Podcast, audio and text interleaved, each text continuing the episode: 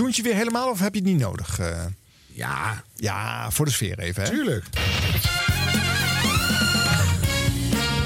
Zet een knoeper. In Holland staat een huis, ja ja.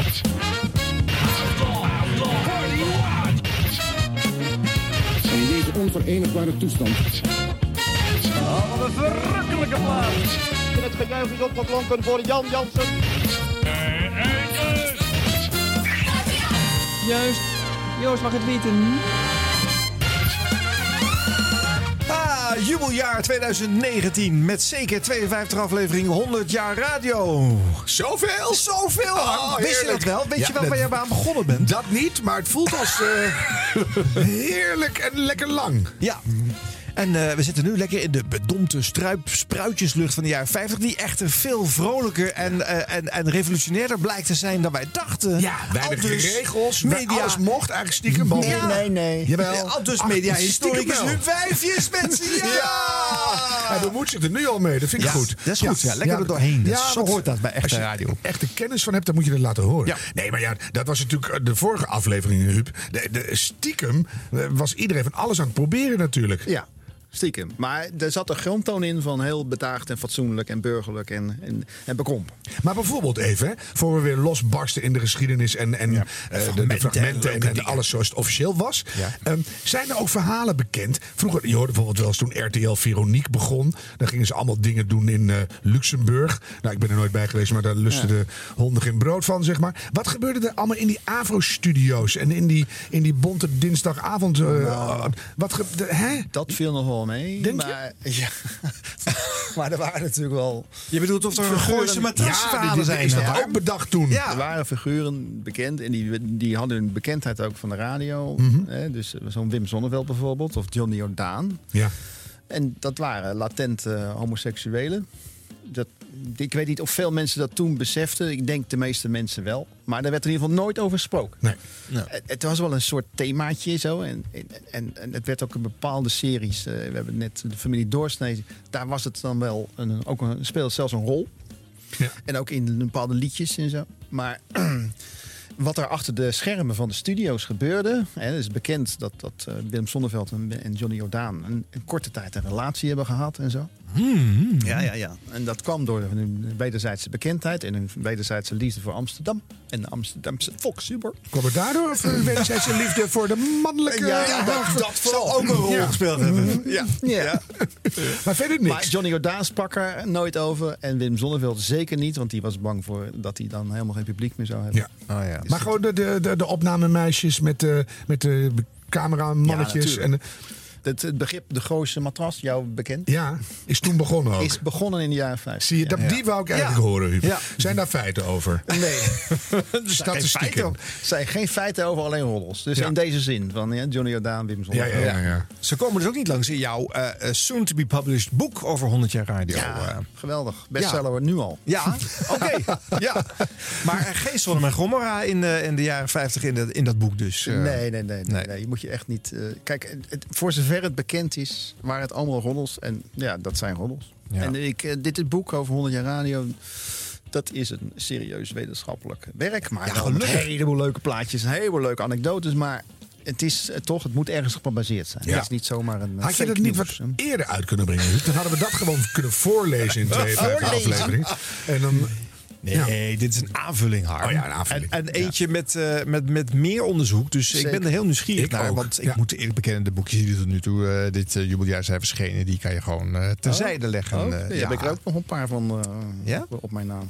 Ja, van dit jaar hè, bedoel ik. Nou, hè? van dit jaar. Ja. Nee, Jan Westerhof heeft een boekje Ja, geschreven. dat is hartstikke leuk. nou ja, dat is en, leuk, maar Govert van Brakel komt volgende week. Ja, maar dat zijn allemaal tamelijk willekeurige individuele observaties. Het zijn, Gewoon een, ja. een plukje hier, een dingetje Ook daar. leuk, Mag, hè? Mag allemaal. Degelijk wetenschappelijk werk. Nee, nee. En ik wil een overzicht. Ik wil er wat van leren. Ik wil nieuwe, nieuwe feiten. ja. Ja. Nou, dan, dan kan je je hart dan ophalen. 6 november wordt het gepresenteerd. Ja. Eh, ra- de radio- en cultuurgeschiedenis gaat het heten. Mhm. Deel 2 van de reeks over mediaplatforms in het verleden. Het eerste deel is in juli verschenen over Mhm. de krant. Ja. Ja. En over twee jaar komt er een derde deel bij over de televisie. Ah, dat is niet belangrijk. Oh. Dat is niet belangrijk. Nou, vind ik wel. Ja, jij wel, maar... En wij En, zijn eh, de contouren aan het verkennen van een, een mooi vierde deel over nieuwe media. Oh ja. Ja, dat zit er aan te komen natuurlijk. Dat moet dan wel. Daar is Ja. nog nooit eens over verschenen. Maar, Nee. en hoe lang had je die leerstoel willen doen, Huub? Eh. Want dan zit je nu gewoon nog tien jaar aan vast natuurlijk. Nee hoor, nee, nee, nee. Tot mijn pensioen. Ja. En dat is over drie jaar. Oh ja. Huh? Oké. Nou, Maar je kan gewoon doorschrijven daarna. Hè, Ik denk het wel, ja. Natuurlijk, hoor. ga ik ook doen. Ja, zie je. Oh, zeer leuk. Dat Dat is is het leuke van wetenschap. Dat houdt nooit op bij je pensioen. op een gegeven moment weet je toch alles? Ja, maar het is, ik vind het leuk om dingen te Of te heb je dan vragen over de radio? Misschien heb, jij, heb je een vraag. Kunnen wij, of wij dat kunnen Ook beantwoorden? leuk, ja. Leuk. Of de Nou, luisteraars. ja, kijk, ik, ik, ik, ik ja, heb is ook goed. Ik heb bijvoorbeeld een boek in mijn hoofd. Dat, wat misschien koppelt aan, niet wat we hier nog gaan doen. Maar over de journalistiek in de jaren 50, 40 en 50. Oh. De, on- de, de niet-ontdekking van de holocaust. Hè? Dus dat de Oh, journalistiek eigenlijk eh, na de bevrijding van, eh van in 45 van. Europa... Dat Ja. niet gaat onderzoeken of niet benoemt. eigenlijk nauwelijks aandacht vraagt voor de jodenvervolging en de, de, de kampen, waar ook Ja. andere groepen eh, Zeker. vervolgd werden. Ja. Ja. Dat, dat is heel verbijsterend naar onze huidige besef van wat nieuwswaardig is. Ja. Maar als je kijkt naar de journalistieke cultuur van die jaren, is het eigenlijk best wel vanzelfsprekend. Mhm. Eh, maar desondanks, als je gaat zoeken bijvoorbeeld in de radioarchieven naar reportages over de bevrijding van eh Boegenwald of van Bergen-Belsen of persoonlijke stories eh, Ja. rondom mensen die daarin. Dan stuit je, stuit je neus. Ja. Dat, dat, dat- dat- ik noem het maar, dat heeft sinds de jaren 60 met name, maar in de jaren 50 zitten er al wat dingetjes in. Daar komen we misschien direct nog wel op Ja. Zeg maar, de, de- dat men emotie, en vooral private emotie, helemaal wegstopt. Als Ja. zijnde niet relevant. Hè? Zo gauw het emotioneel wordt, dan haakt men af. En dat wil men ook niet. Een beroemd voorbeeld is ook de watersnoodramp, Ja, ja. 53. Ja. Dat is toch een van de meest dramatische gebeurtenissen die in ons land in de 20e eeuw heeft plaatsgevonden. ja, me dunkt, ja. 1853 doden. Ja. Miljoenen, miljoenen schade aan, aan gebouwen. Honderdduizenden mensen eh, Dakloos zonder- dakloos. Ja. Eh, ongelooflijk veel gewonden. En, nou, en je ziet in die hele verslaggeving van de watersnoodramp... zie je eigenlijk nauwelijks emotie. De eerste dagen een beetje bij de verslaggevers... Want die, ja, die houden het ook niet droog als je daar eh, letterlijk niet droog. Als je, hetgeen de watersnoodramp nog erger maakte. Nog meer water erbij. Ja. Oh, jee. Ja. Maar zo gauw het komt met iemand die in huilen uitbarst, dan schakelt die microfoon automatisch uit. Ja. En dat is toch wel iets aparts. Dat men in de jaren 60 met name de private emotie ontdekt als iets wat heel erg publieksvriendelijk juist is en ook heel erg maatschappelijk. En nu, als je nu kijkt naar televisie en Ja, radio, is dat het is uitgangspunt. één grote emotie. En Als je je- slaat het weer door. Ja. Als je nu met je kapotte teddybeer bij een tv-programma komt, dan, dan jank je al bij binnenkomst. dat bedoel ik. dus dat is echt bizar. Het is het zwelgen in het slachtofferschap, wat nu echt in onze huidige samenleving echt eh, buitengewone proporties aan. heeft. Ja. Dat was in de jaren 50 absoluut ondenkbaar.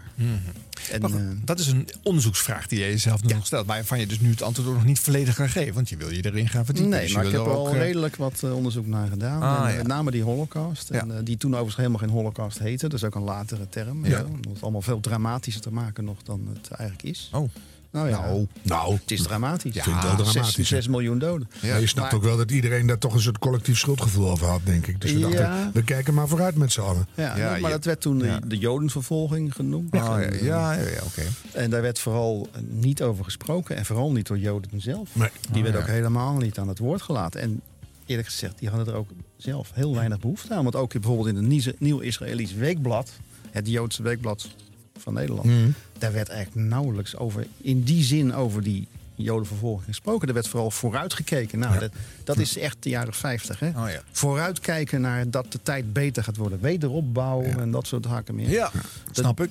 En in die golf komt al dat optimisme van die programma's. Oké. Het leuke van die Je programma's. had het net over de watersnoodramp. Ik denk, zullen we daar dan ook gewoon maar mee beginnen? Want vind is het wel wel. goed om daar even inhoudelijk ook naar te luisteren. Ook met de oren van nu. Goedemorgen luisteraars, hier is Hilversum Nederland. Het is vandaag 1 februari 1953. De nieuwsdienst voor de Nederlandse Radio-Unie verzorgd door het Algemeen Nederlands Persbureau ANP begint de uitzendingen van vandaag met nieuws in beide programma's. In verscheidene plaatsen in het westen van het land is een noodtoestand ontstaan door abnormaal hoge waterstand. Mededelingen hierover van uiteenlopende ernst bereikten ons tot nu toe uit Zwijndrecht, Dordrecht, Ja. Rotterdam, Nog zo wat plaatsen. Maar het duurt bijna een minuut voordat hij überhaupt hier al aan begint. Hè? Eerst Ja. alle formaliteiten even netjes uh, Maar er was natuurlijk ook veel onbekend. Dit is echt de, de nacht hier, Ja. voor 1 februari, heeft het plaatsgevonden. 31 januari, 1, 1 februari. S'nachts heeft de ramp plaatsgevonden. En Ja. ze gaan hier 's ochtends, het eerste nieuwsbericht, ja, wat er bekend is. En al die infrastructuur lag plat. Dus er was heel weinig bekend van de schade. En zeker nog niet dat er zoveel doden waren en zoveel daklozen. Dat is allemaal later bekend geworden. Dus men is nog zeer voorzichtig. Ja. En dat geeft ook echt die journalistieke cultuur aan. Van eerst de feiten maar eens hebben en dan Ja. zien we dan daarna wel verder. Nou, we hebben wel geluid van een eh, live verslag van eh, Jan de Trooi. Ja. Ja. Dat was een eh, reporter. Die ging dan zelf daarheen. Ja. En dat is geen nieuwslezer, maar dat is een ver- verslaggever. Ja, maar dat, dat wordt En die interessant. wordt, die wordt dan geconfronteerd, ik weet niet wat voor een reportage je van hem hebt, die wordt geconfronteerd met dat leed. Nou, laten we eens luisteren. Waardoor het water stroomde dat kokende water de Alblasserwaard binnen. Een grote hap van de weg Gorkum-Dordrecht werd compleet weggevreten. En wanneer je dat zo ziet en je ziet dan ook in de verte die mensen daar dwalen... met wat goederen die ze nog over hebben, eh, gestapeld op wat karren. Je ziet ze daar gaan naar eh, verschillende huizen waar men een onderdak geeft. Dan krijg je toch wel die indruk dat je de handen voor het gezicht wilt slaan... en dat je niet meer weet hoe het dan eigenlijk wel eh, gedaan moet worden om die mensen te helpen. Maar degenen die dat wel weten, dat waren die honderden mannen die wij ook gezien hebben...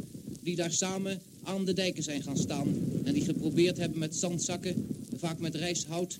met stenen zelfs, die in allerijl met vrachtwagens gehaald waren... om dat gat dan weer te dichten. En dan zijn er van die momenten wanneer je dan als radioreporter daar zo langs die verschillende bedreigde punten gaat... dat je eigenlijk toch het liefste maar die microfoon in je zak houdt... en dat je die mensen zelf niet durft Microfoon in je zak naar houden. die ellende. En dat Die je ellende. niets wilt horen. En dat je stil je weggaat. Maar dan kan het wel zo zijn dat je ook als radioreporter eigenlijk mee wilt juichen... als je ziet hoe dan plotseling daar aan Wederopbouw. die honderden vrijwilligers erin geslaagd zijn om dat ene gat dan althans... daar in die dijk daar bij Giesendam... ook al met behulp van twee bakken te dichten. Dat ene gat. En terwijl je dan eigenlijk nog dan die korte vreugde erover voelt... komt alweer een ander bericht. De lekdijk is stuk. En de Alblasserwaard zal nog verder vollopen. En je kijkt over dat polderlandschap wat al voor een deel onder het water ligt... En opnieuw grijpt met het publiek ook jou een andere angst weer aan. En niemand weet of dit eigenlijk wel waarheid is. Niemand weet of het werkelijkheid is of een gerucht. En zo ontstaat eigenlijk die merkwaardige sfeer die we ook gekend hebben in die oorlogsdagen. Wat is de werkelijkheid? Wat is het gerucht? En die sfeer wordt nog sterker wanneer je naar Dordrecht wilt. Dordrecht dat ook bedreigd is. En wanneer je dan merkt dat je 80 kilometer om moet rijden...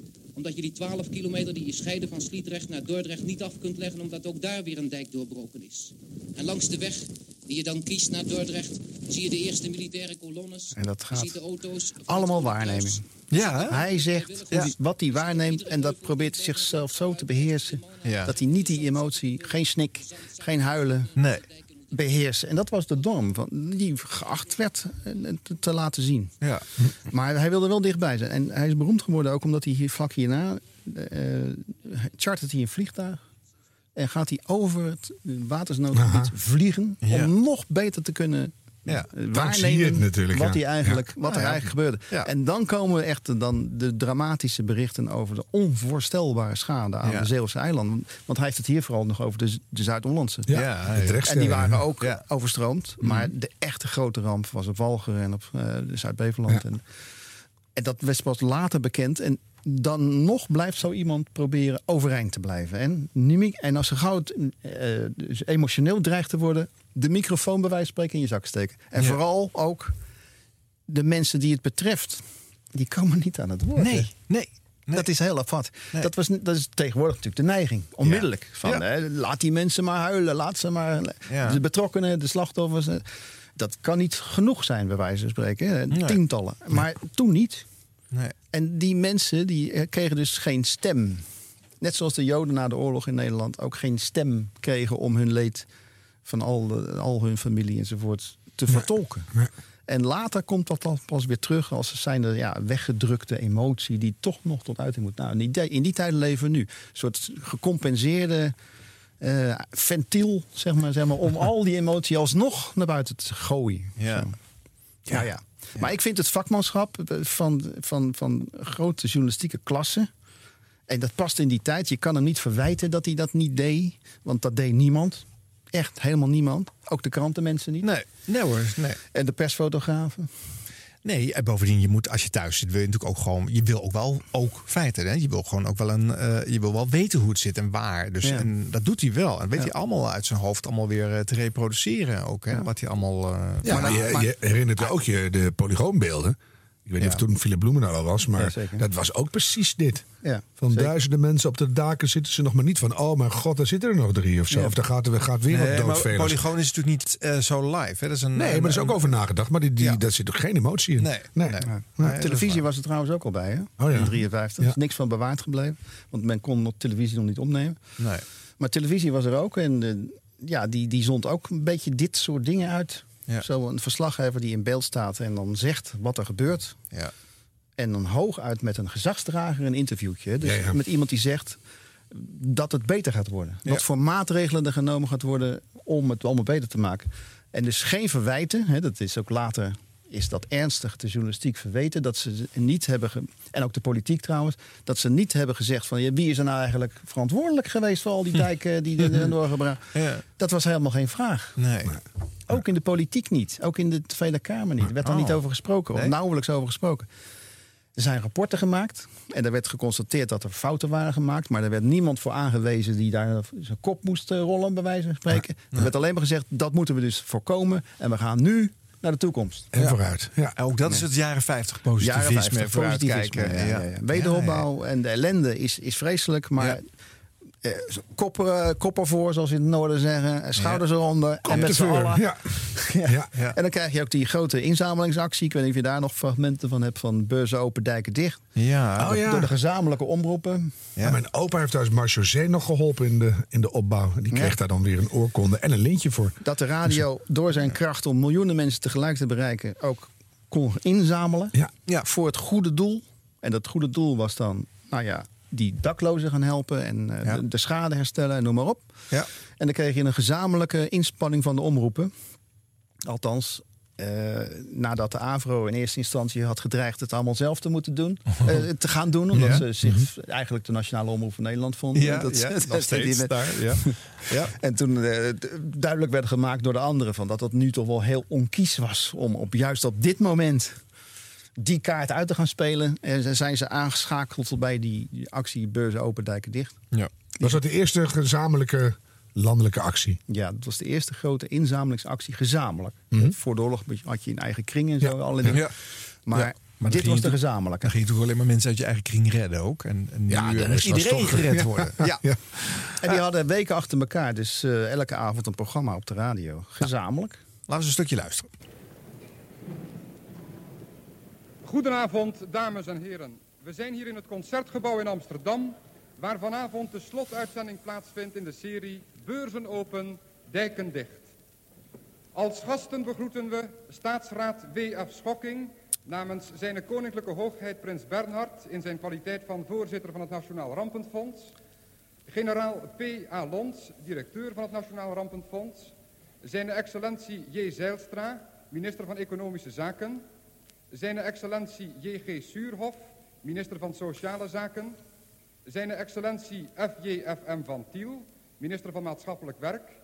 Meester J.A. Jonkman, voorzitter van de Eerste Kamer der Staten-Generaal. Ja, ja, ja. De diplomatieke en consulaire vertegenwoordigers van 20 landen, te weten de Sovjet-Unie, Zuid-Afrika, echt waar? Israël, Ja, de Sovjet-Unie. Polen, Ja. Noorwegen, Iran, Joegoslavië, Iran? Pakistan, Indonesië, Oostenrijk, de Duitse Bondsrepubliek, de Heilige Stoel, India, België, Ierland, Vaticaan. Vaticaan. Italië, Zwitserland, Dat was land genoemd. Portugal Is land. en Canada.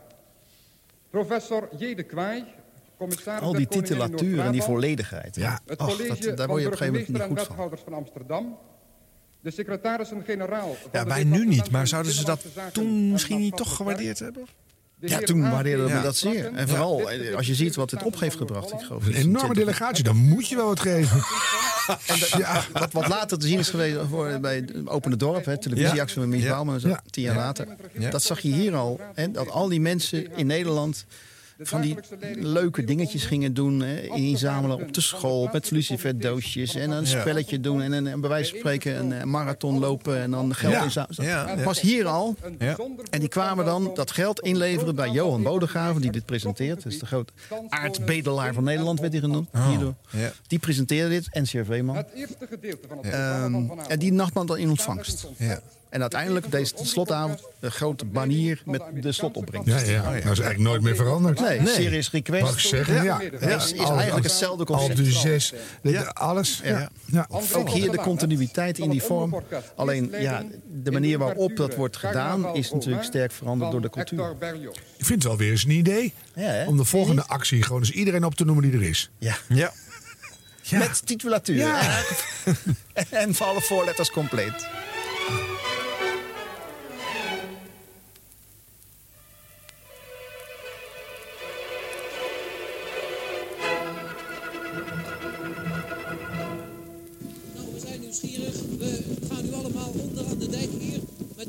In het water om te kijken of daar mensen zijn aan boord. Het is een gedrang hier natuurlijk. Het is een vreselijk gevecht wat die mensen leveren om hier bij de wal te komen. Er wordt met mannenmacht geroeid. Nog een paar slagen. Ja, daar komen ze. En we zien alweer dan het bekende beeld, luisteraars. Daar zit in dat kleine bootje toch maar liefst, ik schat twee, vier, zeker vijf, zes, zeven man in dat ene bootje. Dit is toch weer een geweldige prestatie van die jongens. Dat is prachtig werk. Schitterend werk. En wat een karwei is dat geweest. Daar zullen we eens even snel naar moeten vragen. Bent u een van de mensen die meegeweest is, meneer? Jazeker. Was dat een verschrikkelijk karwei zeker, hè? Ja, ja. Dat was het ergste van de drie. Want er zijn te weinig boten. Om met één boot kan het niet af. U kunt het niet af met één boot. eh, te doen. Er zitten nog veel arbeiders daar. Nog veel mensen. Ja. Werkelijk ook in en er zijn werkelijk nog mensen die niet mee willen. Maar er zijn nog mensen die willen. We hebben hier een vrouw die moet bevallen. Oh, en die heeft u er nog af kunnen halen? Ja, en nou komt de wind weer opzetten. Dus het is niet Niet met, één boot om te doen. Dus we moeten nou hier maar een eigenlijk, klein vletje. eigenlijk ophouden en de pontoniers eigenlijk erbij. Dat is het Ja, enige. die zou bij hem kan het dan niet redden. Maar mogen wij dan nu eh, op deze plaats een compliment brengen? Ja, Namens is- alle mensen die hier maar moeten staan kijken. Zo Het is voor- onze plicht, hè. Ja, u zegt dat wel zo makkelijk, maar u heeft het dan toch gedaan. En mijn Ja. compliment hoor. Ja, ja, maar het is in ieder geval onze plicht om elkaar te helpen, hè. En laten we hopen dat het u dan nog gegeven mag zijn met de andere hulp om nog meer mensen hier te Ja, krijgen. ja, daar in die weg, er zitten nog meer mensen zelfs in oude brakken. En dan hier, eh, luisteraars, het gezin wat zojuist dan door deze man Ja. aan het bootje... Hoe is uw naam, meneer? Jozef Johannes Deur, geboren te Rellenbad, 2 januari 1918. We zijn hopelijk allemaal, lieve zuster Ivonia, en de, en de vrouw hier aanwezig. Moeder komt straks, bid voor ons. Ik dank u. En mevrouw, eh, hoe was het? Vader en moeder uit Ewijk, ik kom zo naar huis toe hoor. Dag, we zijn gered gelukkig. Luisteraars, we hebben hier heel weinig aan toe te voegen.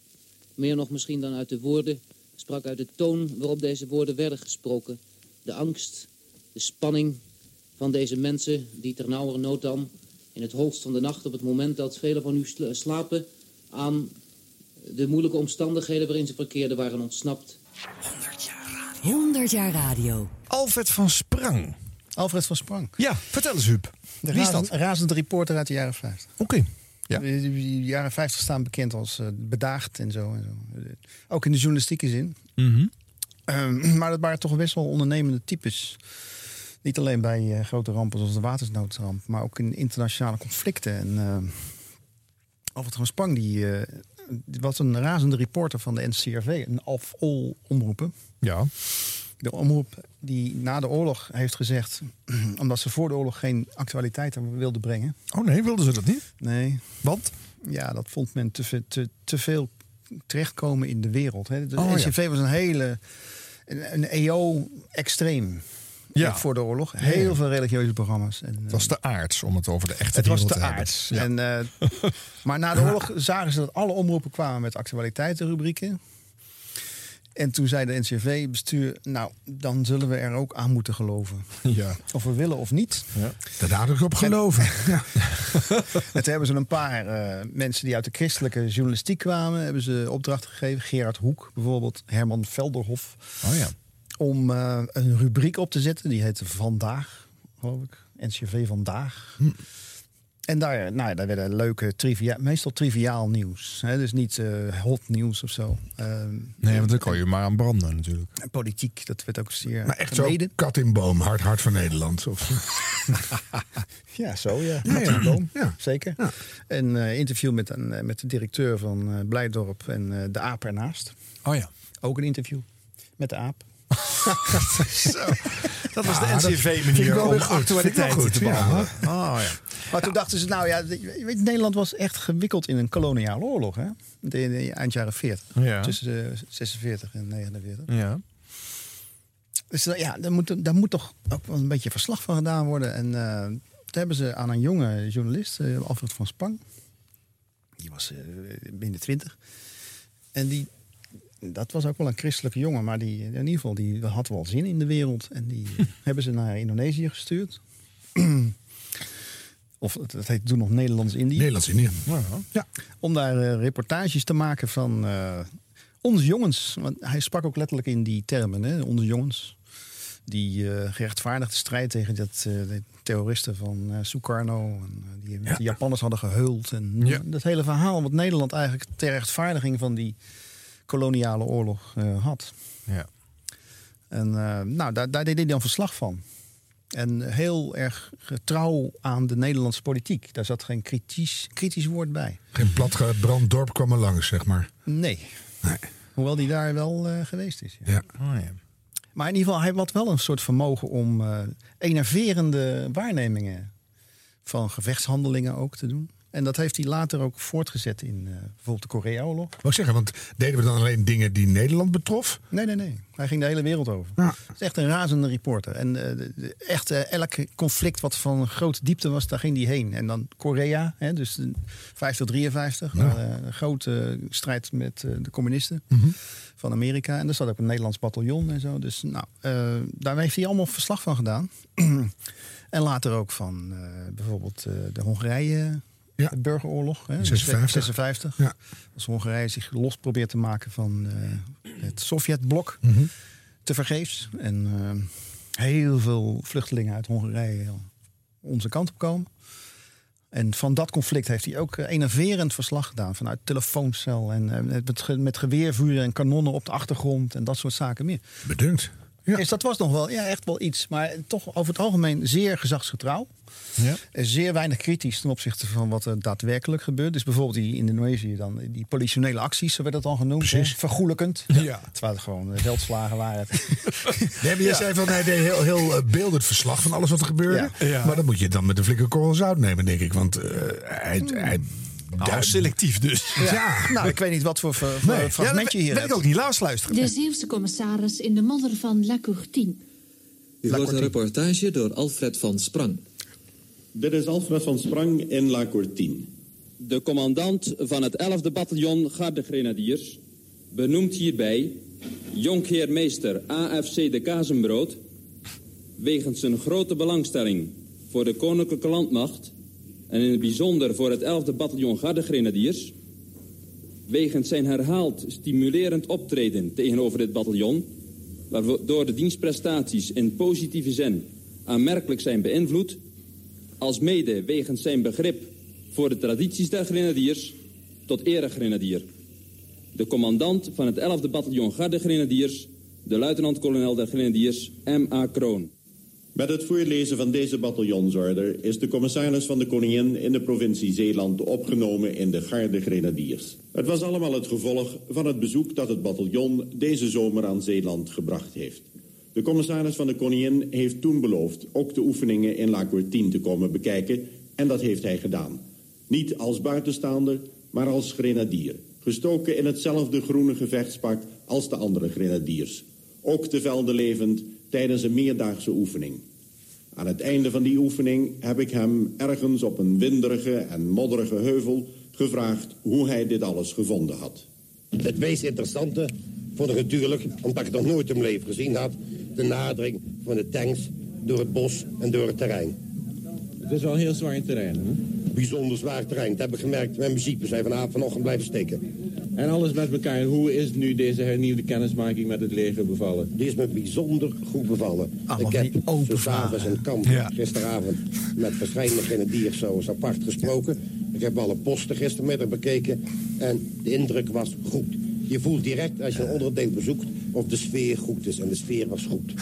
dit, dit is gedienstige journalistiek. Hè? Dus, eh, je reikt de microfoon aan een, aan een autoriteit en die mag gewoon zeggen Ja. wat hij wil. Ja. Maar ik weet niet of de erven van Sprang nou heel blij zijn met dit fragment. Nee, maar kijk, dit, dit vind ik ook niet helemaal typerend voor zijn zeggen. stijl. Hoor. Nee, nee. Kijk, het is wel... La Cortina was, er er zat toen wel een, een Nederlands bataljon in Zuid-Frankrijk. Hmm. Eh, dat was heel bekend. Er zijn ook, eh, heeft uh, heet die, Rijk de Gooien nog eens een mooi nummer van gemaakt. La Cortina. en Zo. Maar in ieder geval, da- daar was geen oorlogshandeling. En hij is echt, vi- vind ik, beroemd geworden en berucht door zijn waarnemingen van echte oorlogshandelingen. Zowel in Nederlands-Indië Mhm. als in Korea, als in Hongarije en ook later Egypte. En dat kon hij toch echt heel goed waarnemen. Net zoals Jan de Trooijen de, zeg maar, de, wa- de watersnood waarneemt als een soort buitenstaander. Mhm. En heel beeldend probeert te beschrijven. Zonder emotie daarin. Deed hij dat van oorlogsconflicten. Dus het was echt wel behoorlijke eh, oorlogsverslaggeving wat hij deed. En ja, hij is natuurlijk. eh, jullie hadden het over roddels. ja. Ik heb er alleen. Ik zit er helemaal klaar voor. Oh ja? Ja. Nou, eh, Alfred van Sprang was vrijgezel. En eh, kijk, en hij was echt wel christelijk. eh, hij heeft zich meerdere keren uitgesproken voor eh, dat hij ook beleidend christen was en zo. Maar hij had in ieder geval geen eh, een waarneembare relatie. En, ehm, In 1960 is hij doodgevonden op een hotelkamer in eh, ergens in het buitenland, waar hij op eh, reportagereis was. En, nou, hij was eh, onder ongewone omstandigheden, laten we het zo zeggen. Mhm. Ja. Ja, ze had zijn hoofd in een strop. Och. En oh. dat, dat werd toen een beetje niet onder de, onder de deken geschoven. Later is dat veel duidelijker aangetoond dat wat daar aan de hand was geweest. Hij is waarschijnlijk slachtoffer geworden van eh wurgseks. Mhm. Die hij zichzelf had toegebracht. Eh, iets uit de hand gelopen. en ja, weet je, dat was zo typisch. eh, dat hoort er wel een beetje bij de oorlogsverslaggeving types. Dat zijn hele, door de, door de wol geverfde figuren die heel slechte relaties kunnen aangaan. Dat zou ik het zo maar zo zeggen. Een beetje adrenaline En verslaafd. solitair, adrenaline verslaafd. Ja. En nou ja, fijn dit verhaal. En, maar dat kon het bij de NCV natuurlijk niet worden gezegd. Nee. Dus dat is ook nooit gezegd. Nee. Pas later, eh, door historisch onderzoek, eh, wij zijn ook ergens goed voor, ehm, is dit naar buiten gekomen. En eh, dat, het geeft wel iets aan van, van toch dat dat een heel spannend beroep was. Ja. Wat, wat hij uitoefende. En je weer een soort uitlaatklep nodig hebt die ook weer extreem En ook een soort verslaving van de ene brandhaard naar de andere. Ja. En ook niet de rust om ergens te settelen. En Nee. zonder vaste woon- of Mm. verblijfplaats. En dus met dit soort nou ja, Excessen. excessen ge- Ja. tot nou, hoe ben je er dan achter gekomen, Huub? Want eh, ik, moet je dan oude weduwen gaan leegschudden? Of hoe werkt het? Ja, nou ja, oral history. Ja. Staat nergens opgeschreven. Nee. Maar er waren er toch nog mensen die daar meer van wisten. Ja, zeker. Ja. Zijn collega's wisten het allemaal. Oh ja. Oh ja. En eh, zijn familie ook. Ja. Ja. maar goed. Dus het is, ik vind het eh, typerend voor, voor, voor dat bestaan Ja. van zo'n oorlogsverslaggever in de jaren 50. Het is Ik heb wel eens met oorlogverslaggevers van Anno Nu gewerkt. En dat is, is soms heel raar hoor. Oh, eh, zijn er ook eh, liefhebbers van deze? Nee, niet te qua. nou, die seksuele uitspattingen die houden ze lekker bij zichzelf. En dat vind ik ook goed. Maar dat, ik hoor ook wel eens dan, als er dan geen kogels onder het hoofd gevlogen zijn, is Ja, de tip dan- eigenlijk dan- mislukt. ja, ja, en, precies. en, en dus dat gaat, het wordt steeds extremer Ja, door de ja, jaren steeds heen. extremer, ja. Ja, dus, ja. En als je dan nog wil ontspannen, dan moet er ook natuurlijk wel wat gebeuren. Nou ja, goed. En dan bleef het toch, en dat is toch wel grappig, dat binnen zo'n protestants kader bij hem. Ja. Dat is toch wel heel erg ambivalent, hè? Maar waren er ook andere eh, verslaggevers van andere omroepen in diezelfde brandhaarden die eh, daar een hele andere draai aan gaven dan? Nee, de- degenen die bekend zijn, die, eh, die hadden wel dezelfde houding. Ja. Maar zo extreem als bij hem. Daarom is wat, wat, wat hij heeft opgeleverd aan die verslaggeving van de echte brandhaarden. Mhm. Hongarije is beroemd geworden, Korea. Hij is eigenlijk de grote onbekende geweest la- jarenlang, omdat Ja. hij vroeg overleden is. Ja. En, eh, terwijl ik eigenlijk denk van nou, dat is echt heel typerend voor die stijl van die. eh, De Zeeuwse commissaris in de modder van La Courtine. U hoort een reportage door Alfred van Sprang. Dit is Alfred van Sprang in La Courtine.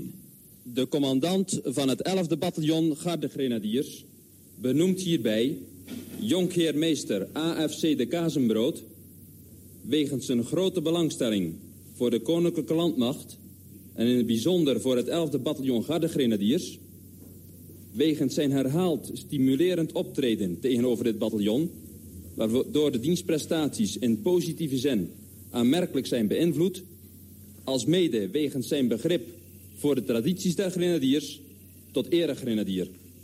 De commandant van het 11e bataljon Gardegrenadiers, de luitenant-kolonel der grenadiers M.A. Kroon. Met het voorlezen van deze bataljonsorder is de commissaris van de Koningin in de provincie Zeeland opgenomen in de Garde Grenadiers. Het was allemaal het gevolg van het bezoek dat het bataljon deze zomer aan Zeeland gebracht heeft. De commissaris van de Koningin heeft toen beloofd ook de oefeningen in La Courtine te komen bekijken en dat heeft hij gedaan. Niet als buitenstaander, maar als grenadier. Gestoken in hetzelfde groene gevechtspak als de andere grenadiers. Ook te velden levend tijdens een meerdaagse oefening. Aan het einde van die oefening heb ik hem ergens op een winderige en modderige heuvel gevraagd hoe hij dit alles gevonden had.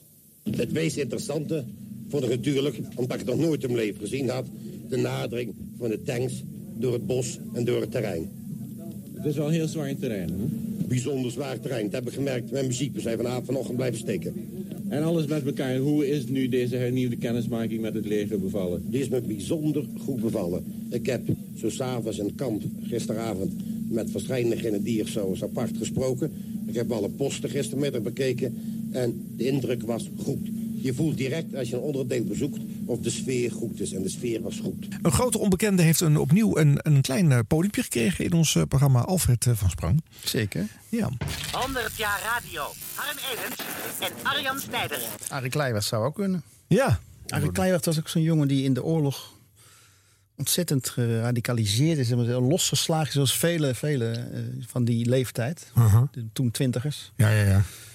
En die sloegen op een manier van in verzetshandelingen sloegen die door en het het heeft die, die, die radicale houding eigenlijk nooit zo verloren. Hoewel dit heel bedaagd is eh, wat hij in de politieke verslaggeving doet. Maar in 1954 eh, komt er een plan in Amsterdam van eh, politiecommissaris Kaarsjager. Ja. Die hoofd van politie was Amsterdam. En die had een opdracht van de gemeentebestuur, burgemeester Dailly, een rapport geschreven hoe eh, de verkeersproblematiek kon worden opgelost. En zoals een echte politie- politieagent betaamt, had hij een heel radicaal plan eh, ontwikkeld om alle grachten, dus Ke- Keizersgracht, Herengracht, te dempen en daar parkeergarages in te brengen. ja. Briljant. Nou, we hebben ja. minder last van eh, toerisme gehad. eh. Ja. En eh, de, de stad bereikbaar te maken met grote, brede boulevards, waarvan de Wiewoudstraat het bekendste is geworden. Die is Ja. eh, daadwerkelijk ook aangelegd. Maar in ieder geval, dat zou een groot stedelijke eh, allure krijgen. Toch ook die weg van de, hoe heet die weg? Eh, van de Nederlandse Bank, het centrum in. Ja, die ja. Nou, En die is ook vers- vooral in het oosten zijn Die is er zelfs iets verbreed toen de tram aangelegd werd. Toen is het Sixhuis gesloopt. grote doorbraken. Zoals baron Haussmann in Parijs in de 19e eeuw. Maar grote doorbraken om die, die verkrotte binnenstad eh, te ontsluiten. En t- voor modern verkeer mogelijk te maken. Nou, dat, dat is zo'n plan. Ja. En Arie Kluiweg gaat dan eh, de verhaal halen op straat hè, bij de mensen. Nou ja, en Arie Kleijweg dacht van ja, wacht eens even, dit is wel heel merkwaardig. Zonder, hè, dat, dat, ging toen nog, zo'n plan, redelijk makkelijk de politiek in. Hè? Stel je toch voor zich dat het gebeurd was. Nou ja. En toen dacht hij van, ik ga eens de gewone Amsterdammer vragen wat hij ervan vindt. Nou, dat Ja. had nog nooit iemand gedacht. Want je brengt als verslaggever hoog uit een autoriteit aan het, aan het woord. Hè? Dus Ja. die reik je de microfoon aan. En dan bijvoorbeeld Kaasjager of de burgemeester. Ja. Van, "Bor- burgemeester, wat vindt u ervan? Zo'n Ja. open vraag waar die alle kanten mee op kan. Ja. En dan laat je hem uitpraten en dan zegt hij... dank u wel, excellentie, voor dit antwoord. Ja, Zo. Dat is ongeveer de stijl van... Ja. Ook bij de VARA Radio, Dingen van de Dag heette die rubriek. Ja, precies. Ja. Dingen van de Dag, waar is het gebleven? Maar in ieder geval, Arie Kleijweg had iets... als jong verslaggever iets radicaals over zich. En die dacht van, ja, dit raakt elke Amsterdammer. Hele moderne gedachte. Dit raakt elke Amsterdammer. Ja. Dus dan vraag ik gewoon...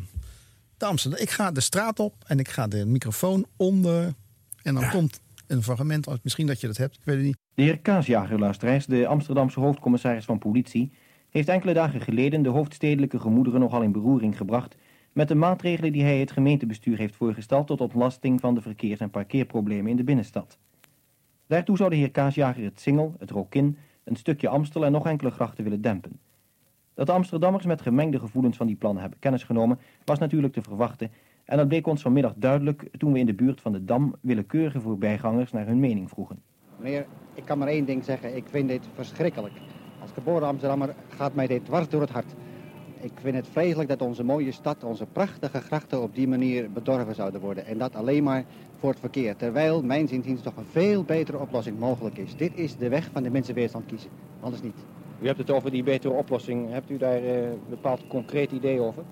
Nou, ik ben geen verkeersdeskundige, ik ben maar een kantoorman. Maar ik zou zeggen, het is bijvoorbeeld mogelijk om eh, aan de rand van de stad voor automobilisten eh, parkeerterreinen aan te leggen. Eh, er zijn nog zoveel andere oplossingen. Dit is werkelijk eh, de gemakkelijkste oplossing. Maar men vergeet dat men daarmee het hart van Amsterdam raakt en de schoonheid van onze prachtige stad eh, daarmee zeer eh, in het nauw brengt. Natuurlijk denkt niet iedereen er zo over. Hier is namelijk het tegenovergestelde standpunt. Hoe begeeft u zich meestal naar het centrum, meneer? Nou, meestal met de tram, eh, het lijn 4, dan kom ik meestal hier op postkantoor terecht. En dan heb je ook altijd natuurlijk eh, het verkeer, dat eh, zie je natuurlijk, heeft ontzettend veel problemen hier.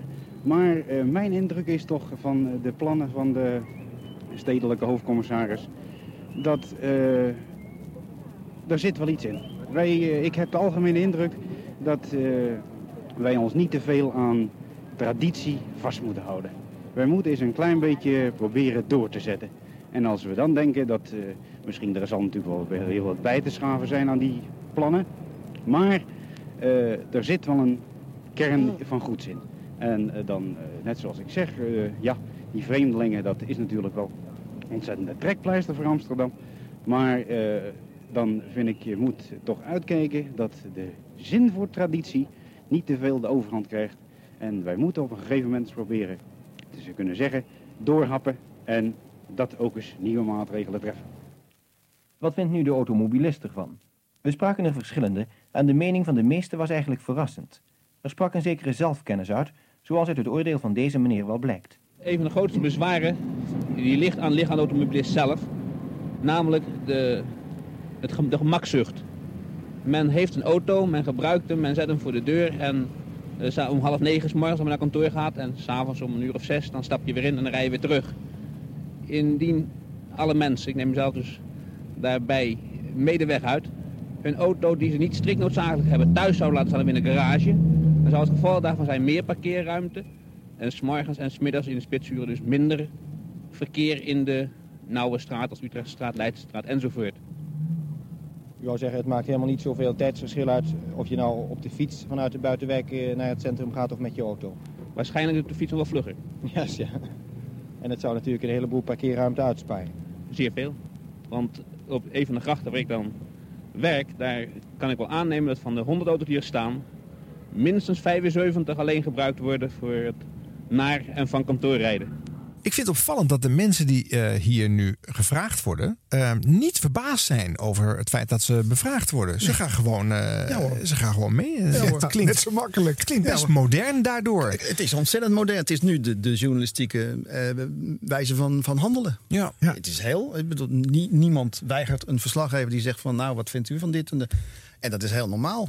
Maar toen was dat iets bijzonders. Dat er in ieder geval iemand was die dat voor het eerst vroeg. Maar ze gaven ook antwoord, dus dat En is eigenlijk wel geweldig. Op in Amsterdam, zo, ja, dit is een taxichauffeur. Ja, ja, ja, dit is wel een raar plan. Een beetje gek. eh, zo. Nou ja, zoals een gewone man Ja. zou, zou reageren. En werd dat ook zo toen ervaren? Dat toen dat werd uitgezonden, Ja. werd daar zo over gesproken? Ja. Van wat heeft die Kleiweg nou gedaan? eh, ja, Nou, bij de VARA in ieder geval. Ja, ja. Want die was er verantwoordelijk voor. Dus die Mhm. vonden dat. En de, in het gemeentebestuur van Amsterdam, dus dat de Partij van de Arbeid in de top. Dus die. Hè, en Kaasjager was bovendien ook lid van de Partij van de Arbeid als politieagent. Ja. Dus die vonden dat allemaal zo, zo, zo. zo. Kan dat nou eigenlijk wel? maar ja, de stem van de gewone man, Ja. dat is een socialistische gedachte. Ja, behoorlijk. Dus die zaten op een, in een dilemma en die hebben dat uiteindelijk gewoon nou, goedgekeurd. Van nou, laat, laten we dat maar. En hielp het het? heeft, Is het, dat het een- heeft ook geholpen. Ik is dat een stem van Zeker. eh, een beslissende factor geweest? Ja, in ieder geval om het plan Kaasjager in zijn meest radicale vorm van de tafel te krijgen. De gracht in te kieperen. Ja, Dus de, de Keizersgracht is niet tot een parkeergarage omgebouwd. Maar de, de doorbraak van in het oosten, Wiebootstraat en zo, en eh, in het westen is ook een eh, bepaalde doorbraak is, door, heeft plaatsgevonden. In ieder geval, maar buiten de grachtengordel. Ja. Ja. En het heeft de gedachte enorm op, op, op gang gebracht van hoe je nou zo'n moderne stad zou kunnen vernieuwen. Zonder dit soort kaalslagen te laten plaatsvinden. Nou, daar komt het hele idee van stadsvernieuwing uit voort, later.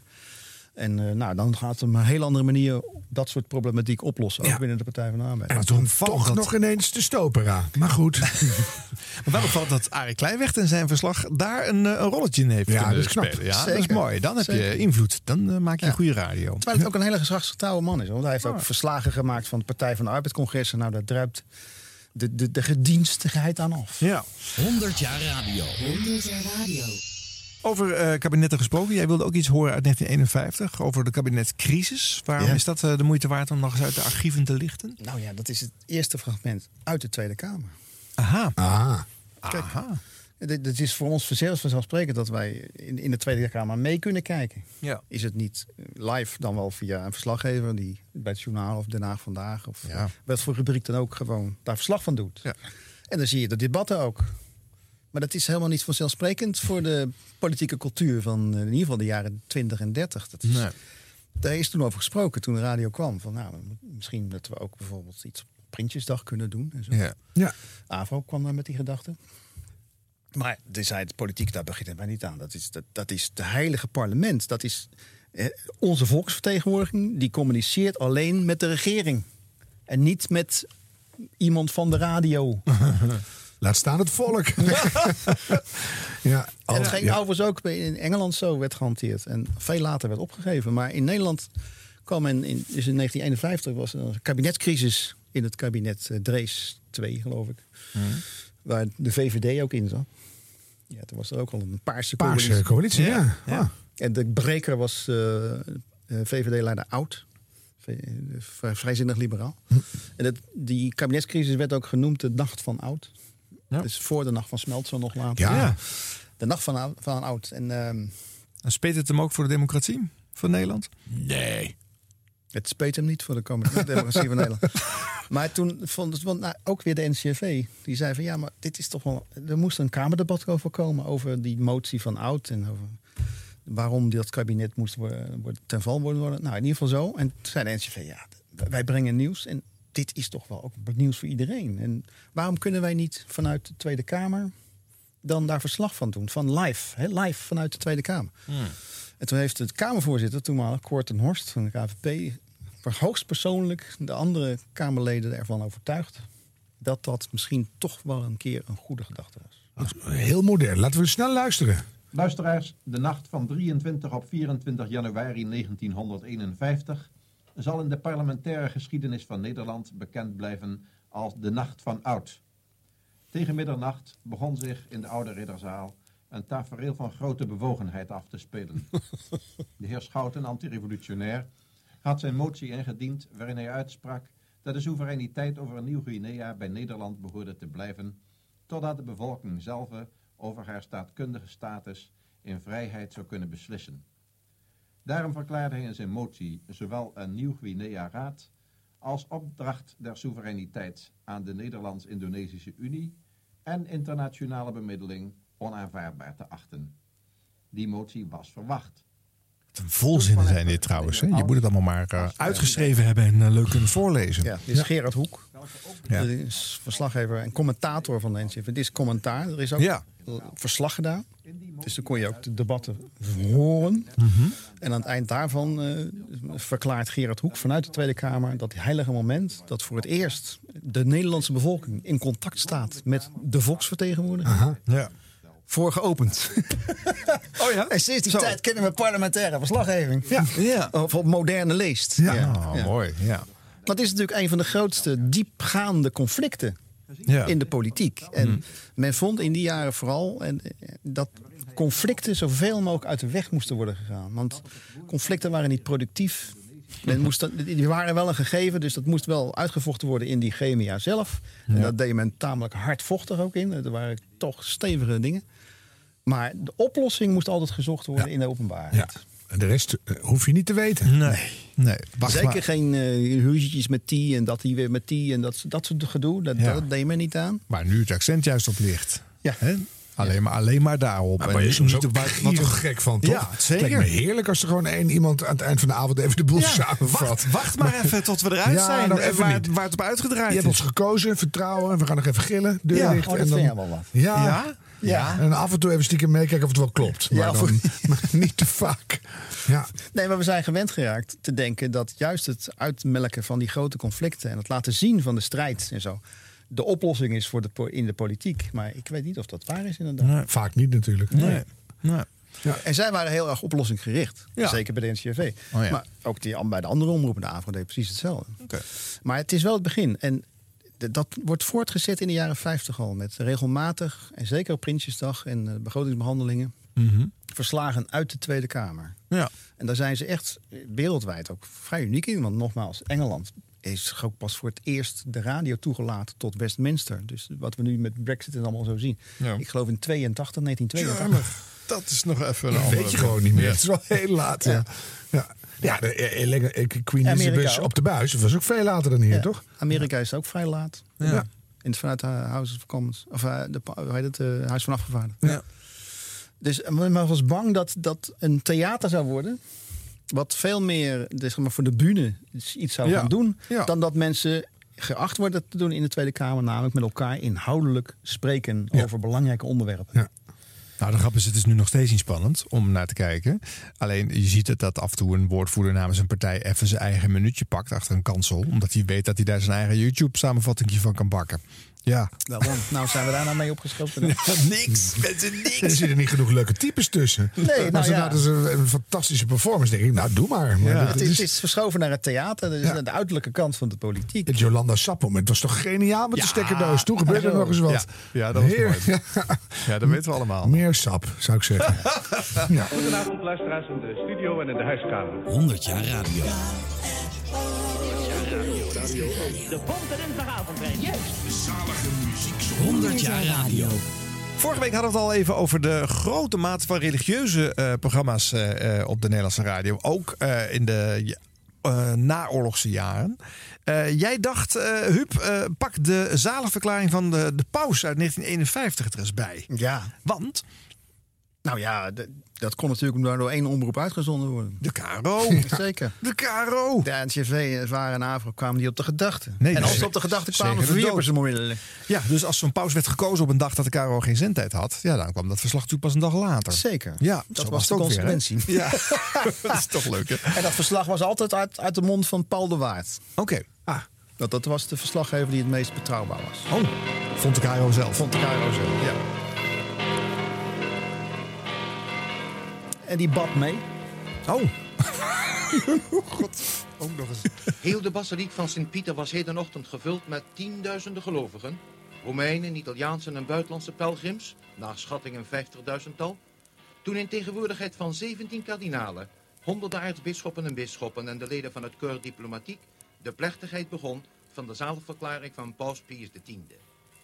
De advocaat van de congregatie der Rieten doet voorlezing van bevind van zaken van het onderzoekingsproces dat voorafgaat aan de zaligverklaring.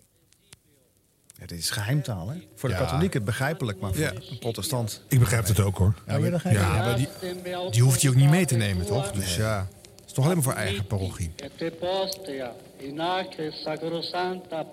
Het is ook nog niet wezenlijk veranderd, hè? Wat hier Toen praten ze ook al zo. hè?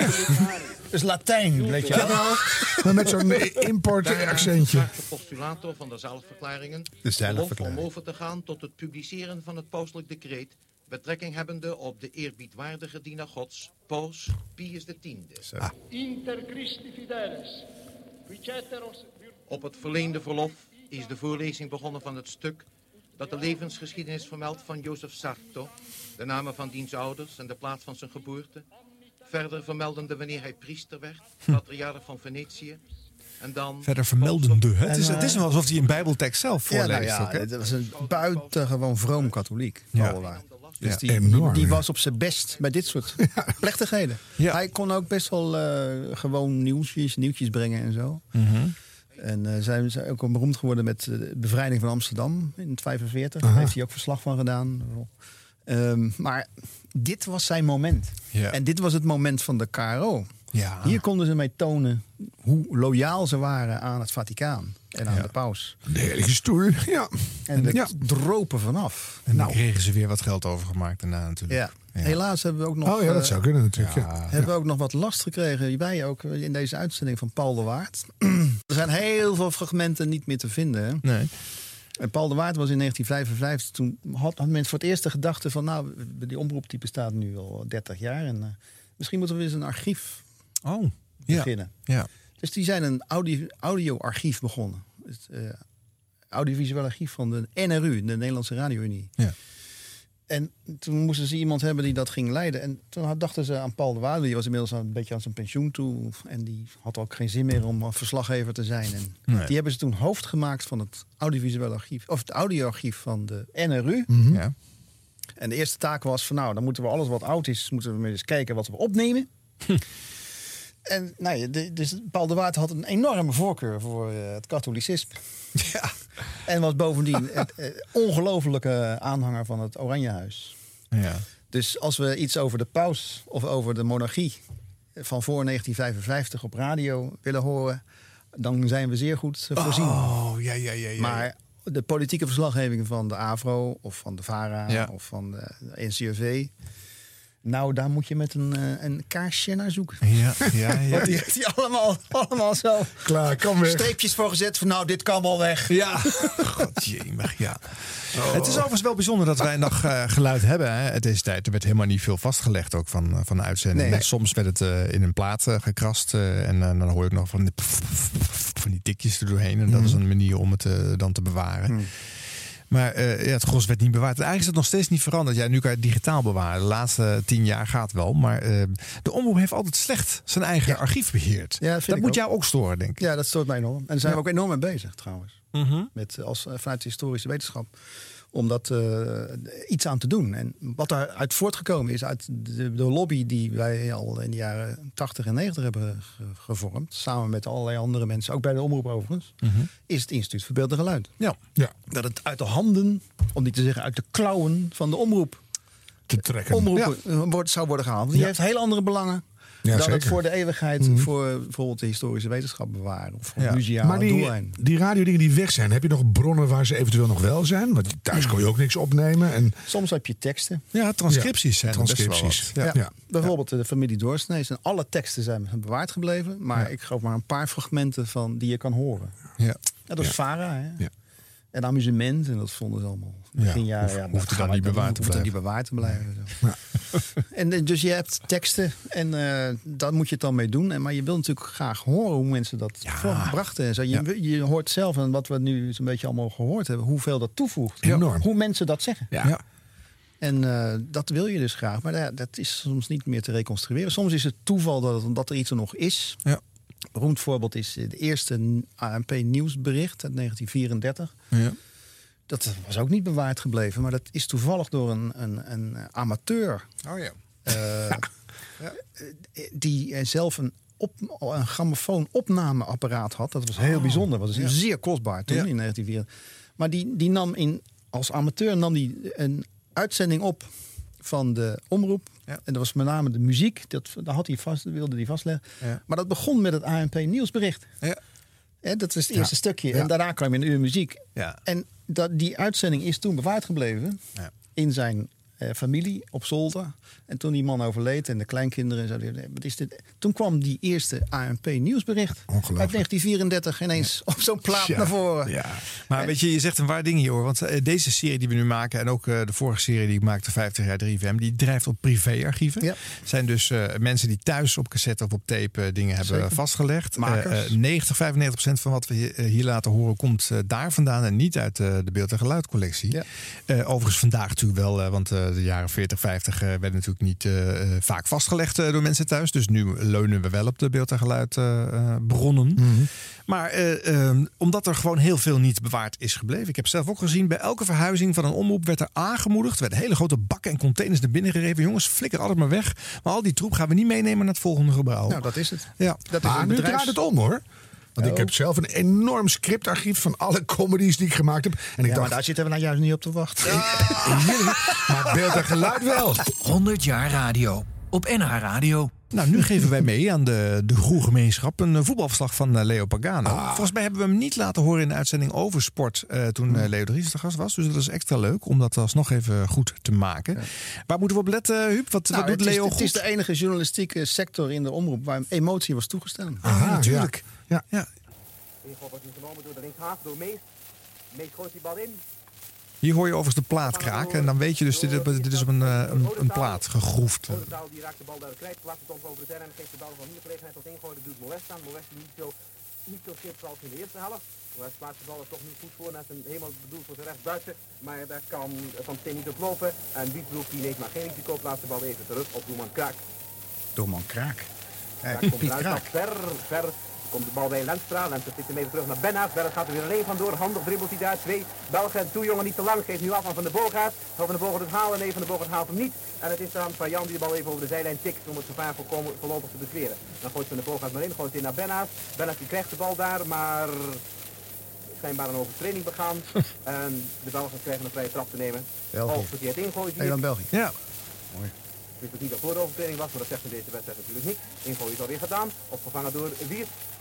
Die onvermoeid de voorhoede stu- stuurt, die biedt een doorplaatsen naar Bernard, maar niet zuiver. Dan, dan plaatst uh, Mellemans hem naar zijn rechtsbuiten naar Van Steen. Dan krijgen we wel tussen Biesbroek en Van Steen. Als Van Steen het wint, komt hij alleen voor Kraak. Kraak loopt uit, het moet Kraak doen. En een goal! Kraak is geslagen. Nou ja, fantastisch. Maar Nou, is dat het- was emotie. Ja, dat is emotie. Hij doet het snel, hè? Het tempo is nog steeds enorm eigenlijk. eh, dan kan je nog steeds eh Sneller kan verkopen niet. zo. Ja.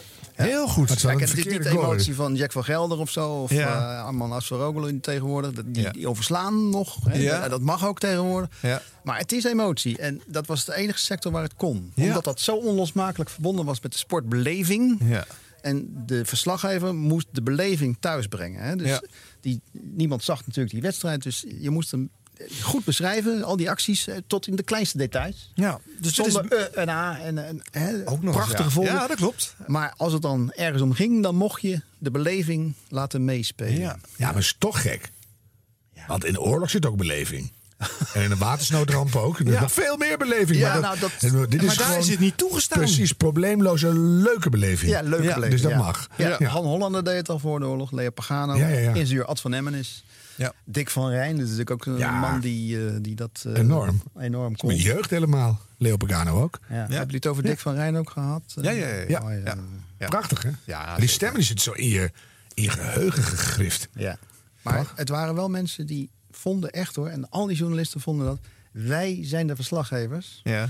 Dus eh gewone gesprekjes na afloop van de wedstrijd met sporters, Ja. of met trainers. Of Uh-huh. Nee. Nee. Nee. Tot in de jaren 60. En dat is een mooie anekdote van Dick van Rijn over trouwens. Eh, Dick van Rijn, dat was zo'n man. Hè? Hij had Mhm. gymnastiekleraar, een enorm eh pff, eh, protserige, edele man. Ja. En ik maak het verslag voor de Avro en dit zijn de sporters. En ik versla. Nou, ik. ik, ik hè? Zo. Ja. En toen kwam de jaren 60 en toen zeiden ze bij langs de lijn, waar uiteindelijk zo'n programma ontstond, van ja, maar de mensen willen toch ook weten hoe die mensen, hoe, hoe die voetballers dat beleefd hebben. Ja.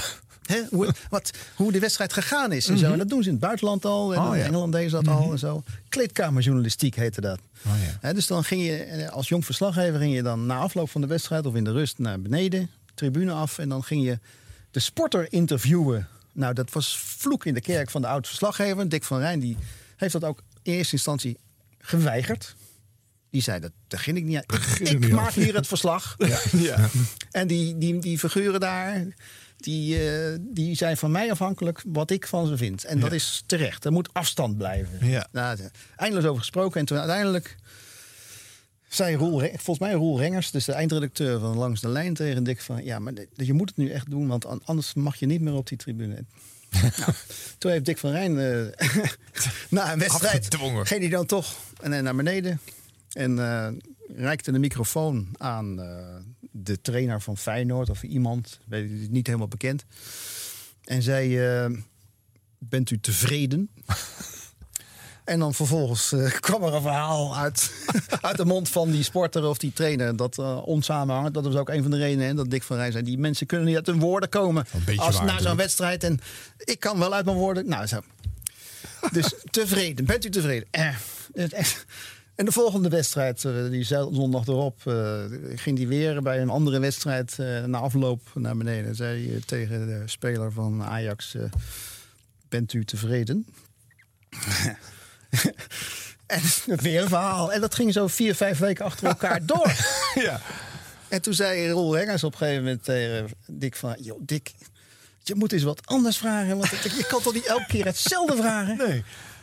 Nou, oké. De volgende wedstrijd kwam Dick van Rij weer naar beneden.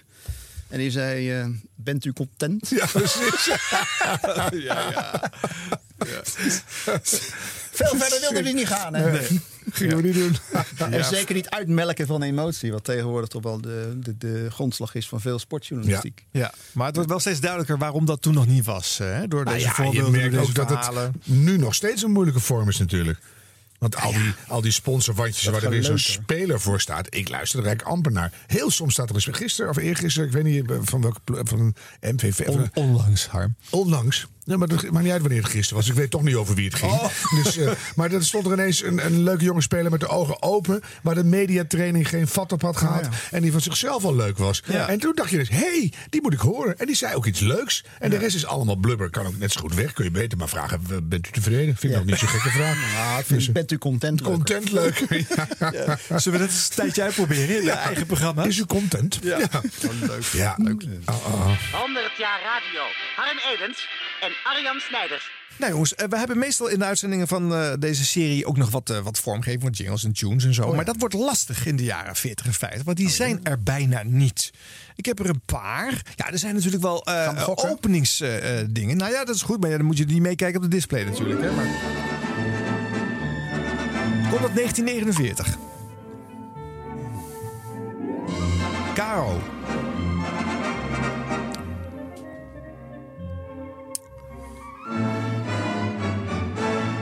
Dit is de Starlight Roof Waltz. Vast. Door George Melagrino. His Orchestra and Strings. En dat is de herkenningstune van... Moeders wil is wet. Met Mia Smelt. Dat is dan de eerste, want die heeft later een andere. Kijk, die- dit, dit loopje, dit heeft later... Dit is Moeders Willenswet. Oké. Dit loopje. Dit. Dit. Ja, zeker. Hier Mhm. luisterde mijn moeder altijd naar. Oh. Want het was KRO en voor de huisvrouw. Nou, Op die reden, Mijn ja. moeder was K- katholieke huisvrouw. Ja. Dus Oh, ja. dat was haar programma. En toen ik jong was en nog niet naar school, eh, luisterde ik mee. Oké, en wat hoorde je? Wat, wat viel jou op? Wat, Nou, dit vooral hoorde en, en de jonge- groenteman. Hoe oud ben je dan? Is 1949. Ja, maar dat programma... Ja, het liep ouder- langer natuurlijk, ouder, het liep langer. Dit heeft tot gelukkig. 1974 geloof ik gelopen, dat programma. Ja.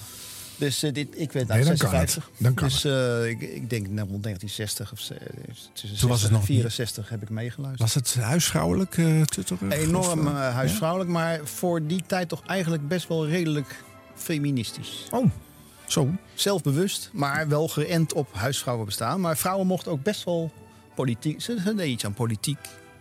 Nou, dat was al heel ongewoon voor Ja. vrouwen politiek. Ja. Want die waren helemaal in de katholieke niet zo politiek bewust en zo.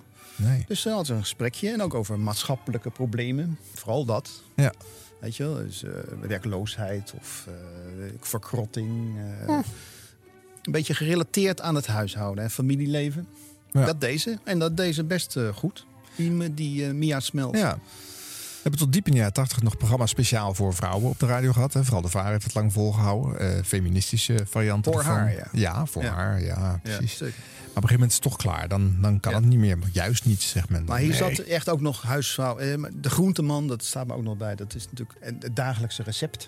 Oh ja. Waar de groenteman... Nou, laten we eens een klein stukje groenteman doen ook even dan. Ja, ja, ja. Ja, wat zullen we eten? Ja, ja, ja. Ja, wie kan dat weten? Wie is de man die mij dat zeggen kan? De groenteman. Juist. Goedemorgen, mevrouw. Goedemorgen. Goedemorgen mevrouw, wat zullen we vandaag goed. weer eens u Een begeerig oogje aan de rode bessen. Ja, ik eh, vind ze lekker fris. Maar de jongens, nou, die noemen dat fris van mij gewoon zuur. En dat is dan weer zuur voor u. Want dat zal wel inhouden dat u niet vaak aalbessen neemt. Daar komt het wel op neer, ja. Nou, daar moeten we toch wat aan doen, hè? Ja, maar eh, matig met de zoetigheid hoor. We doen ons best, mevrouw. Ehm, wat dacht u van een aalbessentaart? Nou, vertelt u maar eens eh, hoe ik die maken moet. Voor het deeg hebt u... Het is wel een toneelstukje dit, hè? Dit is Heerlijk. Theo en Thea bijna. ja. ja, je weet wel waar dat soort persiflages op gebaseerd zijn. Want dit heb je dan in je jeugd Maar tja, tja, tja, wat zullen we eten? Nee, ik heb er echt in 50 jaar aan gedacht, maar het zit er nog hoor. Ja? Tja, Zeker. Jij herinnert je dat je het Zeker. Ja, ja, ja. Ja. En mijn moeder ging dat ook echt koken. Dat die van mij dan weer niet. Ging die meeschrijven? Als de, ge- ja? Oh, Ja. Wauw. Van, nou, de, de groenteman wil vandaag eh andijvie eh, eten. En dan niet andijvie gekookt, maar andijvie stampot. Ja. Dat is nieuws. Nou, dan zag je mijn moeder naar die radio kijken. nou, ja, liever dan ik. Dus eh, dat, ging, dat gebeurde echt bij ons nooit. Dan bakt u een spekje uit. Ja. Nee, nou ja, niet. zo. En dat ging dan. Mijn moeder had dat nooit gemaakt. Want veel vrouwen van die generatie die, die deden gewoon elke keer hetzelfde. Ja. Maar zo'n iemand die kwam ineens, nou, dit, verband dit fragment ook met aalbessen. Ja, Ja, Zo'n leuk. product voor de, voor de. Happy Few. eh Ja. ja, ik ben Avro dan. eh, Ja. Ah, die kon je ook in het wild plukken natuurlijk. Hè? Ja. Scheelt weer. Nou, weer een, weer een.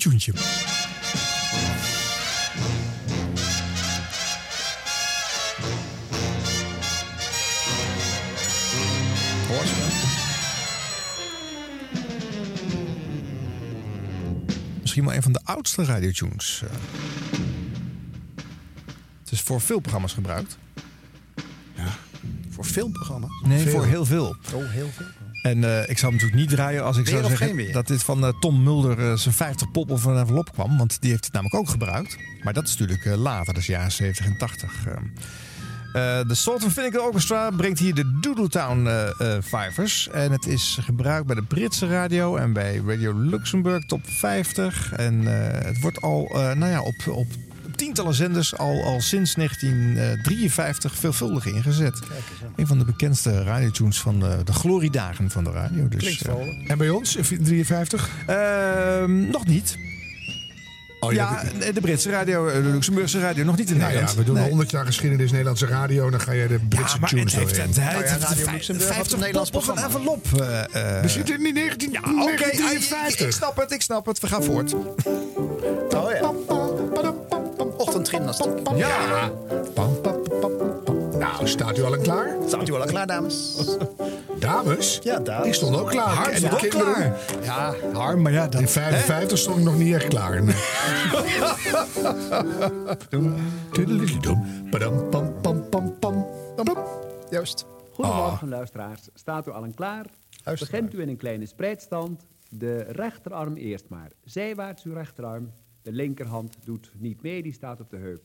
Oh. We zwaaien met de rechterarm in de ronde voor ons langs. Dus door laag naar links, door hoog tot zijwaarts. En dan vlugger, één, zwaai rond. Om voor u langs, om en om. Dan moet u meedoen radio, hè, meedoen. Nou, ja. Een van de oudste formats ter wereld, hè? 1921 al wordt er ochtendgymnastiek in de Amerikaanse radio. Oh ja? Oh ja. Op deze manier. Ja, wat dacht je van eh, huppelen met Max? Is nog steeds hoor. Ja, Hoe heet dat gedoe? Ja, het is, een- dat is nog steeds elke En dag. Olga eh, Commandeur. Ja, dat die staat daar als een gek op dat achterste schafotje te stampen. Dus eh, Ja, Ja. Dit, dit was februari 55. En eh Ab Go- Gubits. Gobits. Gobits. Ja. Ab, Ab Gobits samen met Arie Snoek. Later eh, Jacques Schutte aan de piano. Ja, jullie zijn er dus mee groot geworden. Eigenlijk wel, ja. ja, dit heeft ook lang gelopen. Dat is in dik in de jaren 60 nog te beluisteren, denk ik.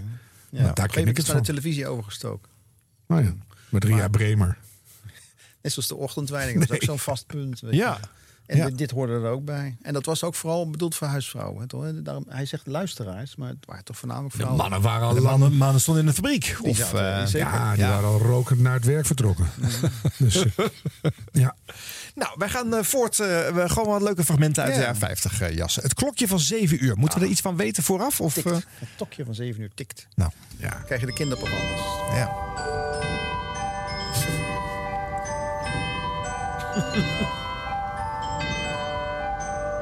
Eftelingsfeertje. Ja, Het zoiets. klokje van 7 uur en dus... De marketensters of zo, weet dat allemaal zo. Koning Kaskoes Kielewan zat op een dag stil op zijn troon te regeren... toen Krokelendokus zijn hof naar binnen kwam. Wat haal je me nou weer uit? vroeg de koning verbaasd. Kijk nou eens. Nee, nee, kinderen van een koning, het is heel, heel erg. Zo, is het zo erg? Zit Wat is het dan? Waarom heb je die Wim Quint van de KRO misschien? Wat is er met die Ja, voorgevel die van je die kinderprogramma's van de... Heeft hij kou gehad? Met die stemmetjes. Nee, nee, Maar zo, zo werd ik genoemd, krokelendokus. Oh, ja, nu weet je waarom. Ja. Krokelendokus, we gaan nu eens naar bed. En ik had toch nogal veel energie. Niet nu, was ik drie of zo. En dan werd het, ja, nou, dan weet je ook weer. Oh, ja, Of, of een Jean Dulieu, die deed het ook. Hè? Ja, ja, ja, ja, maar dat is nog veel mooier, Ja. vind ik. ja, die hebben we een paar keer al laten dat horen. Paus, eh, Paus. En eh, we hebben ook eh, onlangs een eh, jongere radioaflevering gemaakt. We hebben ook Kleutertje Luisteren uit de jaren Kleutertje 50 luisteren, eh, laten horen. Herman Broekhuis en Lily Peters. Ja. was ook mooi hoor. Ja. Ja. ook bijzonder jongens. Maar dat was 's ochtends. Hè? Ja. Eh, en dit is om 7 uur s'avonds? Als de kinderen Ja, naar bed 7 moeten? Snel ja. nog even één verhaaltje bij de radio en dan hup naar boven. Va fabeltje krant, maar op de Ja. radio. Oh, wat goed. Ja, En oogjes toe. Hè, zo. Ja, dat- dat sfeertje is het, hè? dicht. ja. Slaap lekker. Die sfeer. ja. Goed, de gewone man denkt er het zijne van. Oh ja. Wat was dat ook alweer? Wam Heskes, is het Wam Heskes? Even kijken. Ja, KRO. De gewone man. Nou ja, de gewone man had ook een stem. Maar de gewone man zat toch bij de VARA? Ja, zeker. Maar eh, in, kijk, in nieuwsprogramma's was dat een beetje zo niet, niet helemaal gewoon. We hebben het over Arie Kleiweg gehad, die deed het dan Ja. voor het eerst. Maar in een samenspraakje over het nieuws kon het weer wel eerder. En dat was Wam Heskes. Die deed dat voor de KRO. Die schreef elke week drie keer, drie, drie keer per week schreef hij een tekstje over de actualiteit van de dag. En dat werd dan uitgesproken in een dialoogje van gewone mensen. Oh. Die daarmee toch niet gewoon waren, want ze gingen iets van papier voorlezen. Ja, natuurlijk. Het is een toneelstukje.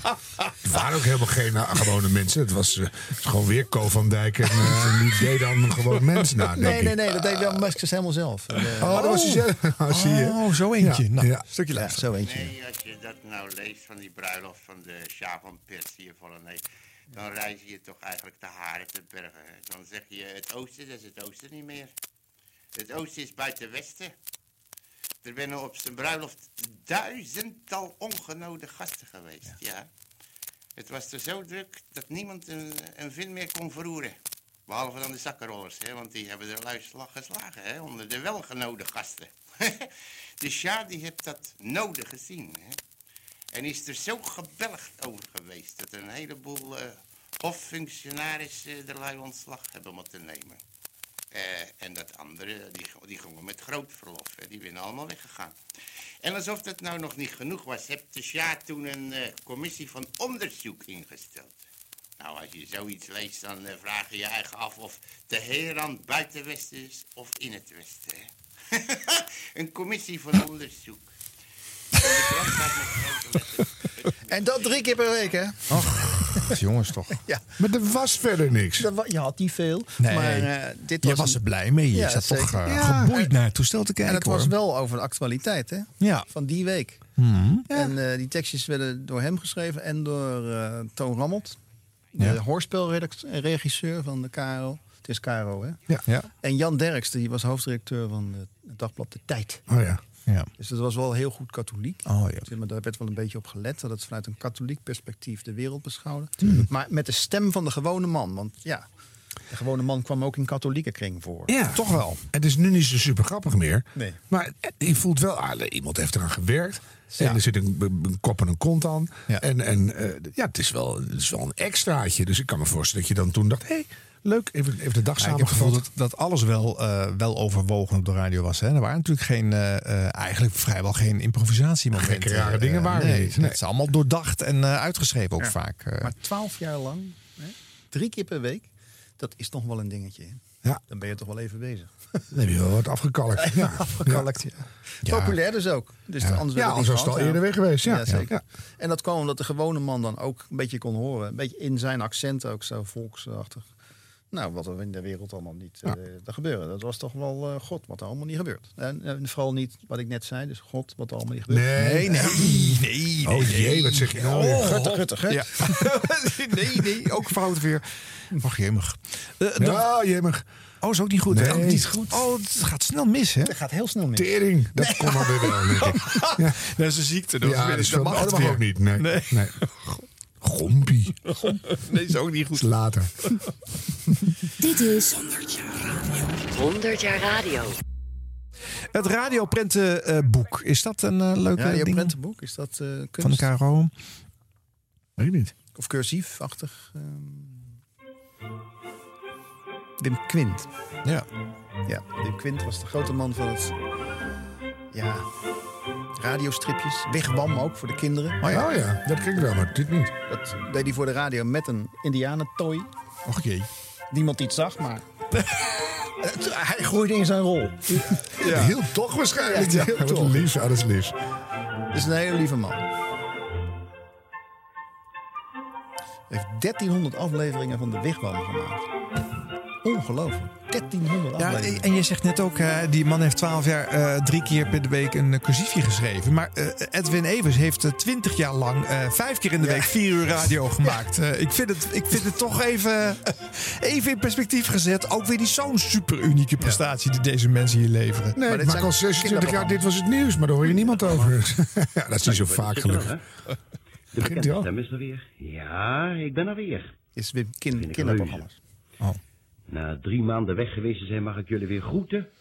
En, ja, en ook bedanken. Want jullie hebben me niet vergeten toen ik ziek was. Tjonge, tjonge, zeg, wat heb ik veel leuke kaarten en briefjes gehad. Dat vond ik enorm gezellig. En daar bedank ik jullie nog voor. Ja, en eh, nou is het eigenlijk een hele rare samenloop van omstandigheden. Nu ik voor het eerst dus weer met het prentenboek klaar zit, ja, ben ik vanmiddag alleen, want nu is tante Roos ziek. Nou, dat is niet zo heel erg, maar ja, ze is er toch Ja, niet. ook even wat Wigwam dan. Allee, Wigwam. De tune van eh, Wigwam. Hij maakte dus een beetje al die kinderprogramma's voor de KRO. Ja. Dus een beetje kleuters tot... Waarom deden omroepen zoveel eh, eh, kinderprogramma's eigenlijk? Nou ja, dat, dat, dat, dat was toch geen klantenbinding. meer? Ja. Klantenbinding. Want met die kinderen gingen de ouders meeluisteren. Ja.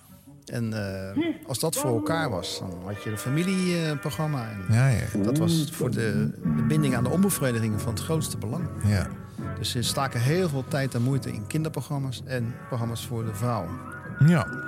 Want dat waren de voornaamste luisteraars. Ja, ja, ja. Die mannen die waren overdag voornamelijk aan het werk.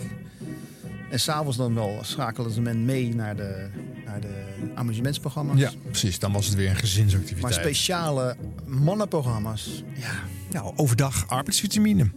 ja. om in de fabriek voor eh, lekker door te pezen. Nee, toch? Ja, Ja, ja. Nou, dat is inderdaad. Arbeidsvitamine was voor de arbeiders in de continubedrijven, zoals Ja. dat toen nog heette. Continu bedrijf. Prachtig. Ja, maar echt niet, niet echt een hele kinderlijke tune. Nee. Best wel... eh, Maar ja.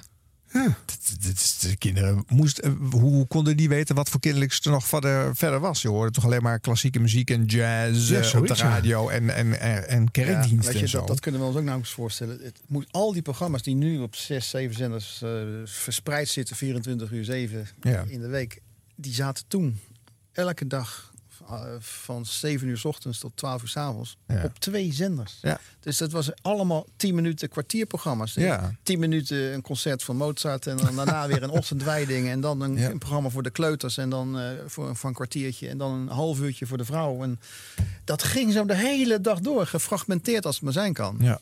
Nou, en dit is ook de reden waarop die omroepgids zo'n succes was. Je had die hartstikke hard nodig. Anders wist je echt niet wat er kwam.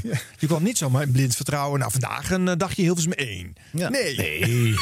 Maar Zo werkte het niet. Collage radio. Hè. Het is Ja. allemaal zo, een plak, een klap, een plik- een knip en plakwerk. Zo. Ja. Maar als er dus niks te kiezen is, dan luistert men dus wel. Dat is het. Ja. Je had de keuze uit twee zenders. En eventueel via de radiodistributie had je dan de Belg Oh ja. en een, een Duitse operazender.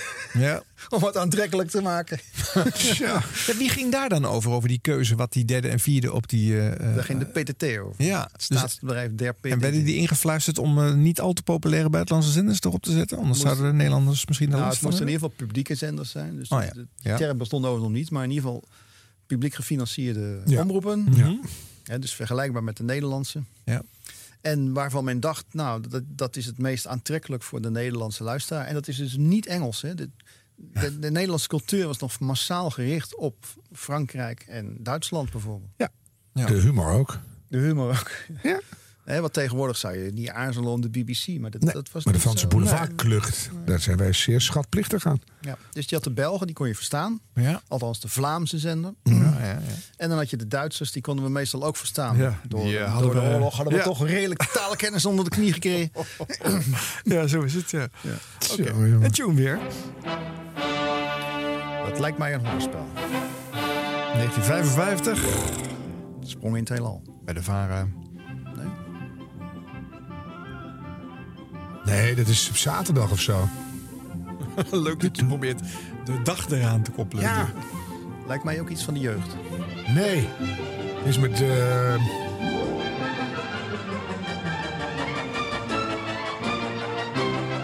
Ik vind het weer heel Efteling eigenlijk. ja.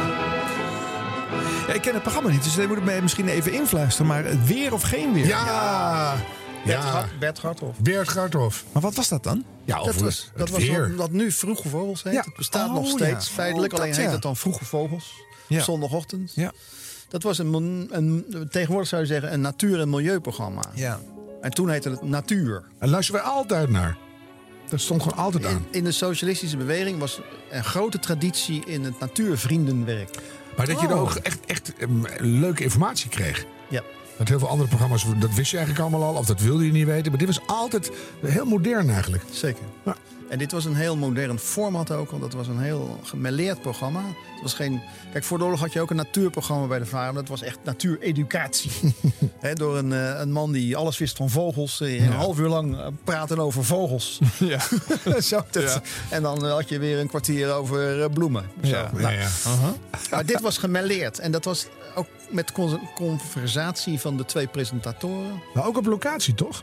Wat ik me herinner, of niet? Of was het allemaal in de studio? Nee, nee, het studio, Hilversum. Maar niet eens even over... Dat ze, ze hadden reportages, die monteerden ze in de uitzending. Dat bedoel ik, want dan waren ze weer bij een rivier. Ja. Of dan, maar, Dat kan ik me herinneren, ja. Ja. Dat was, ik kwam nooit ergens buiten Enschede, dus Nee. ik vond het fantastisch. Kleine, kleine Harm, die, Ja. die, die slurpte dit op. Nou. die luisterde Er het is in de geluid uit de rivier ergens, ik weet niet waar, maar... eh, Ja. En alles ademde hier natuurbescherming. Ja.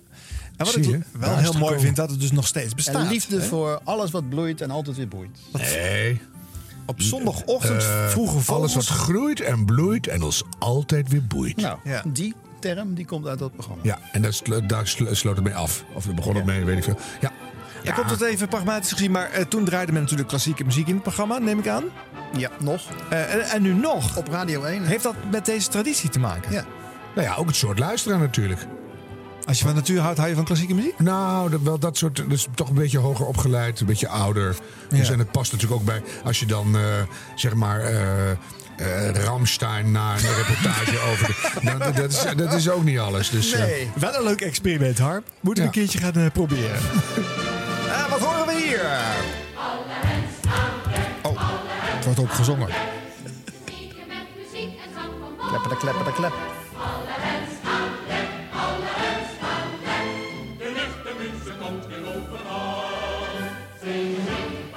Dit is zo'n groot, groot programma, weet je wel? Ja. Zo'n eh, ja, maar nog een herkenning beetje. van... eh, ah, nou gaan we een leuke avond beleven. Ja, ja. Dan vind ik een beetje schatplichtig gaan naar de jaren 30. Ja? toch nog wat gemarcheerder in hier en daar. Vind- Ja, Weer die grote zaal. In ieder geval een avond, een avond met publiek. Ja. Zo, en dan een grote avond en dan de kinderen beginnen. Want Waar ze, in welke zalen zaten ze eigenlijk? Was dat in de Dit omroepgebouwen is de zelf? grote omroepstudio's. Ja, Ze ja. hadden grote studio's toen nog. Maar heel orkest, een symfonieorkest bij wijze van spreken. Alle omroepen. Al hadden die zalen ken je toch wel? Nou, eh, nee, niet allemaal. Nou. Nou, die ken van de AVO ken ik, maar... eh, En die had ook een grote dit was de. NCRV. En die Oh, losse. Sterrenavond. Ja, Sterrenavond. Met masklimmen. Ja, 1956. Dat was dat zo'n spelletje. Het beroemde spelletje Masklimmen. Ja. Masklimmen. Ja, Met Johan Bodega. met de hamvraag. eh. En met eh familiequiz. Hoe heet dat ook weer? Familie... Niet familie Voigt, maar in ieder geval, in ieder geval ook een spelletje. Oké. Maar het beroemd was natuurlijk masklimmen. En dat stond ook in de grote studio van de NCV aan de Schuttersweg. ja, veel geweest. Daar stond ook daadwerkelijk een mast. Ja. Tot aan de, de plafond. En daar deden zij dat? En aan die mast hingen touwen. En aan elk touw, dat stond zo als een paraplu uitgespreid Mhm. over een aantal rasters of zo. En aan elke mast hing een prijs Ja. in hoogte. En eh, dat begon met de benedenmast. En daar, daar kon je dan eh, een popje winnen of een, of een paar schoenen of weet ik veel. Als je een vraag goed beantwoordde. Hè? Ja. Dat was dus een quizkandidaat. Een doorgewinterde eh, protestant uit de provincie. Uit Sint- Die met zijn hele familie, met zijn hele familie naar eh, de- sterrenavond was afgereisd. Ja, ja. eh, om eh, zelf kandidaat te zijn. En dan werd hij gesteund door zijn hele familie, was Ja. te horen. Moest hij dan vragen beantwoorden. Leuke dingetjes, pubquiz-achtig. Ja, Net zoals hersengymnastiek en zo. Maar, en als je dan, dan kan je steeds verder komen.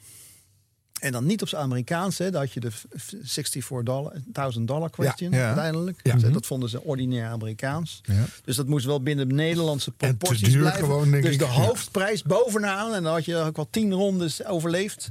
Dat was een hele ham. Ja. Een hele ham. Ja. Nou, lekker. Moet een groot gezin hebben om die hele ham op te kunnen krijgen. Dus, eh, dus stelde Johan Wodegraven de hamvraag. Dat is natuurlijk ook spreekwoordelijk geworden. En Ja. dat is de belangrijkste vraag. En als je die goed had, dan kreeg je een hele ham. Ja. En wat veel mensen die weten is dat er daarna nog... De, was de, de, degene die dan gewonnen had, de ham gewonnen... die mocht in de, was in de gelegenheid gesteld om zelf een vraag te stellen aan de jury. De jury die bepaalde de vragen. Ja. en de antwoorden. En Ja. als het allemaal goed was. Al wetend natuurlijk. En als hij dan de ham had gewonnen, dan mocht hij als nog een keer een extra prijs een, een vraag stellen, deut er niet waarover, aan de jury. En als de jury het niet wist, dan kregen ze geen ham. Kreeg hij een metworst. dus dan ging je toch beladen met vleeswaren. Mede mogelijk gemaakt door de Nederlandse Slagersunie. Ja. En beladen met vleeswaren ging hij terug naar die provinciestad. Noem het maar Zutphen. Ik vind het wel leuk eh, dat, dat, dat, dat, dat principetje niet gebleven is. Het is toch leuk dat de slimste mensen eindelijk eens iets irritants aan Maarten van Rossum mag vragen. Ja, en Oh, dat ja. het ook niet spreekwoordelijk is geworden, de metworstvraag.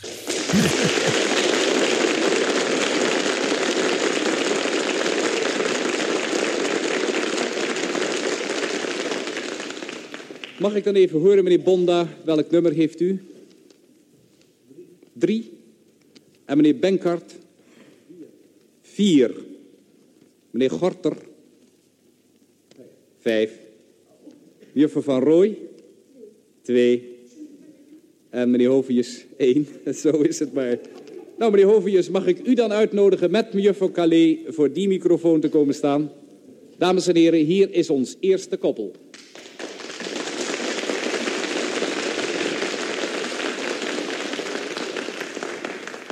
De Hovius, wat kiest u?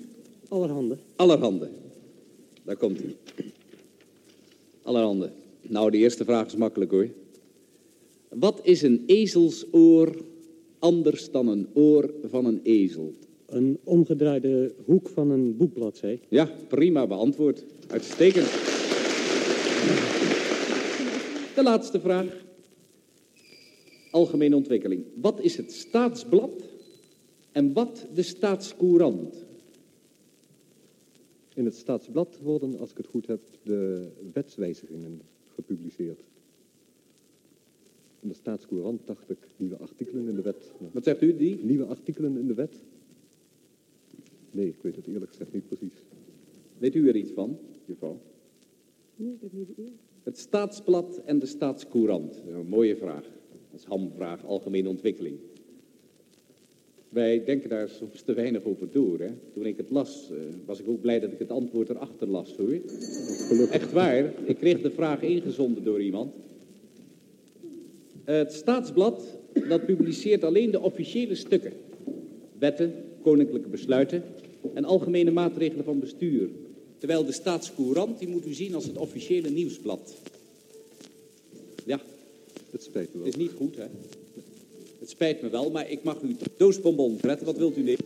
De doosverbond. De doosbonbons, prachtig.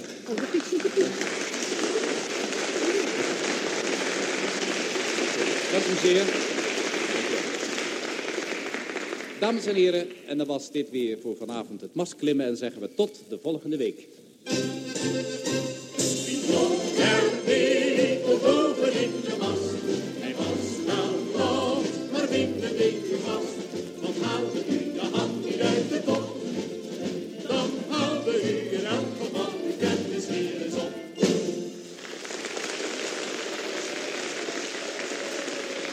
Maar ze behoefden niet echt die mast in te klimmen, toch, Huub? Nee, dat was nee, toch een beetje spreekwoordelijk. Daar eh, hingen de prijzen eh, alleen. Ja, precies. Ja. Dus Het de zaal wel- zag het wel. Het was wel een grote Maar de kandidaat liep niet eh, te stuntelen hoog in de, in de Kan lucht. er niet bij. En die En stort naar beneden of zo, behalve Wel leuker geweest Ja. mast is nog steeds in de collectie van het Instituut voor Beeldhouwing. Oh, wat leuk. Een museaal voorwerp. Ja. Nou, vind ik terecht. Helemaal terecht. 100 jaar radio. Wij laten het geluid slechts eenmaal horen. 100 jaar radio. 100 jaar radio. Harm Edens. En Arjan Snijders. Nou, wat horen we hier?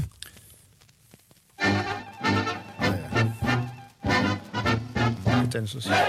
Dat wil zeggen, een kwartier muziek door de Bietenbouwer. Ja, Beeldhouwing. Oh nee! Oh nee! Boordjes van Butten. Kees Schilpoort. En Gaatjan Krutmoes. dat vond men leuk in de jaren Ja, 50. en ik zat daarnaast die dat leuk vond. Harm, je trekt wel een hele vieze gezicht op dit moment. Eh, Wat, wat is de, de aversie hier? Nou, dit is in de categorie GBJ Hilterman, de Mounties. En de, er zitten tussenin de boertjes van Butten. Mijn vader lachte echt nooit ergens om. Behalve om die drie. Dat tenminste, bij, bij Hilterman moest je je kop houden de hele zondag lunch. En eh, nou, dit vond hij onbedadelijk grappig. En ik vond het hele vieze dikke mannetjes. En ik vond niks aan. Maar dat wist je niet. Het was radio. Je wist niet dat die Ja, maar later waren ze nog op tv. Oh ja. Maar dus, eh, nee, ik vond, het, ik vond het helemaal niet grappig. Maar door en door katholieken, hè? Ja. Ja, want? Nou, ze waren Brabants gekleed. Kun je nagaan, maar dat wisten wij niet. dus, het accent wat ze zingen, laten ze laten we het zingen noemen, is, is, is Brabants accent. Ja. En eh, ja, het is een voornamelijk agrarische provincie, toen nog, eh, Ja. Brabant en Limburg. Dus Ja. eh, dat was helemaal in de sfeer. En eh, nou ja, Kees Schilperoort heeft daar natuurlijk zijn carrière fundament Aan gelegd. te danken. Ja. Ja. Ja. Speciaal voor Harm nog een stukje. Doe maar.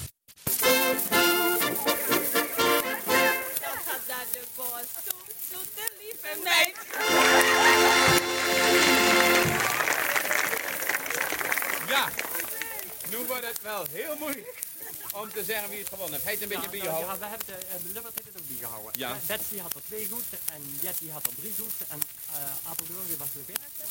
Marta, Marta, Maar had er Apeldoorn. drie goed en Jody had er ook drie goed. Ja. Dan moeten we de, de, de prijs verdelen tussen Jet en uh, Marta en Jo. Wat zullen we doen? Nu vind ik Nou, dat Marta Mirakel mooi gezongen Nou, heeft. dan Ja, dat vind ik, dat vind Dan ik. krijg je deze drie doos met bonbons met drie, uh, wat staat erop?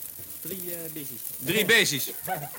Nou, ik weet niet waar je bent. bent knien geluk, of Ja, niet? ja. Dus dat Heb ze maar- hier in het bos gevangen. Marta, u de Apeldoorn. Alsjeblieft.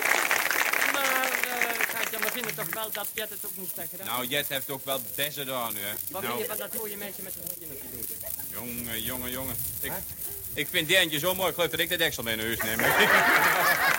Alsjeblieft. Maar daar heb je ook nog wat doen. Jo, heb, jo, heb ook wat. Beslist. Jo, mag ik je dan dit overhandigen? Dan zie je direct wat erin zit. Allemaal lekker op bonbons, hè? Verdeel ze met de dames van je afdeling, maar goed genoeg was, hebben ze allemaal dan. En zouden we nou Bets alleen laten staan? Nooit! Nooit! Nooit! van Nooit! De troostprijs voor Bets in de zoete inval. In de zoete inval. Zie eens even. Alsjeblieft. Die eentjes. En dan heb ik, dan heb ik nog wat, Bimien. Wacht even. Ik vind zo'n mirakel mooi en vooral dat zingen.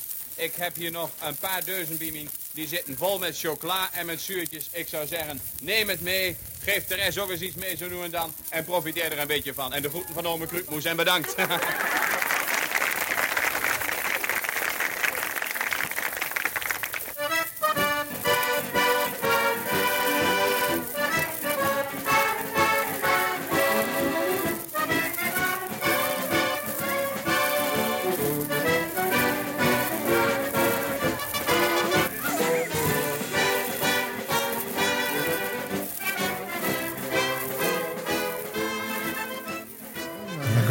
is toch echt geen Brabants accent hoor.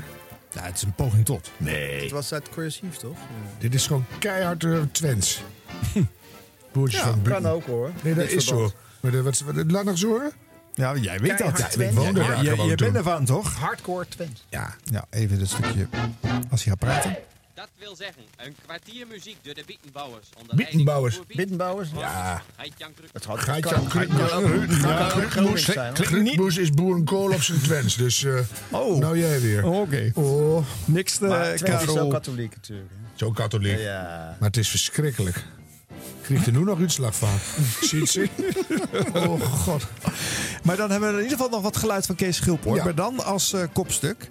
Eh, dat was een soort eh, orakelclubje van mensen die eh, eh, eh, eh, ja, zich mochten uitlaten op een grappig bedoelde manier, Ja, denk ik. Over een, ja. Wat later cursief is geworden, volgens mij. Oh. Bij de KRO. Ook Ja. Herman van Run en dat soort katholieke... Maar Godfried Bomans heeft toch ook heel Godfried lang kopstuk geweest? Heel lang dat was leuk. Dat was het beste kopstuk. Ja, vond ik heel erg leuk.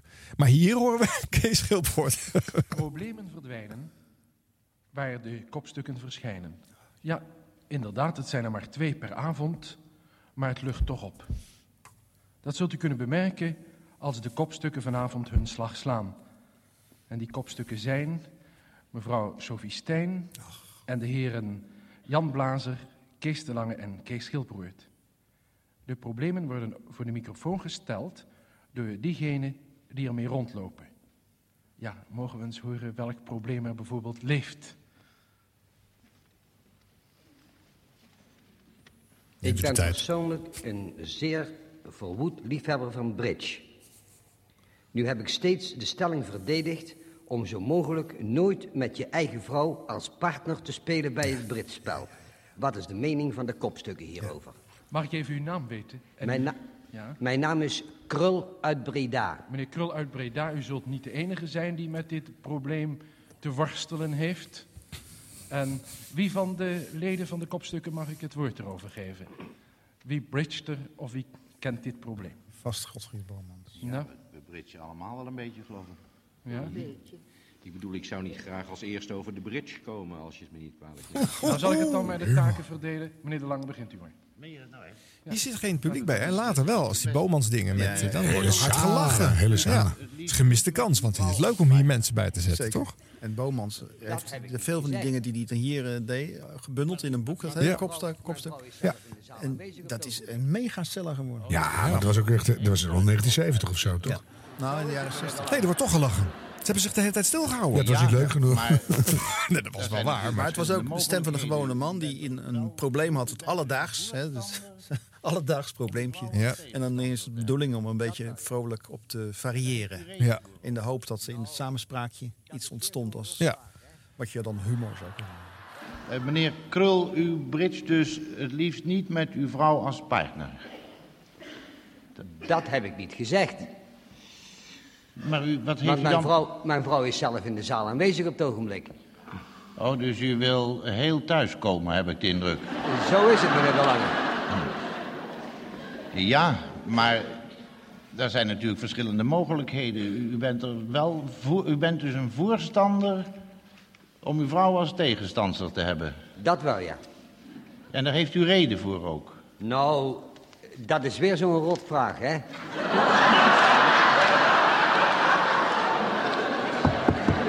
De voorzitter van de Kamer zou u moeten vragen om dit woord terug te nemen, maar we zullen het maar door laten gaan.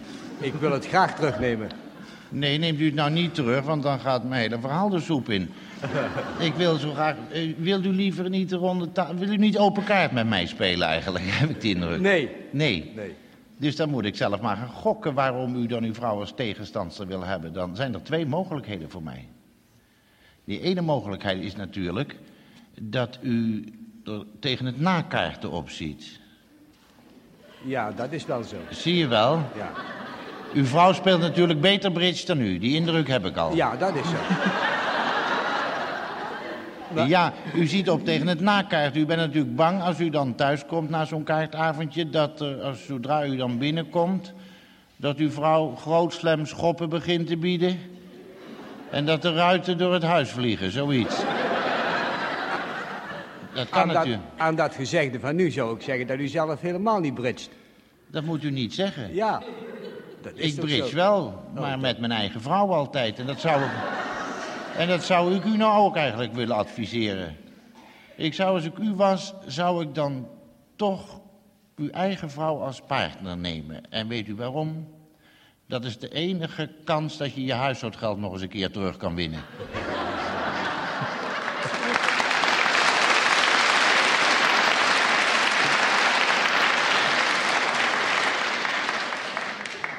Meneer Schildbroert, welk systeem speelt u?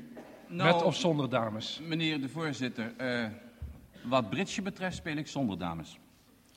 Eh, het is namelijk zo, eh, ik kan meneer Krul helemaal niet helpen, want ik ken het probleem niet. Mijn vrouw en ik bridgen namelijk niet.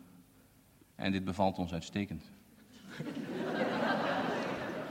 en ik moet dit zeggen, ja, dat heeft ook niet dat we er niet van houden, maar de dokter heeft mij meer lichaamsbeweging voorgeschreven en nu schoelbakken wij s'avonds.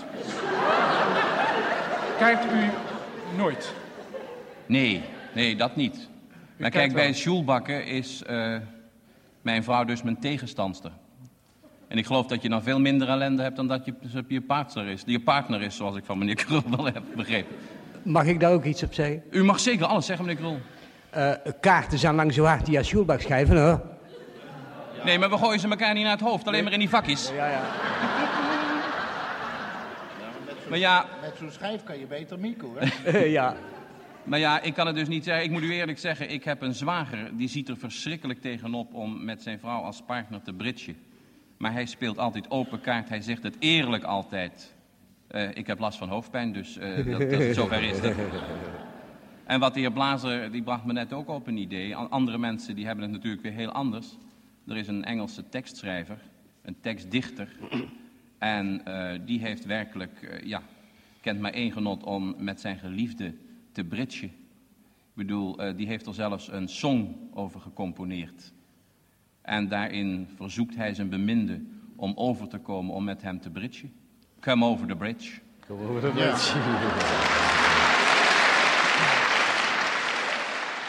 Voor een deel gescript hoor. Dus gewoon, Ja, bij, bij Bomans ook. Ja. En eh, ja, En later wordt dat cursief, dat wordt iets, iets vrij gevochtener. Hè? Losser. Maatschappelijke, politieke dingen en zo. Oké. Dit was heel alledaags. Ja. Dit is 100 jaar radio. Dan wilde jij iets horen van eh, Bob Oeschie. Ja. Ja. Dick Bob Oeschie. Wie kent hem nog? Ik niet. Terwijl het een van de grootste radiomakers is van eh, Nederland, denk ik. Oké. Echt een grensverleggende radio. En eh, ook niet, niet alleen dat, want hij was ook bekend als karikaturist. Dick Bruinestein kennen jullie misschien nog wel. Zeker. Die maakte van die sportkarikaturen. Ja, ja. En dat deed Bob Oeschie ook, maar dan in de jaren 30 en 40. Oh. Die maakte van die karikaturen van sporters. Hm. En daar werd hij beroemd mee. Daar heeft hij boekjes eh, veel van verkocht en zo. Ja. Maar hij was radiomaker en, eh, bij de Vara. en die kwam echt met het idee dat, dat journalistiek meer moest zijn dan alleen de microfoon aan autoriteiten en zo. En de Partij van de Arbeid napraten, maar echt ook over problemen die in de maatschappij speelden en die nou, nog niet bekend waren. Ja. Dus hij is de grondlegger van onderzoeksjournalistiek en van de verborgen microfoon. Dat, is, dat was ongehoord. Dat kende, kende men niet in Nederland. Dus dat je met een microfoon, die verborg hij in zijn, achter zijn knoopsgat of in een, heel beroemd, in een horloge. Ja. En er zat een microfoon in. Mhm. En dan ging hij op zoek naar misstanden in de maatschappij. En welk jaar praten we dan over? Dan praten we over 1956, 57. Dat is heel vroeg. Ja, zeker. Jeetje. En dan gaat hij bijvoorbeeld op bezoek bij eh, waarzeggers. En de, die ontmaskert hij als fabulante figuren. Nou, dat ligt echt voor de hand. Maar dat hoorde je dan ook echt voor het eerst. Hoe ze dat echt eh, vreselijk mensen misleiden en zo. Ja. En hij ging onder, op bezoek bij een kraamkliniek bijvoorbeeld. Om eh eh, abortussen te laten horen. Arts- artsen, die, ja, dat was in die tijd een volkomen ongeaccepteerde praktijk. Ja. En die, nou, die onthulde die met die eh, microfoon. Ja, en daarover gaat ook het volgende fragment. Het is een eh, vertelling over wat er toen gebeurd is, maar eh, je hoort vanzelf waar dat heen beweegt. We zijn daarbij geholpen door de latere eh, PvdA-senator Dr. Lamberts uit Rotterdam. Die dus voor de introducties moest zorgen. Want ja, je kwam natuurlijk niet zo zonder meer in een ziekenhuis terecht. Eh, een paar jongens in Hilversum hebben dan zo'n aardig idee. Komen daar met apparatuurtjes en koptelefoontjes en alle mogelijke dingetjes aanzetten. Willen een aparte kamer hebben, moeten leidingjes leggen. Enfin, dan voelen die, die medici zich met zeer gereserveerde gezichten, mag ik wel zeggen, in het kruis gegrepen. En die doen dan niet zo graag mee. Dus Lambert was eigenlijk de man die voor ons de poorten van zo'n ziekenhuis moest openduwen. En die vooral bij de medische staf de bezwaren moest wegnemen die zij hadden ten aanzien van eh, ja, de amateurs uit de buitenwereld die zo graag eens een medisch onderwerp wilden vastleggen. Nou, wij zijn heel systematisch begonnen. We zijn dus begonnen met het begin met een geboorte. Met toestemming van de ouders, met toestemming van de leiding, de medische en de zakelijke leiding van de Leid- Leidse Universiteitskliniek. Ik herinner me nog dat, eh, om dat dus zo volkomen authentiek te, te doen zoals wij dat wilden doen, eh, ik dus met een microfoon tussen de benen van die barende vrouw lag, of zat, of knielde. En dat toch iedereen zo vlak eh, voor mijn microfoon bij wijze van spreken zijn werk kon doen. Dat was natuurlijk een, iets nieuws. Hè. Je doorbrak een taboe. Zulke onderwerpen kon je helemaal niet uitzenden. Eh, er werden destijds, eh, ja, het idee alleen al dat je, dat, dat, dat, dat het nog jaren duurde voordat dat blote meisje van de VPRO, zo onschuldig hurkend in de stoel met een omgekeerde volkskrant, geloof ik, op schoot, ehm, in de camera kwam en uitgezonden werd. Ja, die tijd hebben we natuurlijk meegemaakt. En in de radio was natuurlijk met dat geluid, en dat geluid van het baren, breken van, die, van het vruchtwater, eh, dat geluidje, die staf, die eh, wat, wat eh, zakelijke opwinding bij dat medisch personeel. Spannend al, Dat als je dat dan uitlegt. merkt gelijk dat het heel erg betere dat radio en dat lopen en dat eh, baden en dat eerste geluid van zo'n kind dan. Hè, dat, dat was natuurlijk een echt stuk waarbij dus ook prompt reacties eh, kwamen. Ik geloof 24 uur later stond er in eh een vaardig stuk in de Telegraaf dat niemand, er was ook niemand meer bij de VARA die kennelijk iets heiligs in dit leven wenste te vrijwaren voor eh, de nieuwsgierigheid van de Hilversum jongens. Of all kranten, hè? Maar de Telegraaf, die dat kwam je was tegen in het geweer Ja. omdat ze tegen de varen waren. Ja. Maar die zei, als, als we daarmee beginnen, met de Ja. verborgen microfoons, Ja. en dat komt in handen van iedereen, nou dan zijn we pas echt op weg naar sensatiejournalistiek. Dat zei Ja. de Telegraaf. Oh, ja. Maar ja, dit is natuurlijk spannend, en, maar dit is veel later. Hij beschrijft natuurlijk wat hij Jawel. vroeger deed. Ja. Dus ik ben wel heel benieuwd hoe spannend dat op dat moment dan was. Ja, dan moet het wel vastgelegd zijn en bewaard zijn. Ja, eh, dat weet ik. Maar dus, Ja. eh, ja. Hij deed het samen met Gabriel de Wacht overigens. Hè? Die is die eh, later beroemd ook worden als documentairemaker. Ja. Ja. En zo grappig dat je dan iets vernieuwt, maar dat je dan eigenlijk bij de eerste poging al volkomen doorsluit, zodat je tussen de benen van een barende vrouw met een microfoon gaat liggen. Vind ik dat even heel geestig. Ja, maar die geluiden zijn ongetwijfeld heel indrukwekkend om te horen. En eh, nou, inderdaad, ruim voor al die andere die, eh, ontwikkelingen die je eigenlijk alleen maar aan de jaren 60 toeschrijft, gebeurt dit dus al in 6, 57. Ja, nou, eh. letterlijk de jaren 50 als kraamkamer. In dit Ja, geval. ja, ja, ja, mooi gezegd. Ja. Ja. Ja. 100 jaar radio. Op NH Radio. Eh, artistieke stalkaart hebben we er ook uitgelicht. Ja, op, eh, kunst en cultuur, hè? Ja. Was de, de omroep daar ook bovenmatig veel mee bezig? Ja, of, dat is eh? natuurlijk altijd een van de drijfveren van die verzeilde omroep. Hè. Ja. Dat, dat, de radio moest meer brengen dan plat vermaak. Ja. En daar waren die omroepen voor. Anders hadden ze geen bestaansrecht. Dan kon je net zo goed eh, Radio Luxemburg opzetten. Mhm.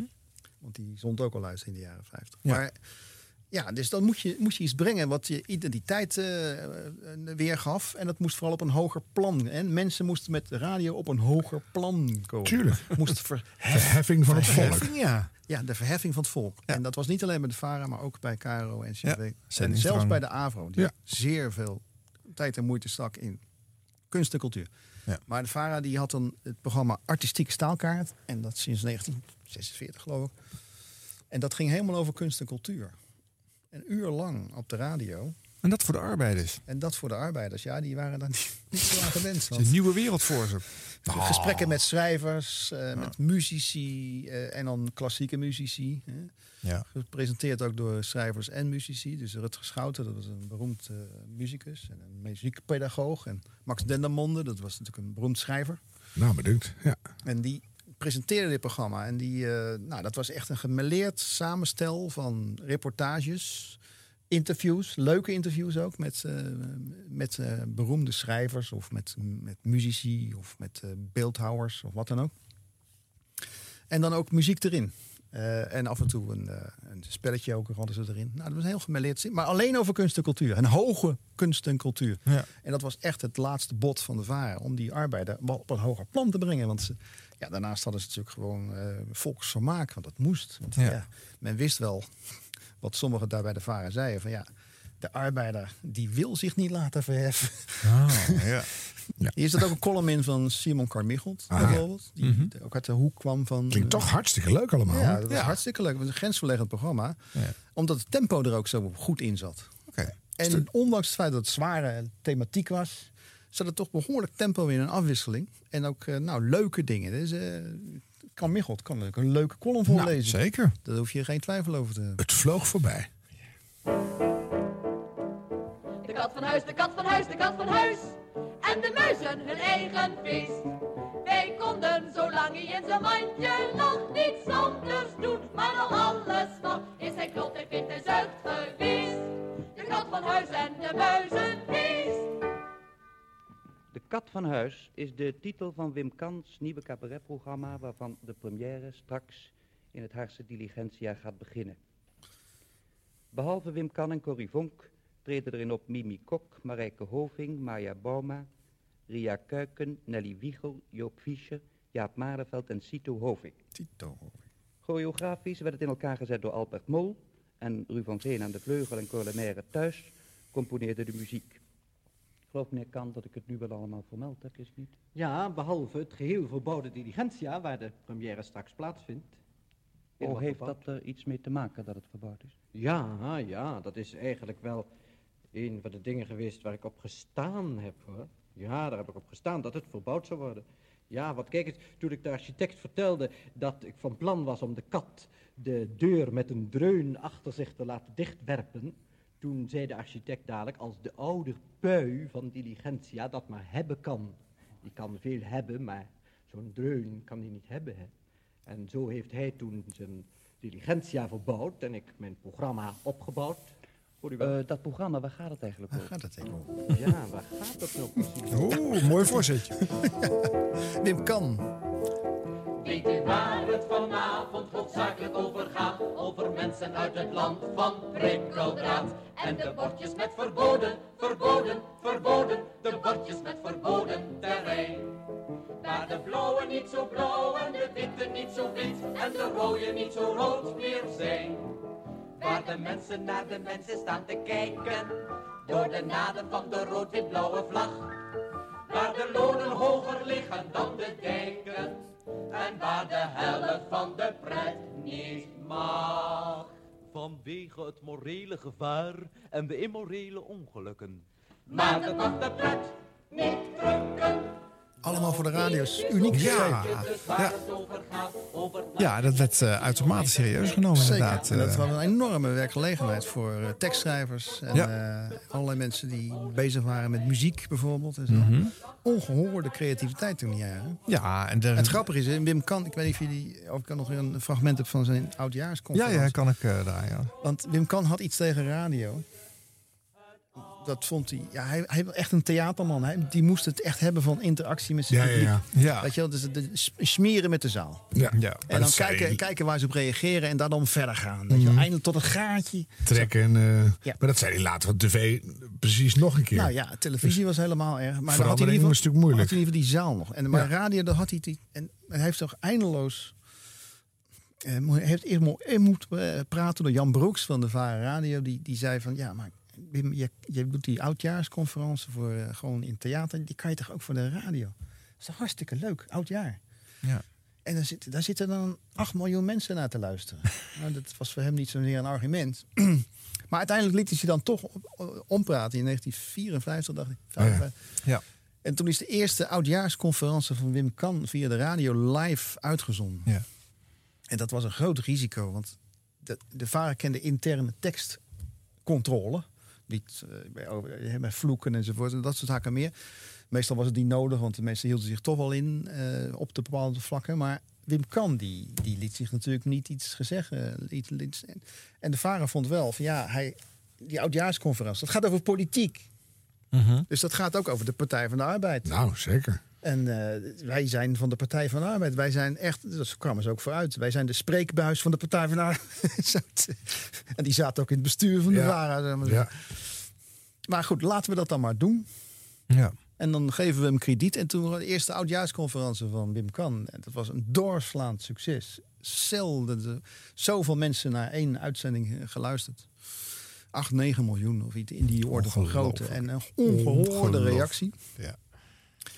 Maar er zaten passages in. En wat het partijbestuur van de Partij van de Arbeid had ook geluisterd. of oud ja, dat is toch niks anders te doen. ja. En Wim Kan was een pacifist.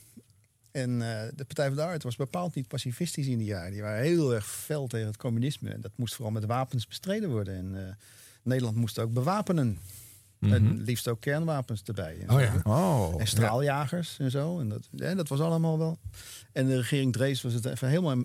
Maar en Wim Kwam kwam met pacifistische opmerkingen over straaljagers die hartstikke duur en wat. Nou, zoiets. Zat in die oudjaarsconferentie. Ja. En ik geloof f- 2 of 3 januari vergaderde het partijbestuur, er zijn mooie notulen van bewaard gebleven. Het partijbestuur van de Partij van de Arbeid samen met de directie van de VARA. om de VARA ter verantwoording te roepen. dat, dat Wim Kan of in zijn oudjaarsconferentie de partijlijn had doorbroken. En pacifistische praatjes voor, eh, de, voor de radio had lopen debiteren. Wat helemaal niet in de partijstrategie paste. En of de VARA daarvoor zou zorgen, voor zorgen dat dat in ieder geval niet meer voor zou komen. Ja, ja, ja. Ongelooflijk. Ja. Ja. ja. Toen hebben ze dus met Kant gepraat. eh, van nou, Wim, eh, zou je dat nog wel doen? Enzovoort. Nou, Wim Kan was er totaal niet gevoelig voor. En door het succes ja. zag men er ook wel in van ja, je- zo'n succesnummer, dat moet je ook niet. eh, Niet te veel in knijpen. Dus, eh, Nee. Is, toen is de traditie begonnen van Ja. de oudjaarsconferences. Van Vele jaren zijn nog gevolgd. Uiteindelijk is het naar televisie bewogen natuurlijk. Hè. Toen En hij was daar, vrijgesteld eh, van de interne tekstcontrole. Ja. Ja, Ja. mooi. Ja. Uitzonder exclusieve voor Wim Kan.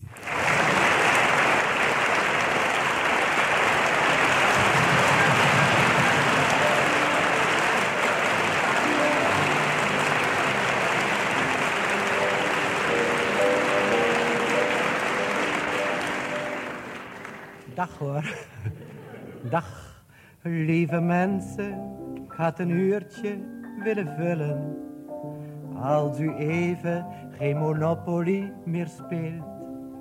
Als u zich in de ganzenbordenput laat zullen. En de klaverjaskaart tijdelijk niet verdeelt. Ik had u privé nog even willen spreken. Op dit op twee na laatste uurtje van het jaar. Het is niet gewichtig hoor, het staat allemaal in het teken. Van je weet wat ik zeggen wil. En het allerbeste maar.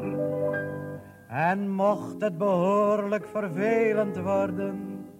Ga dan weer gauw terug naar uw ganzenborden. Zet me maar af, ik ben geen zielenherder. Zet me maar af, want ik praat rustig verder. Draai maar aan die knop, draai maar kalm door. Aan die linkse knop, want daar is die voor. Zet me maar af, daar merk ik toch niks van. Zeg niet, dat vind ik nou toch zielig voor Wim Kan. Als u denkt, wat is die vent vervelend, luister, wat een straf. Zet me dan af, zet me dan af, zet me dan af. Zet me dan af, zet me dan af.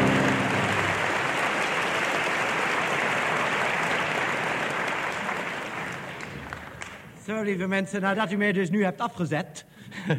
Heb u mij nog aan of sta ik nog om? u kunt nu twee dingen doen. U kunt me nu aanzetten en afzetten. Eh, Zo, ik heb me nou het hele jaar laten afzetten... nou wil ik eens aangezet worden. Mensen moeten zich tot niets laten aanzetten in het nieuwe jaar. Nou, in elk geval, dames en heren, het ziet er allemaal feestelijk uit... op deze laatste avond van het jaar. Jongen, jongen, jaar wel geweest, hoor. Jongens, was jaartje wel. Jongens, jongens, ik heb een jaar achter mijn rug, hoor. Ik, denk, wat heb ik daar achter mijn rug? Was het jaar? Straks krijg je dan het nieuwjaar en zo. Dan krijg je nieuwjaarstoespraak. Vind ik ook altijd mooi, vindt u niet? Ik zit altijd zo met mijn familiekring om de radio heen. Ziet u dat ook? Nou ja, familiekring met mijn familie halve cirkel. Zit ik er dan omheen. Zoveel heb ik nou niet, maar dan zitten we gezellig omheen, hoor. Zitten we een weekje om de radio te kijken. Dat is altijd maar mooi. En te wachten en zo. En dan, eh, nou ja, dan krijg je de nieuwjaarstoespraak. Zo'n beetje van... Tot u spreekt thans het hoofd van... Er komt er altijd een los hoofd dat tot ons gaat. Beetje eng.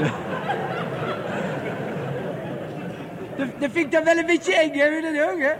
En toen hoofd zegt dan altijd van die dingen van... Weer is een jaar ten einde en een nieuw jaar gaat nu beginnen. Nou vind ik dat op zichzelf een interessante mededeling, hoor. Maar soms denk ik wel eens dat ik het zonder die mededeling toch ook gewerkt zou hebben, hoor. Maar in elk geval, het is mooi, jongens. Dan kan je hem afzetten. De meeste mensen zetten hem dan af. Daar heb je die linkse knop voor. Sommige mensen, ja, je hebt wel eens mensen die weten niet eens dat hij eraan zit, weet u hè? Ik heb toch laatst mensen meegemaakt. Er staat de radio maar aan. Wanneer ik kwam die radio aan. Ik zeg, mensen, zet die toch eens af. Ze zeggen, ze, ik wist niet eens dat er kon. En hebben ze die knop gewezen, jongens. hebben ze hem afgezet. Die mensen hebben nog nooit zo genoten van de radio als toen, zeg. Heerlijk. Dat is een prachtige...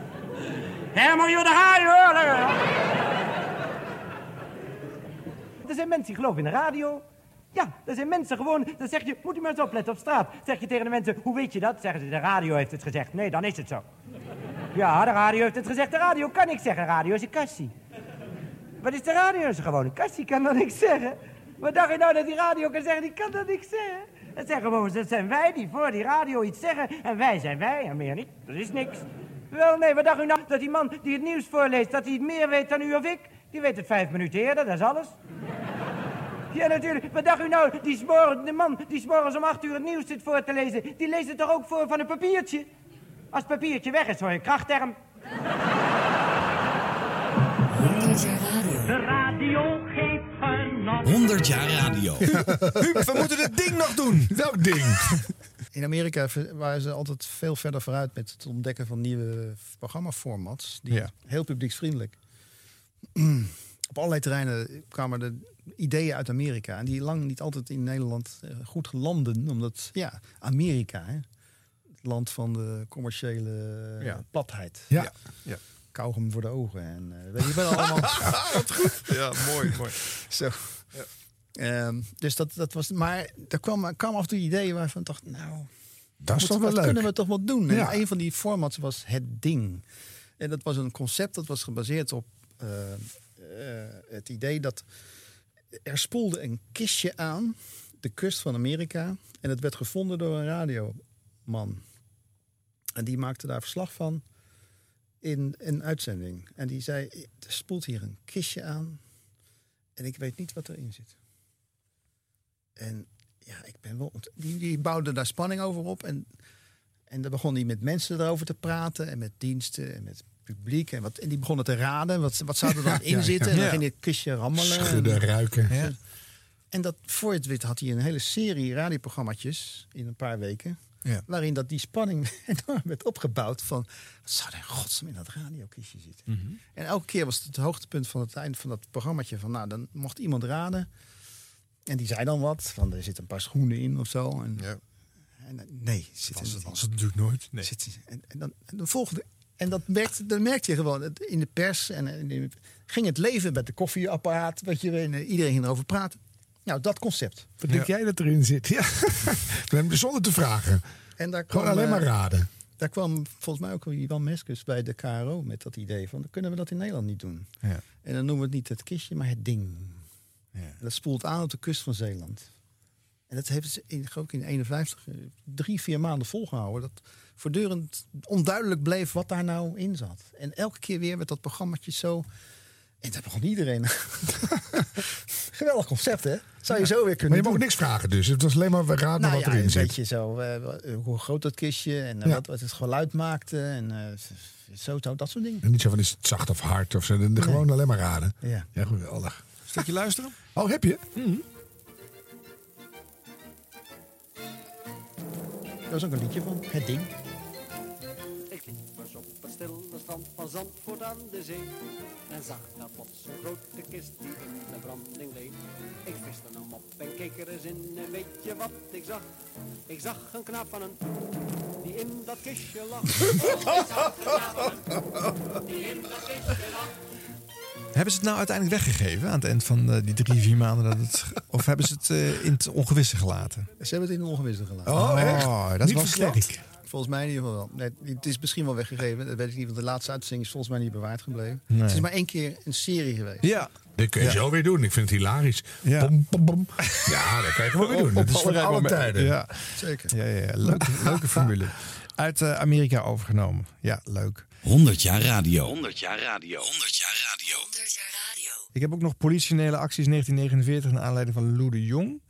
Dat is een documentaire uit 69, naar aanleiding van de onthullingen daarover. Oh. Is de dat Jong, nog hè? aardig om dat nog even te Nou bespreken, ja, Lou het, de is, Jong? het is een fantastisch verhaal. Want Lou de Jong is bekend, hè? Zeker. Ja, de de geschiedschrijver. Rijksgeschiedschrijver, Ja. eh, 14 dikke delen, het Ja. Koninkrijk der Nederland, Tweede Iedereen kocht dat toch na de Tweede De Wereldoorlog? bezetting op de Jawel, maar televisie. wanneer kwam de eerste daarvan uit? Bij eh, de, de eerste televisieserie De Bezetting. Oh, ja. In 19, ze- en daarna pas zelfs. want De bezetting is in 1964 voor het eerst begonnen. Uitzending. Ja. En daar heeft hij op grond daarvan heeft hij de eerste delen van Koninkrijk gemaakt. Volgens mij in het eerste deel 1967. Oh, ik dacht veel later pas. Wij hadden dat helemaal thuis, ja. Ja. Ja. Maar in ieder geval Rijksgeschiedschrijver. Ja. En directeur van het Rijksinstituut voor Oorlogsdocumentatie. Een heel belangrijke man. Ook al tijdens de oorlog als redacteur van Radio Oranje. Dus ook een radiostem. Ja, ja. En bovendien doorgewinterd eh Partij van de Arbeid. Dus voor bijvoorbeeld Vara een zeer geschikte man, zou je zeggen. Om Ja. commentaar op de wereld te geven. En Zeker. Dat, nou, dat hebben ze hem ook gevraagd na de oorlog. Om zijn bezigheden voor Radio Oranje bij de Vara door te zetten. Commentaar op buitenlands nieuws. Zoals G.B. Hilteman bij de AVRO. Maar dan Lou de Jong. Mhm. En Lou de Jong was, nou, weet je, toch ook een onafhankelijke denker. Want het, ondanks het feit dat hij eh, Partij van de Arbeid was. En toen kreeg je dus eh, de beroemde politionele actie. Ja. De eerste politionele actie in juli 1947. Een, militaire actie gericht tegen het Sukarno-bewind. Ja. Die ze terroristen noemden en zo. Een politionele actie, dat lijkt een heel, ja, een beetje... Een paar schermutselingen en dan reken je wat mensen in en dan ben je Ja, klaar. een een lichte correctie. Zo. Ja. Maar het is natuurlijk gewoon een koloniale oorlog. Ja. En dit waren, was een veldslag. Ja. Waar duizenden doden zijn gevallen. Ja. Maar daar, is- daar repte de Nederlandse publiciteit niet over. Weet je? En, ehm, en toen moest Lou de Jong daar commentaar op geven. En Lou de Jong had daar een hele scherpe mening over. Namelijk dat dit een absoluut afkeurbare actie was van de, het kabinet eh Beeldrees. Ja. En Drees was natuurlijk eh, eigenlijk zijn partijleider. Ja. Dus die zei dat is zelfverblinding. Dat is een beroemde term geworden. Zelfverblinding van het eh PvdA, eh van de Partij, van de A-ministers. Hmm. Die laten zich zo ver drijven dat we nu een oorlog eh, gaan legitimeren tegen een vrijheidsstrijder. Ja. Zo noemde hij dat ook, hè? Dus Sukarno vrijheid. Dat was voorkomen tegen Ja. de, de partijleiding. Ja, ja. Ja. ja. En tegen de heersende algemene Zeker. opvatting in Nou ja, over het algemeen. Maar Ja, hij, kreeg, hoek wel, hij, ja. hij kreeg veel medestanders. Mhm. Met name in de Partij van de Arbeid kring. En toen zijn er, inclusief Lou de Jong, 7000 man uit de Partij van de Arbeid gestapt. Uit protest tegen die politionele actie. Oh, precies. Want Ja. daar had de Partij van de Arbeid in de regering voor getekend. En, Ja. eh, nou, dat kon, 7000 man zijn, dus- hebben hun partijlidmaatschap opgezegd. Inclusief de Jong. Ja. En die zat dan wel op de Varen Radio. Dus, En de Varen Radio was de spreekbuis van de Partij van de Arbeid. Dus dat, toen zei Jan Broeks, de grote man van de Varen Radio, die, tegen Lou de Jong, ja, dit kan echt niet. Eh, dus ik breng dit in de, in de verenigingsraad, in het bestuur. En Ja. ja, ik, ik denk niet dat je dat gaat redden. En dat bleek ook wel. Want het is in het bestuur, in het partijbestuur en in de verenigingsraad van de Varen allemaal besproken. En heel uitvoerig, een enorme ruzie uitgebroken in de, in de, in de kringen van die, van die partij. Ja. En uiteindelijk, eh, na drie maanden, heeft die, de verenigingsraad van de VARA besloten... Lou de Jong mag niet meer voor de VARA Radio spreken... zolang die dit standpunt volhardt. Oh ja. En heeft dus gewoon... Koud gesteld. ja. Ja. Later is hij teruggekomen in de jaren 50 al. Ja. Toen de, de, in ieder geval de vrijheidstijd in Indonesië was geluwd. En eh, alle grote controversies waren geluwd. En toen is hij teruggekomen als commentator. Dat heeft hij alleen lang volgehouden. Maar niets eh, door terug te komen op zijn eh mening, nee, heeft hij nooit ik. ingetrokken. Nee. Nee. Heel goed. Heel goed. Ja. Lou de Jong.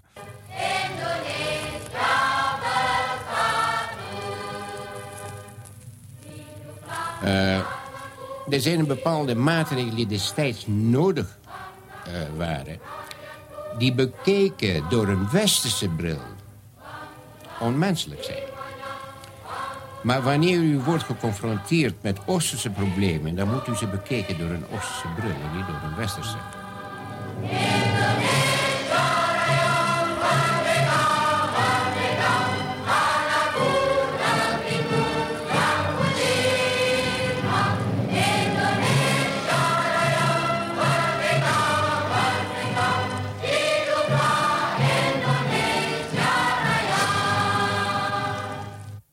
Ik heb in Indonesië destijds 2,5 jaar gezeten als militair bij eh, de infanterie. Onder andere bij de inlichtingendienst. En ik heb daar eh, meegedaan aan oorlogsmisdaden. Ik heb ze zien verrichten. En om daar een paar voorbeelden van te geven, kan ik u vermelden dat er kampongs doorzeefd werden, eh, waarvan de militaire noodzakelijkheid niemand destijds inzag. Dat er verhoren plaatsvonden waarbij eh, op een afschuwelijke manier gemarteld werd. Waarvan ook de militaire noodzaak moeilijk aan te tonen zal zijn. Dat er wraakacties gehouden werden, eh, waarvan even, even minder militaire noodzaak eh, in te zien was. Eh, bijvoorbeeld om u te vertellen, we kregen krijgsgevangenen. En die krijgsgevangenen werden meerdere malen neergeschoten. Waarbij dan de kreet was, ga jij maar pissen. Waarop de mensen zich omdraaiden en in de rug neergeschoten werden.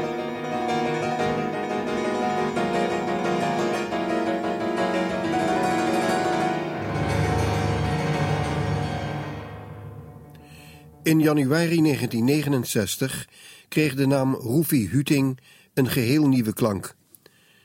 Tot op dat moment was hij een bekend jazzmuzikus, maar vanaf 17 januari was hij de ex-soldaat die voor de VARA-televisie onthulde dat hij in Indonesië oorlogsmisdaden had begaan en zien bedrijven.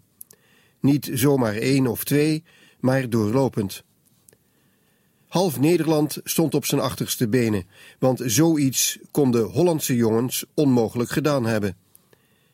Wekenlang bleef het onderwerp hot news. Het parlement debatteerde erover en de regering De Jong produceerde in eiltempo een excessennota. Daarna zakte de emotie weg. Tot nu een half jaar geleden het hoofdstuk uitlekte van het laatste deel van Lou de Jongs geschiedschrijving van de Tweede Wereldoorlog. Een hoofdstuk waarin de Jong concludeert dat er inderdaad oorlogsmisdaden zijn begaan door Nederlandse militairen, dat er sprake is geweest van systematische terreur en van moord en massamoord. Opnieuw barstte de kritiek in alle hevigheid los. Over vier dagen zal blijken in hoeverre hij zich daar iets van heeft aangetrokken, want dan komt de officiële versie van het boek uit. Vandaag gaan wij in onze vierde aflevering van de serie over het Nederlands-Indonesisch conflict alvast in op die excessen. Kijk, en hier had je vergelijkbare mensen. Klaas Voskuil, die ken je misschien nog wel. Vader van Voskuil van het bureau. Mhm. Ja. maar eh, lid van het partijbestuur van de Partij van de Arbeid. Hoofdredacteur van Het Vrije Volk. En die gaf wekelijks commentaar ook op eh, nieuws in, eh, voor de VARA Radio. En daar op, daar op zaterdag. En dan vrijdagavond belde hij met Drees. En Drees fluisterde hem dan in, of zei dan tegen hem hoe de regering hierover dacht. En hij in het bijzonder. En Klaas Volschuil zei dan, nou, dat lijkt mij een prima standpunt om...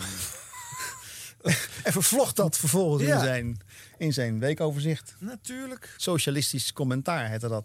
Ja. En eh, dat was volkomen loyaal. En, in dat, en dat was er bijvoorbeeld ook Meijer Sluizer. Die had ook zo'n eh, zo'n rubriek bij de VARA. Volkomen loyaal aan de partij. Maar Lou de Jong in dit verband Ja. dus niet. En dat Nee. is toch wel frappant dat het ook voor kon komen. Ja, mooi. Dat is een mooie uitzondering. En je vraagt je af of politieke commentatoren nowadays misschien dat ook nog wel eens doen.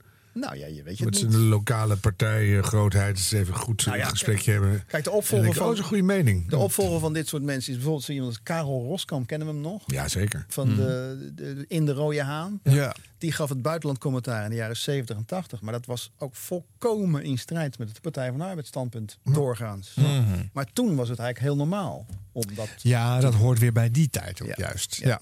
Maar die lijntjes tussen de politiek en de oproep zijn natuurlijk altijd ontzettend duidelijk aanwezig geweest. Is ook een van de grote klachten van de criticasters op ons eh, Zeker. publieke omroepbestel. Ja, zeker. Daar Ja. was er een hele... En ze deden er ook niet geheimzinnig over. Weet je? nee, schaamteloos. Nee, en, menig Ja. politicus wist ook dat er nog een, eh, een, eh, een, eh, een herfst van een carrière ergens in Hilversum eh, eh, kon worden eh, ingecashed. De voorzitter van de KRO, Harry van Doorn, die was gewoon fractievoorzitter van de KVP in de Tweede Kamer. Ja.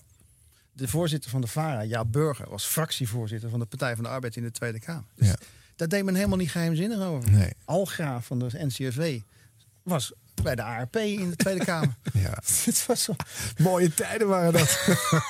Toen kon het tenminste Ja, nog. dat is- Transparantie. Precies, is echt Ja, ja, overschat. het is wel transparant. Ja, het is wel transparant. Ja. 100 jaar radio. Dit is 100 jaar radio. Harm Edens en Arjan Snijders. Jongens, ik maak een brugje naar een nieuw genre radio... wat aan het eind van deze eh, behandelde periode gaat opduiken. En dat doe ik met geluid van Piet Velleman. Oh. Swing and Sweet. Van 42nd Street. Maar dat is al in de jaren 40. Hè? Ja, hij wordt eigenlijk de eerste DJ van Nederland genoemd. Hè? Zeker. Ja. Hij komt met de eerste From hitparade. Hollywood and 52nd Street. Wel. Amerikaans accento. Ja.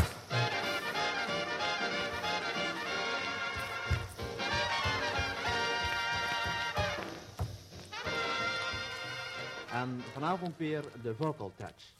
In deze serie bracht Swing and Sweet u al Frank Sinatra. If I don't see her each day, I miss her. Geweldig toch?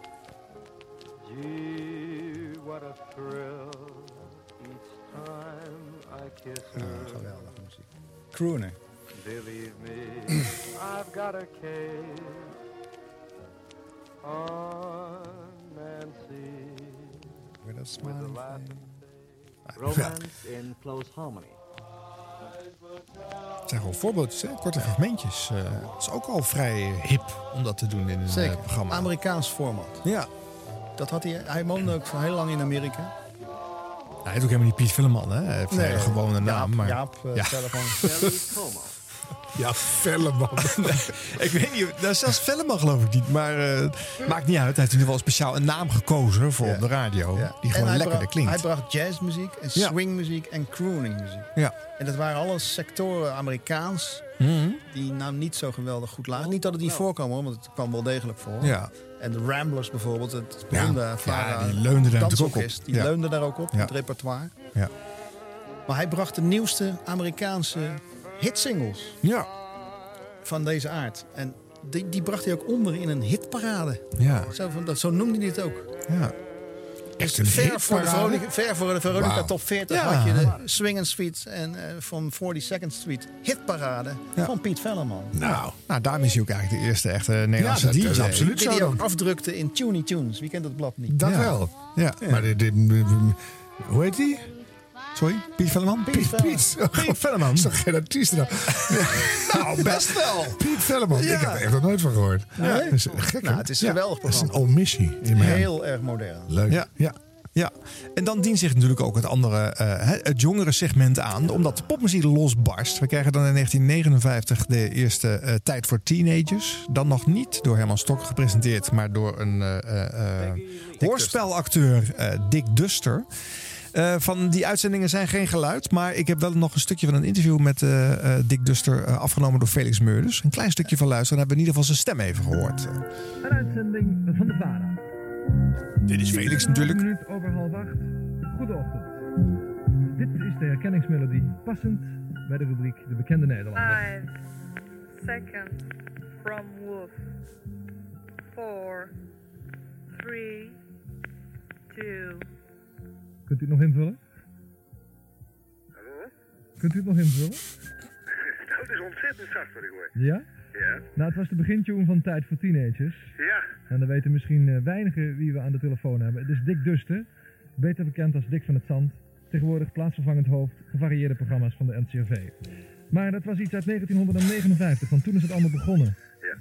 Wat eh, uw medewerking aan popmuziek eh, betreft en aan popmuziekprogramma's. Tijd voor Teenagers, u hebt het niet zo lang volgehouden dan. Hè?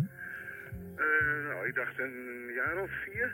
Nou, dat valt tegen, gezien de gemiddelde leeftijd van een DJ tegenwoordig. Nou ja, dit was gewoon... eh, ik was in de tijd was ik hoorspelacteur bij de Nederlandse Radio-Unie. En tenminste, toen was er nog Nederlandse Radio-Unie. En toen ben ik in 63. Harm, Harm krijgt het heel erg warm. Ja. Harm, vertel. Wat is er aan de hand? Ja, ze- de- sommige dingen weet je gewoon niet. Maar Dick, van het Zand ken ik dan weer wel. Ja. En eh, eh, toen ik...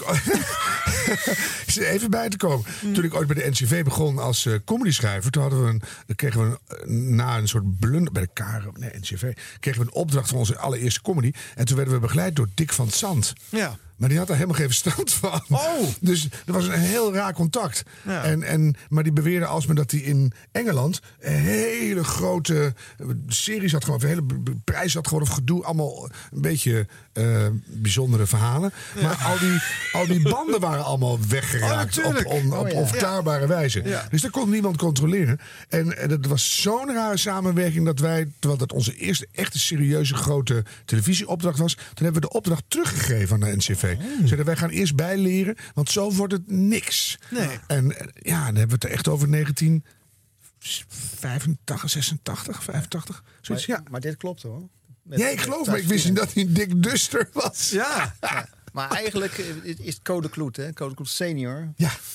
Die, Ja, want die dit- schreef die het dit allemaal, bedacht hè? had. En Ja. dat, eigenlijk, weet je, in de jaren 50 had je eigenlijk nauwelijks popmuziek en rockmuziek op de Nederlandse radio. Nee. Wel wat, niet al te veel. Vooral weggestopt in allerlei andere algemene programma's en zo. Ja. En dus als je naar rockmuziek, Elvis Presley of eh, Bill Haley of eh, Mhm. Jerry Lewis, eh, Mhm. en als je daar nou wil luisteren, dan ging je naar Radio Luxemburg. Ja, als je het kon Want had je wel. Natuurlijk. Daar Ja. had je wel eh, al die, die. En dan had je ook zelfs Nederlandstalige eh discjockeys. Ja. Hè, die daarvoor eh presenteerden. Peter Ja. Koelijn bijvoorbeeld. Ja. Ehm, maar en toen kwam, ja, wij kunnen dat toch niet lang tegenhouden. Want het is toch ook muziek die heel erg populair is. Dat bleek gewoon elke keer aan de platenverkoop en zo.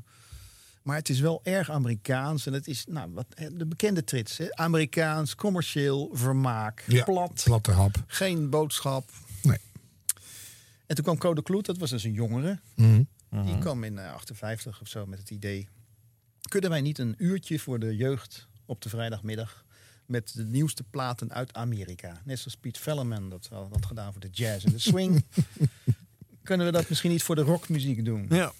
Nou, daar heeft hij eindeloos op de programmaleiding van de VARA in moeten praten. Of dat, of dat wel moest en zo. Want toen heeft de verenigingsraad van de VARA zich er ook nog over gebogen. Hè. Dat was toen nog echt een lichaam waar Oh ja. honderden mensen bij aanwezig waren. En toen heeft de VARA-leiding beroemde woorden uitgesproken. Die zei, ja, we moeten de jeugd een ruimte geven zichzelf te kunnen vermaken met de muziek die hen goed dunkt. Dus laten we dat nou maar doen. En als u dat nou niet wil horen, zei Jan Broeks dan tegen die oudere generatie die de verenigingsraad eh, bevolkte. Die zei, dan zet u op vrijdagmiddag gewoon het toestel uit. Zo, kijk, dat is een goed advies. Ja. Dat moeten ze vaker zeggen. Er zit een knop op die radio. Ja. Oh, en toen kwam daar Dick en toen van kwam dat, Zand. En toen kwam dat tijd voor teenagers met Dick van Zand Oh, en later Herman Stok. Ja, dat heeft hij nog goed verborgen weten te houden. Was zelfs in, in 86 dan blijkbaar gierend ouderwets. Nou ja, heeft en hij nooit verwees, verteld. verwees liever naar fictieve avonturen in het buitenland. dan naar zijn een eigen radioverleden. Een zekere chaîne ontstaan bij Dick van Zand. Zeker. Ja. Wat ook nog wel aardig is om heel even aan te stippen, is dat eh, dit soort eh, mensen die in de creatieve kant zeg maar, van de sector eerst gewerkt hebben, eh, ook geregeld eindigen in de bestuurlijke hoek van het eh omroepbestel. Mhm. Terwijl daar natuurlijk niet altijd de van De God vergeven managers eh, uit Nee. eh, voortkomen. Nee, Eh, hoe Maar- analyseer jij dat? Nou, hier, de Dick, Dick van dat is daar ook een voorbeeld van. Jan de Trooijen is daar natuurlijk ook een voorbeeld van. Mhm. Eigenlijk een programmamaker. Eh, Arie Kleiweg, dat is, gewoon Ja. programmamakers. Maar die Ja. dan uiteindelijk, ja, een combinatie van dat ze ervaring hebben, dat ze getoond hebben ook situaties die complex zijn te kunnen managen. En ja, ook niet ongevoelig voor de hogere beloning. Mhm. Die daar tegenover stond. En eh, nou, betrouwbaar genoeg geacht. En dan stroomde men door soms naar die functies. Ja. Ja, niet van harte overigens meestal bij dat soort figuren. Arie Kleiweg bijvoorbeeld is daar volgens mij weinig gelukkig van Ja. geworden. Ja. Want, Jammer is ja, die, willen, die willen toch programma's blijven maken. Ja. En die, veel te veel geneigd om naar de programmamaker ook te luisteren... in plaats van naar de Oh ja. partijlijn. Dat vond men bij de omroep altijd. Dus nou, in ieder geval zo. En ehm, dus die bestuurders, dat waren vaak beroepsbestuurders. Ja. Ja. Ja. Ik heb wat geluid van eh Herman Stok. Hij blikt terug op zijn tijd eh, eh, in de jaren 50 en 60 in de, in de media. Het is een mooie vertelling. En eh, hij stipt ook allerlei elementen aan die eh, het radioklimaat van die periode goed eh, duiden. Als we het over die jaren 50 hebben, dan is dat, ziet dat muziekleven er totaal anders uit dan wat we nu meemaken. Ja. Dat klopt. Kijk, als je, eh, de, de ziet, eh, na de oorlog is er natuurlijk een wederopbouw. Dan komen er weer allerlei orkesten en ensembles terug. Eh, en ik denk dat het zijn hoogtepunt zo'n beetje gevonden heeft eh, in de jaren 60. Elke omroepvereniging had, eh, nou, op zijn minst toch wel, de grote in ieder geval, zo'n 30 verschillende ensembles. En dat ging dan van de Skymasters, Ramblers, tot het, het Gouden Regenkwartet en het Zus en Me Zo trio. En het waren vaak ook dezelfde mensen hoor, die je daar weer in tegenkwam. Want die muzikanten snabbelden zich rot van het ene ding naar het andere. En dat ging door alle omroepen heen. Was echt niet zo dat bij de KRO alleen maar die mensen snabbelden, maar je vond ze overal terug. En eh, ik denk dat. Kijk, ik heb altijd eh, gezegd: de radio was voor de komst van de televisie nog een meneer. Dat, dat was iemand. Toen de televisie kwam, in, het, in de eerste jaren eh, eh, van. In de eerste 60 jaar. Was het nog niet zo'n grote concurrentie, want toen werd uitgezonden om 8 uur tot 10 uur, half 11. Maar op een gegeven moment merkte je ook de kentering bij de omvang. Toen de televisie ook al was het nog maar één net, wat vroeger begon uit te zenden en wat later doorging. Toen gingen de prioriteiten terug. Vroeger had je op zaterdagavond een familieprogramma. Dat werd naar de vooravond geschoven. Om, eh, om zes uur kom eens langs met Rens van Dort of dat soort programma's. De, de grote trekkers die werden om, om zeven uur gezet voor de televisie begon. Ehm, en toen op een gegeven ogenblik gingen ook al die ensembles. Het werd veel meer overgenomen door de grammofoonplaat, de, de, het muziekbeeld. Ik weet het niet zeker, maar dat zullen jullie ongetwijfeld kunnen nagaan. Er was ook een soort afspraak met eh, eh, de, de, de platenhandel of met Buma Stemra... dat er zoveel procent levende muziek gedraaid moest worden binnen de, of, of eh, ten gehoor gebracht... en maar zoveel procent grammofoonplaten. Daar is naderhand natuurlijk totaal de hand niet meer aan gehouden. De plaat was in opkomst, er werd steeds meer van gedraaid. was ook natuurlijk de commercie die daar goed achter gezeten heeft. Eh, De komst van zo'n tijd voor teenagers, is naderhand zo'n top of flop, heeft daar natuurlijk ook aan bijgedragen. De grotere omzet van de grammofoonplaat, de grotere populariteit van de grammofoonplaat. Had jij een weektaak met de televisie? Nee, zeker niet. Nee hoor, nee hoor. Ja, toch nog voornamelijk bij de, de Eh, radio. ja, ik eh, had op een gegeven moment had ik eh, eh, natuurlijk eh Hilversum 3 werk. Ja, nou, ja, eh, en nog meer. Maar goed, eh, we moeten een keertje stoppen met dit fragment. Eh, niemand had een dagtaak of een weektaak natuurlijk aan zijn werk. Want ze Nee. mochten meestal maar één keer in de week hun programma maken en leveren. ja. ja. Dat is echt Daar kon je niet vijf dagen eigenlijk mee druk zijn. Freewheelen hoor. Ze deden wel alsof ze er druk mee waren. Heel lange eh, voorbereidingstijd van een half uurtje documentaire bijvoorbeeld. Of, een- of zo'n programma als dit. Nou, er werd eindeloos tijd voor beschikbaar gesteld. Ja, blijkbaar. Wat natuurlijk ook in een uh, Hilversums horeca-etablissement eh, in de begin van de middag al eh, besproken kon gaan worden. Horizontale programmering, weet je, wel, elke dag op hetzelfde tijdstip hetzelfde programma. Dat bestond niet. Nee. Je had nog gewoon tot in de jaren negentig een, een dag Avro. En daarna had je een dag Vara. Ja, ja. En daar kon helemaal geen horizontale programmering plaatsvinden, behalve bij de nieuwsberichten van de ANW. die hadden wel een dagtaak. En, en de piepjes van het tijd zijn. Ja, die mis ik nog wel eigenlijk. Ja. Vind ik zoveel duidelijker. Ja. welk, eh, welk etablissement bedoel je? En de, en de scheepvaartberichten, daar komt het begonnen. De jongen. Ja. De waterstanden. Ja. Eh, loop ik beneden de sluis, min 4. En altijd hebben we nu al tien keer in deze, maar dat blijft gewoon tien keer in deze podcastserie. Eh, de veerdienst Anna Jacoba Paul Zijpen is uit de vaart. Uit de vaart, ja. En dan kwam daarna Kruiningen Perkpolder. uit de vaart. Ik heb nog nooit gehoord dat die het een keer deden. Nooit. Nee, anders was het geen nieuws. Dan werd het niet Nee, gemeld. dat is waar, ja. Maar er komt nog een, eh, een aflevering over eh, de techniek van de radio. En daar zit ook eh, een rubriekje in eh, met de uitwassen. En dan gaan we al dit soort gekke onderdelen van de radio allemaal langs laten komen. en ook een serie Radio Flaters trouwens. Ook eh, lekker leuke vergissingen op de radio. Ah, dat komt allemaal nog. Dit is 100 jaar radio. Nou, en dan dient zich in 1960 ook nog een andere partij aan. Dit is Radio Veronica op 192 meter.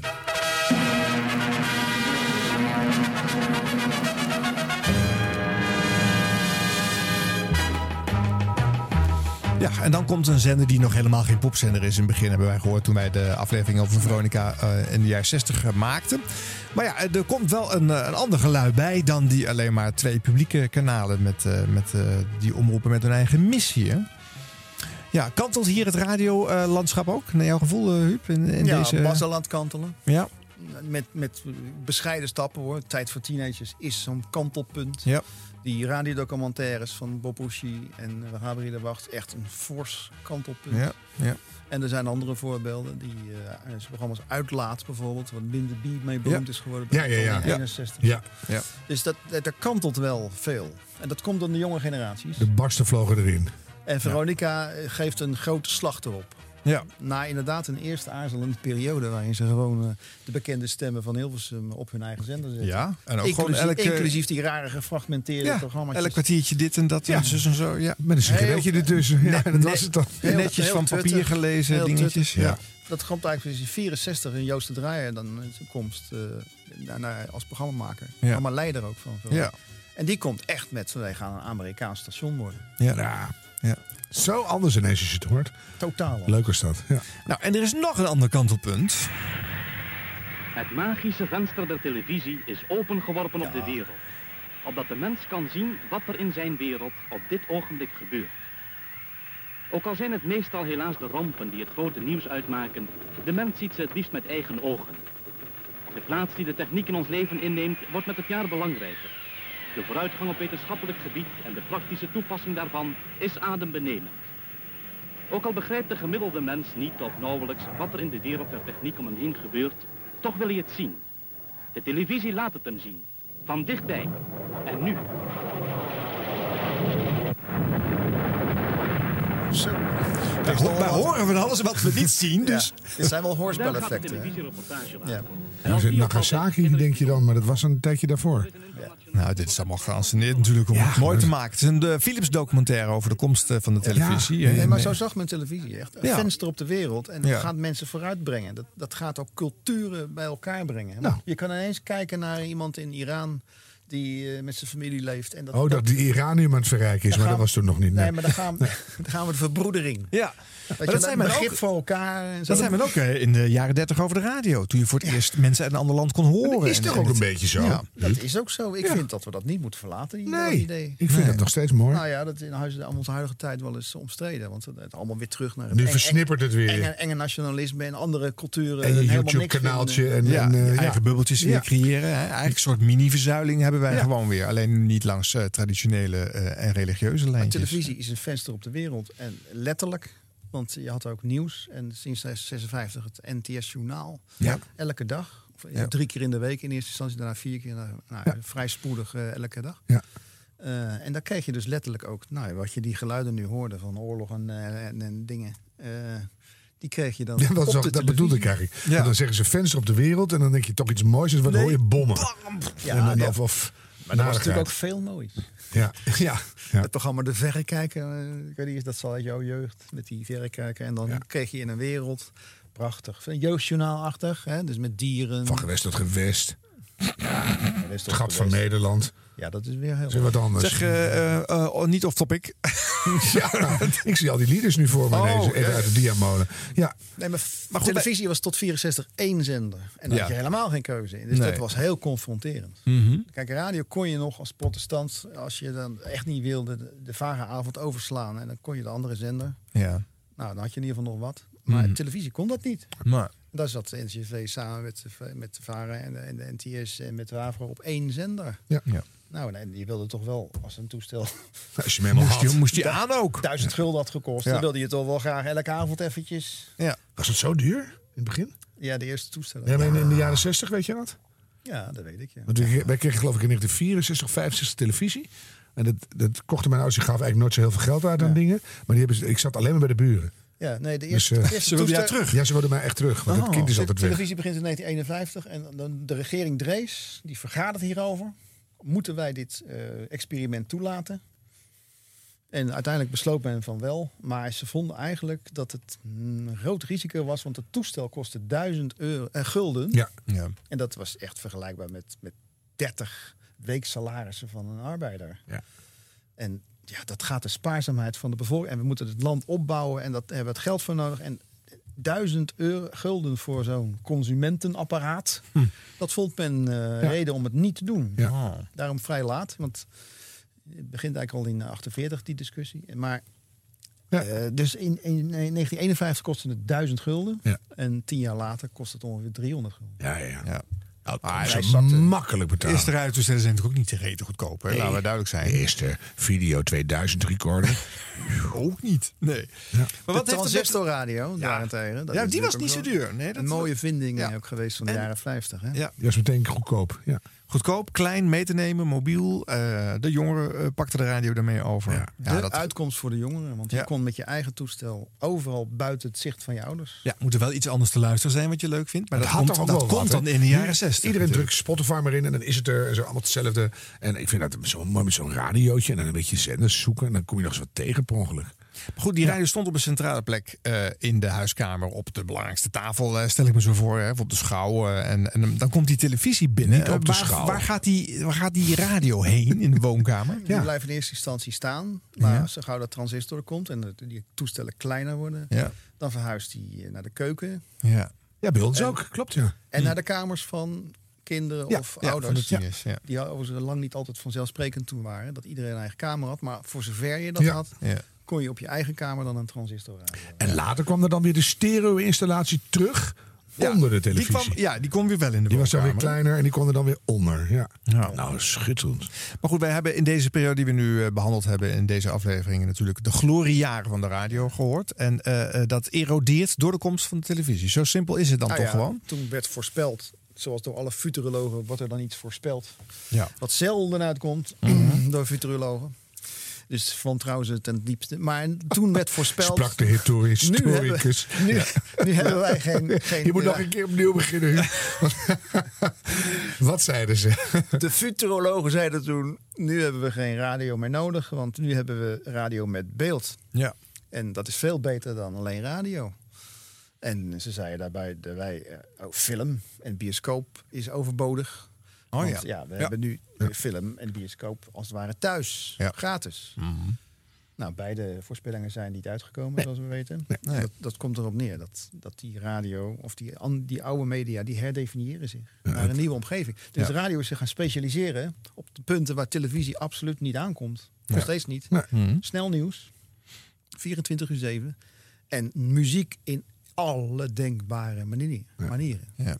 En eh, overal beschikbaar. Ja. En En een relevant verschil in de programmering is dat je in de jaren 50 zit alle belangrijke grote publieksprogramma's in de avond. Hè? Maar dat wordt dus, ja, als de televisie die rol gaat overnemen, verschuift het en dan ligt het accent op die- die de dagprogrammering. Ja. Rond de dinsdagavondtrein capituleert volgens mij het laatste. Ja. En eh, de, de sterrenavond van de NCV was al eerder. En de, de showboot. Er zijn allemaal programma's die verdwijnen. Ja. Want dat kan televisie veel beter. Ja. En eh, ja, dan blijft er dus over. Erg voor radio. Altijd aanwezig. Voor snel nieuws en goede muziek. In welke smaak dan ook.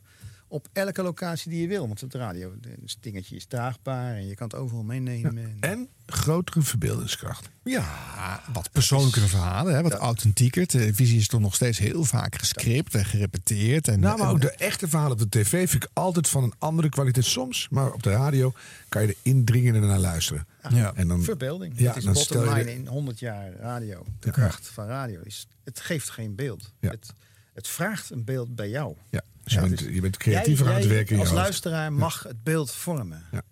Ja. Op grond van de auditieve prikkel. Ja. En dat, is, dat vinden mensen nog steeds. Met podcasts is volgens mij nog steeds dat. Precies, zeker. Want er zitten nou heel veel mensen thuis die denken... hoe zou die Huub eruit zien? Ja.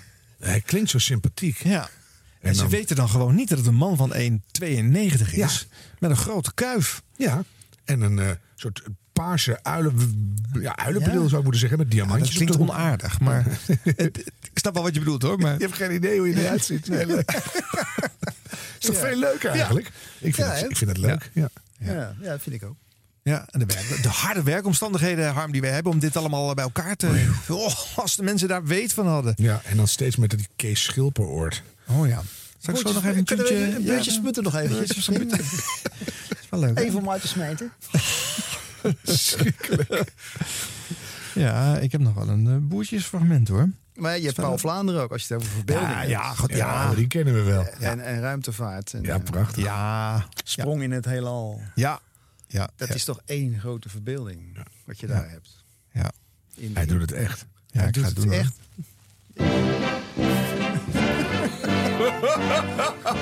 Ja, en mensen moeten nu bedenken hoe haar nu kijkt. Ze weten het niet. Ze weten het niet. Nee. Maar Ja, het is die man van dit was het nieuws. Ja, dat is hem. Maar hoe kijkt hij nu? Als er geen camera's op staan. Heel anders. Schuwelijk dit. Moet ook postuum kunnen vervolgen, die mensen? Kan je dit uh, carnavaleske fragment eh, van ze? dit bestaat ook niet meer. Hè? Nee. Dit soort muziek. En ik denk terecht.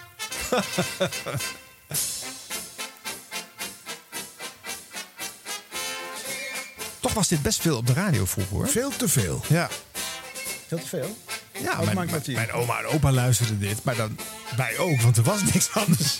Ja. Mijn ouders hadden een speciale radio met een zoeker. En die schoot onmiddellijk naar de juiste zender als dit erop was. Oh, wat je ook aan het luisteren ja, was. maar ja, het ging onmiddellijk naar de... Ja, Piet Velleman ontdekt. Oh. Of eh, Radio Luxemburg. Maar nee, de buurtjes. Ja.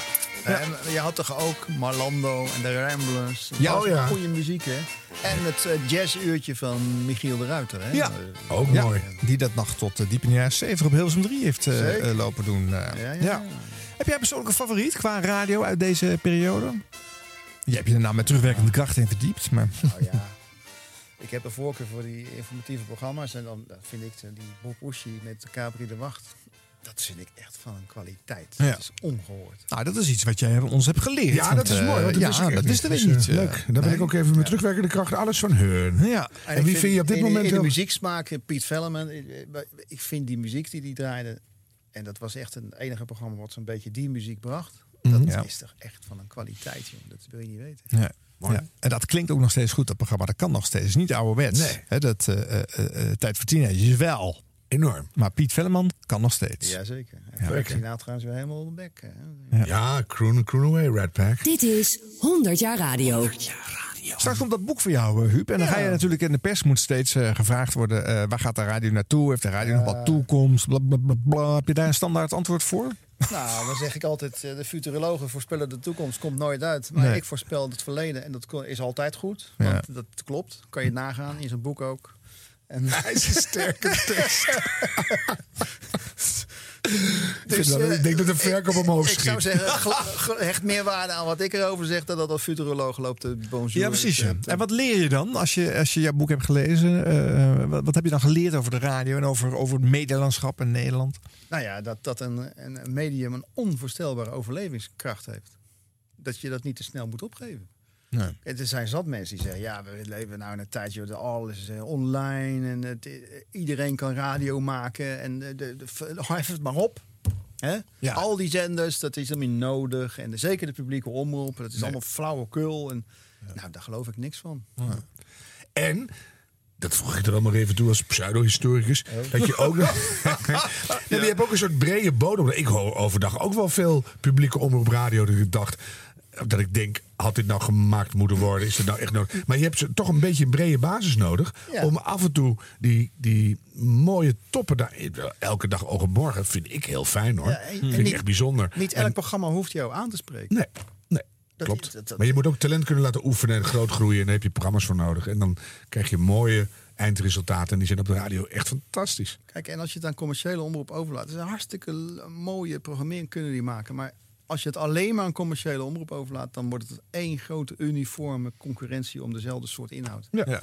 Dat ben ik heilig van overtuigd. En dat willen we niet. Nou ja, dat, wil, dat willen de meeste mensen niet. Nee, wij zien Dus- dat natuurlijk al, want dat vindt al eigenlijk plaats. En je hebt ook nog de publieke omroep, maar het merendeel luistert dan naar de commerciële omroep. Allemaal gescripte radio met een computergestuurde muziekkeuze. Ja, en Ja, weet ik veel. nee, is niks aan. Nee, meestal niet. Dus eh, daar moet iets tegenover staan wat een hogere pretentie heeft dan, eh, dan dat. Laat Amerika dat- ons dat ook dat, zien? Dat is al lang niet meer het volksvervingsideaal. Dat is al een flauwekul. Maar gewoon betrouwbare informatie bijvoorbeeld. Hot informatie op het moment dat het gebeurt. Van allerlei perspectieven. En ook de stem van de gewone man erin. Ja, ja. en alle emotie die daarmee samenhangt. eh, Prima. Maar uitvoerig en complex en betrouwbaar. Ja. Dat, dat moet je gewoon altijd houden. Vanuit een publieke gedachte. En daar heb je gewoon een radiozender voor En, en zie je daar voor, voorbeelden van? eh, Amerika speelt publieke omroep eigenlijk geen rol. Hè? Dat is 1% van de markt of zo. Eh, eh, maar, je hebt ook toch. Europese landen waar de publieke omroep nog een, een meerderheid van luisteraars trekt. Zie je Ja. daar ook een- op democratisch gehalte een, een, een verschil? Kan je dat? Nou ja, over Amerika is het altijd lastig spreken. Want Die aan- eh, eh, NPR, de Ja. National Public Radio, dat is een door eh, particulieren gefinancierde instrument. En inderdaad, klein Ja. marktaandeel. Ja. Daar wil de VVD in Nederland ook- overigens ook naartoe. hè. Ja, Dus als het ware gewoon een, een, een publieke omroep hè, voor een happy few, Ja. noem ik het altijd Met maar. alleen maar alles wat- ik. Alles wat alleen maar blijft liggen. Als En dat je- zijn allemaal ja. goede programma's hoor, die ze maken. Mm.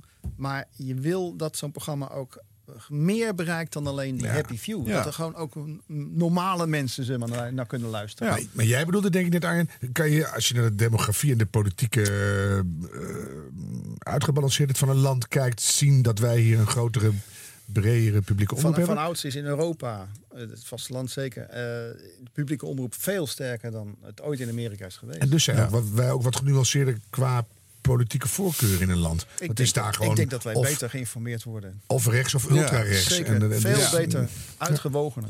Ja. Onder- eh, ondanks die enorme hoeveelheid die in Amerika aan radiostations, dus duizenden, weet je. Ja. Maar die pluriformiteit in wat je hoort is heel klein ten Ja. opzichte van Europa. Ja. Het is allemaal van hetzelfde laken en pak. En hooguit twee, twee contrasterende geluiden, zeg maar. Ik heb altijd het gevoel dat het dan toch. Want in Nederland luistert natuurlijk ook een groot deel van de bevolking niet naar de publieke omroepradio. Maar dat het dan toch doorcijpelt. Ja. Dus als veel meer mensen Nou, goed geïnformeerd zijn, komt dat toch ergens terecht. Marktaandeel van Radio 1 is echt hoog. Hoor. Ja. Echt, bedoel, het is geen, het- eh, niet meer die, die, die 8 miljoen uit de Nee. jaren 50. Nee. Maar eh, een marktaandeel ook van eh, 8, 9 procent hebben ze. Nou, Mhm. Dat is waanzinnig veel gezien de enorme hoeveelheid zenders die we hebben. Ja. En dat is allemaal gevuld met toch, nou ja, elke dag praten. Elk uur. Ja. Met goede informatie en alle gevarieerde dingen en zo. Dus het heeft echt een functie. Ja. Jazeker. En eh, hebben wij dingen prijsgegeven uit de afgelopen 50 jaar die vroeger op de radio waren en die wij. Nou ja, ik ben dus een groot bewonderaar weggedaan? van, van die experimenten. Hè. Dus Ja. eh, Oeshi en uh, Gabriel de Wasso en, eh en, en op zijn manier. En, en Tijd voor Teenage. En die, die heb je inderdaad in de jaren 70 en 80 natuurlijk ook, toch ook eh, heel veel van gehad. Ja. Maar hebben we dat nog wel over? Ja. Programma's die een beetje de, de randen opzoeken, Mhm. de, de vernieuwing opzoeken. Daar moet je echt naar gaan zoeken. Ja. En Die doen dat misschien ik wel, allemaal op hun eigen vlogs en blogs. En, en dat komt minder bij de publieke omroep terecht misschien. Nou ja, de de publieke omroep zou dat juist ook moeten stimuleren. Gewoon, eh, ja, een beetje op, een- tegenwoordig zou je zeggen, op een VPRO-achtige manier een vrijplaats creëren. Waarin jongeren ook hun gang kunnen gaan met het ontdekken van de nieuwe radio. Nou, en dat gebeurt bijvoorbeeld in podcast. Dat, dat, dat tuurlijk, daar heb je een mooie sector waar mensen proberen de nieuwe vormen te vinden. Ja. Nou, ze zullen wel moeten, want de VPO mag niet meer zelf beslissen wat ze eh, willen maken en hoe het mag klinken en waar dat dan uitgezonden kan worden. Eh, Nou, niet zomaar, maar je moet er wel je best voor doen. Ja. Ja. Dat is het, ja. Ja, Zo'n programma wat een jarenlang toonaangevend is geweest in de nieuwe popmuziek, twee- de- de 3 voor 12. Of, eh, Ja. Weet je, zo- zo'n concept, ja, dat moet je nu naar zoeken. Ja. Ik vind dat jammer. Nou, dat hebben we al door de hele podcast heen van ons al vaak eh, gezegd. Hè? Van, sommige dingen missen we echt. Een beetje bepaald soort rare muziek, een bepaald soort rare achtergrond, de ronflonflon. Ja, Eh, ronflonflon. nou ja, dat soort gekkigheid. Nou ja, gekkigheid en veelkleurigheid. En, of eh, dingen die je eh, niet meteen begrijpt. Dat Nee, precies. Radio is dit? Ja. Ja, hij is weer terug. Ja. Ja. Maar dat is eigenlijk alweer retro. daarmee. Ja, is retro. Leuk hoor. Vind ik leuk. Maar, Superleuk. Maar eh, nee, dat klopt. Eh, eh, iets wat, wat jou verrast of verbaast of ergert of tegen de haren instrijkt. Ja. dat, dat is toch, ja, maar dat, moet, dat moet je echt zoeken. Dat is als je tegenwoordig iets maakt wat tegen de haren instrijkt of ergert, Ja. dan krijg je een reactie die, Ja. die wil je niet weten. Oh, maar die lees ik nooit. Als wij als moeten lezen wat er geschreven Nee. wordt op deze dat is toch podcast gek? alleen al. Dat is toch gek dat wij als, als samenleving bij wijze van spreken... Ja. de meest- een hoop mensen ook vergeten zijn... Hoe, hoe vruchtbaar het kan zijn om je gewoon ergens aan te blijven ergeren. Nou ja, zonder, zonder iemand in elkaar te slaan. Of, Ja. of te bedreigen met een baksteen door de ruit. Of weet ik veel. Dat is toch heel lang de norm geweest. Van dat het juist mag. Ja. Taboe doorbreken, confronteren. Ja. Ja. eh, tegen de haren instrijken. Moeilijke dingen brengen. eh, Vloeken. Ja. Hm? Mhm. Waarom is dat nu, eh, krijgt dat nu allerlei reacties van felle aard Nou, we en een gewelddadige aard? Ja, en gaan de tegenwoordig ook weer met de bikini aan naar de sauna. Ja. Ja. Dus, eh, nou, ja. En als je dat vergelijkt met Germaine en Groenier met haar Jean Jeanne, Ja. heb je het misschien wel over gehad in de Ja, ja, jaren ja, 70. Zeker. Ja. Ja. Dat is toch van een hele andere orde. Ja. Ze heeft me er echt doorheen gesleept, kan ik wel zeggen. Nou, Met geheel in tegenstelling tot? Kees Schilper ooit. Een fragmentje nu. Nou, Oké, nou, dit zijn mooie analyses. eh Huub, dankjewel voor je aanwezigheid, voor je duiding, Ja. eh, voor je fragmenten en voor je... Huubijfjes! Boek is er op 6, 6 november, november, mensen. ja. Hou het in de gaten. Als je toch nog iets nieuws wil leren over de radio en over de impact van media, gaat dat... oh nee, aanschaffen mag ik niet zeggen, want dan maak ik reclame rechtstreeks. Neem er kennis van. Ga dat niet aanschaffen, maar Nee. zorg dat je het krijgt. Ja, precies, dat. Ja. Oké. Colofon. Aan dit programma werkte mee. Nou, Arjen Snijders. Heel goed. Ha- oh, ik ga jouw naam niet zeggen, want het, eh, anders weet jij geen namen meer. Jawel. Oh, jawel. Oké. Ah, Harm Edens. Edwin Wendt. Eh, natuurlijk onze gast Huub Wijfjes. En meneer uh, Pieksticker. Alexander Pieksticker natuurlijk. Alexander, ja. En Jente Kater. Ja, en het buitenlandse de jingle-genootschap. En Bart Schutte. En natuurlijk het genootschap ook. Zullen we die hun eigen jingle nog even geven? Dat vind ik wel. Ze hebben niks aangeleverd dit 100 keer. jaar Maakt dat nou uit? Wordt gemaakt. Als trouwens niet waar, ze hebben wel wat aangeleverd. Oh, dan dus ik we het nog even een herstellen. en natuurlijk het jingle-genootschap. Zullen we een jingle gewoon draaien? Ja, natuurlijk. 100 jaar Hebben ze wel iets aangeleverd? Wordt gemaakt in samenwerking Natuurlijk wel. met Wel gelukkig. www.jingleweb.nl. Twee of drie jingles. Meer dan genoeg. Dat was niet zoveel, hè? Uit de 50s. Nee, alles weggeraakt. Niemand heeft die jingle kunnen verstaan, Harm. Maar zullen er dwars doorheen praten. Ah.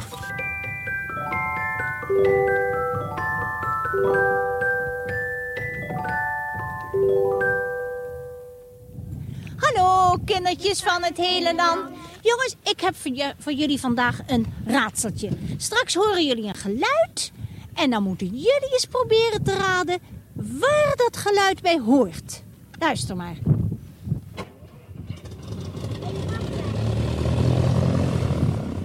Hebben jullie het gehoord, jongens?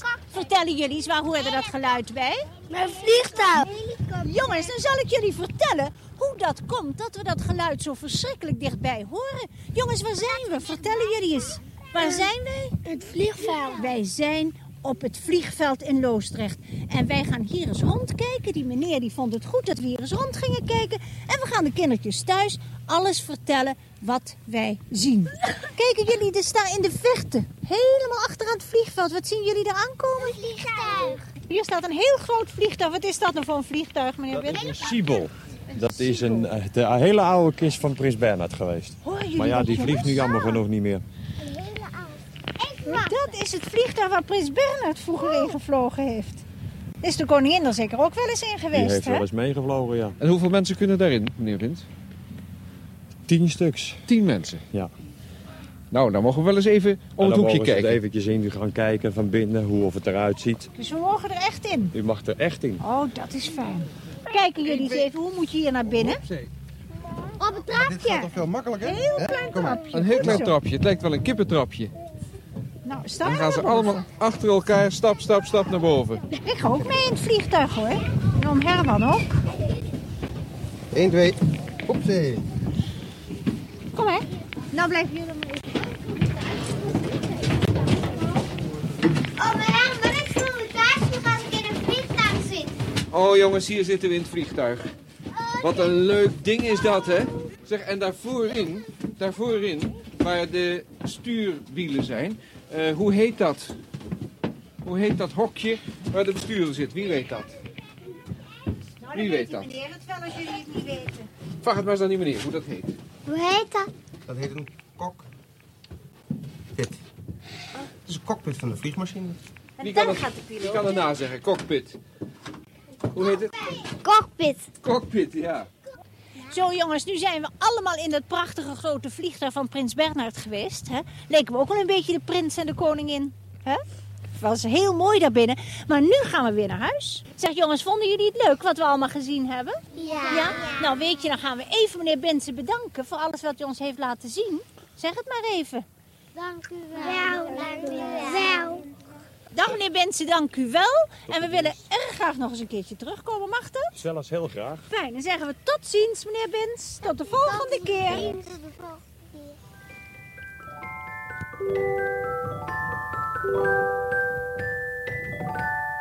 Ik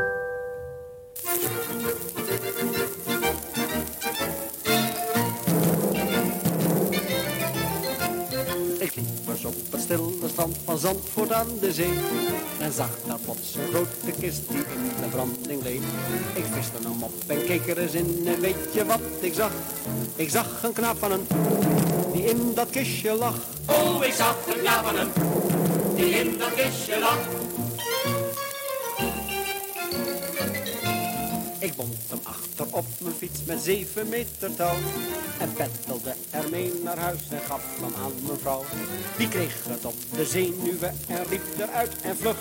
Ze smeer hem nou met die en kom nooit meer terug. Oh, ze smeer nou met die en kom nooit meer terug. Ik dacht, wat moet ik nou gaan doen? Toen kreeg ik een idee. Ik maakte er een pakje van en nam de zaak weer mee. Toen ging ik naar het politiebureau, maar het stelde mij teleur.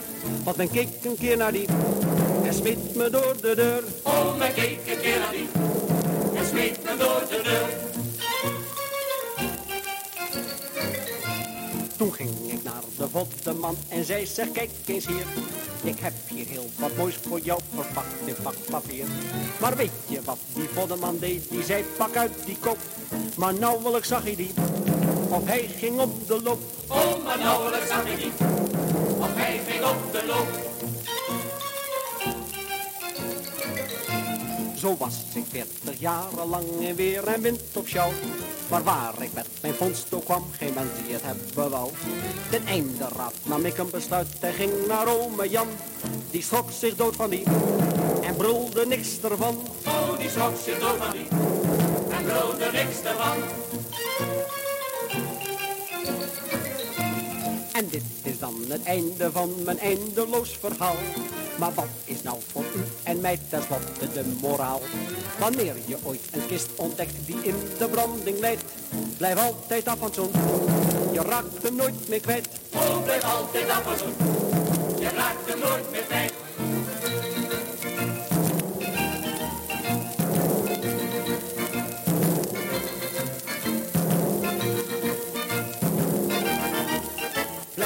Altijd af van zo'n. Je raakt hem nooit meer kwijt. Oh, blijf altijd af van zo'n. Je raakt hem nooit meer kwijt.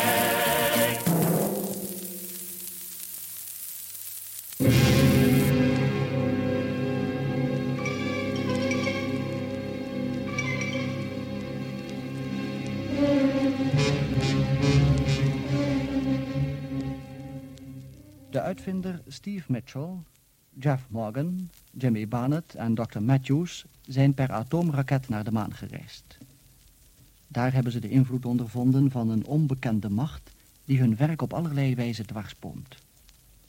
Als ze na een onverklaarbaar oponthoud uiteindelijk van de maan zijn gestart om terug te keren naar de aarde, zien ze plotseling zich omringd door een groep vliegende schotels. Dat is merkwaardig. We zijn nu op ongeveer 30.000 kilometer boven het oppervlak van de planeet. En onze snelheid bedraagt ruim 15.000 kilometer per uur. Dat wil zeggen precies zoals het zou zijn bij een normale start van de maan naar de aarde. Ja, alleen zouden we daar over ruim vier dagen hebben gedaan. En nu zijn we pas enkele uren onderweg. Hallo, dokter. Hallo. Hoor je Ja? mij? Ja, Jeff, in orde. Hoor je mij, Jeff? We zijn nu 30.000 kilometer hoog. Snelheid 15.000 kilometer per uur. Wat zeg je? Wat, dat is toch precies... Als bij de nadering van de aarde. Dat heb ik ook al opgemerkt, Jeff. Je zou bijna kunnen denken dat het de aarde was. Maar, maar het is de aarde niet, dat is zeker. Alleen die ijskappen zeggen ons dat al. Nou ja, in alle gevallen heb ik de indruk dat het het beste zal zijn als we bij de landing net doen alsof het de aarde was. Zijn jullie allemaal goed vastgesnoerd? Ik ga nu voorbereidingen treffen voor de landing. Wel verduiveld nog toe, daar heb je die muziek weer. Die vliegende schotels zijn natuurlijk weer in de buurt. Ja. Ja, hoor je wel? Dan hoor ik ze ook. Ja, ik ook. Hé, hey, Jeff, hoor je me nog? Ja. Zie jij ze, Jeff? Zijn ze in de buurt? Nee, ik zie ze niet. Ja, maar ik kan niet naar achter kijken, hè? Zet de periscoop achter eens aan. Periscoop achteraan. Daar heb je ze. Recht achter ons.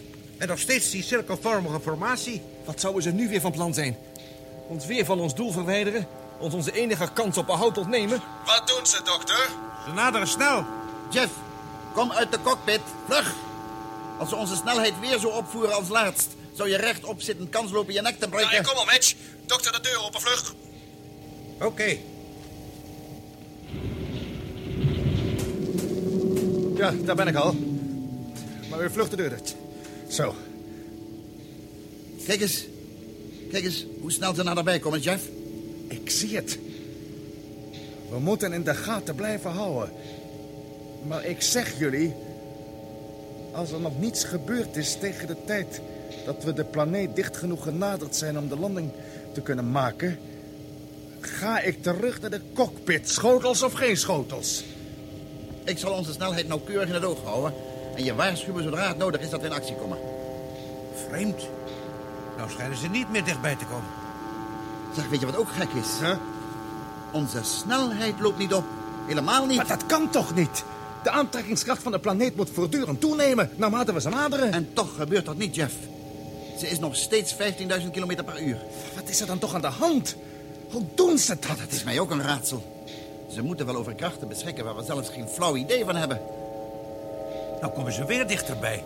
En snel. Zie je wel? Net als de vorige keer. Een formatie alsof ze ons willen aanvallen. Dan laten ze er dan maar gauw een eind aan maken. Voel je dat? Wat? Er gebeurt weer iets vreemds. Ja, maar het is niet als de vorige keer. De truck is nu buitenwaarts gericht naar de wanden.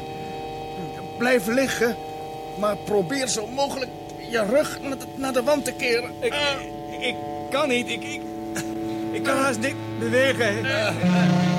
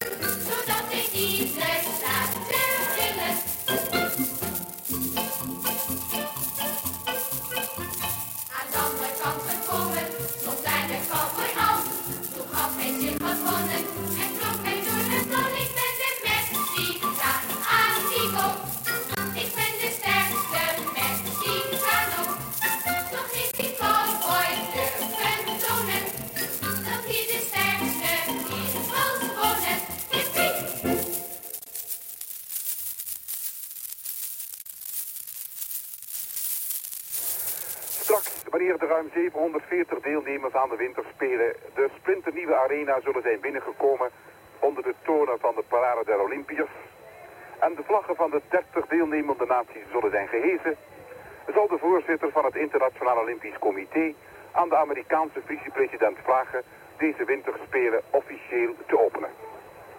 Daarna zal dan de Olympische vlag worden gehezen. De vlag die vier jaar lang veilig was opgeborgen in het stadhuis van Cortina d'Ampezzo. Dan zal ook het Olympisch vuur voor deze gelegenheid uit Noorwegen gehaald worden ontstoken. Een Olympisch dankgebed worden uitgesproken. En nog voordat Walter Disney de gelegenheid zal krijgen te tonen dat zijn gigantisch vuurwerk een sprookjesachtig effect oplevert, zullen de 30 vlaggedragers zich in een halve cirkel rond de hele tribune hebben geschaard om te horen hoe de Amerikaanse kunstrijdster Carol Hayes namens alle deelnemers de Olympische eed zal afleggen, waarbij ze dan plechtig zal verklaren dat allen hier in Squaw Valley op eerlijke wijze bij deze Spelen zullen mededingen met inachtneming van de bestaande voorschriften en in de geest van de ware sportiviteit tot eer en glorie van de sport en van hun land.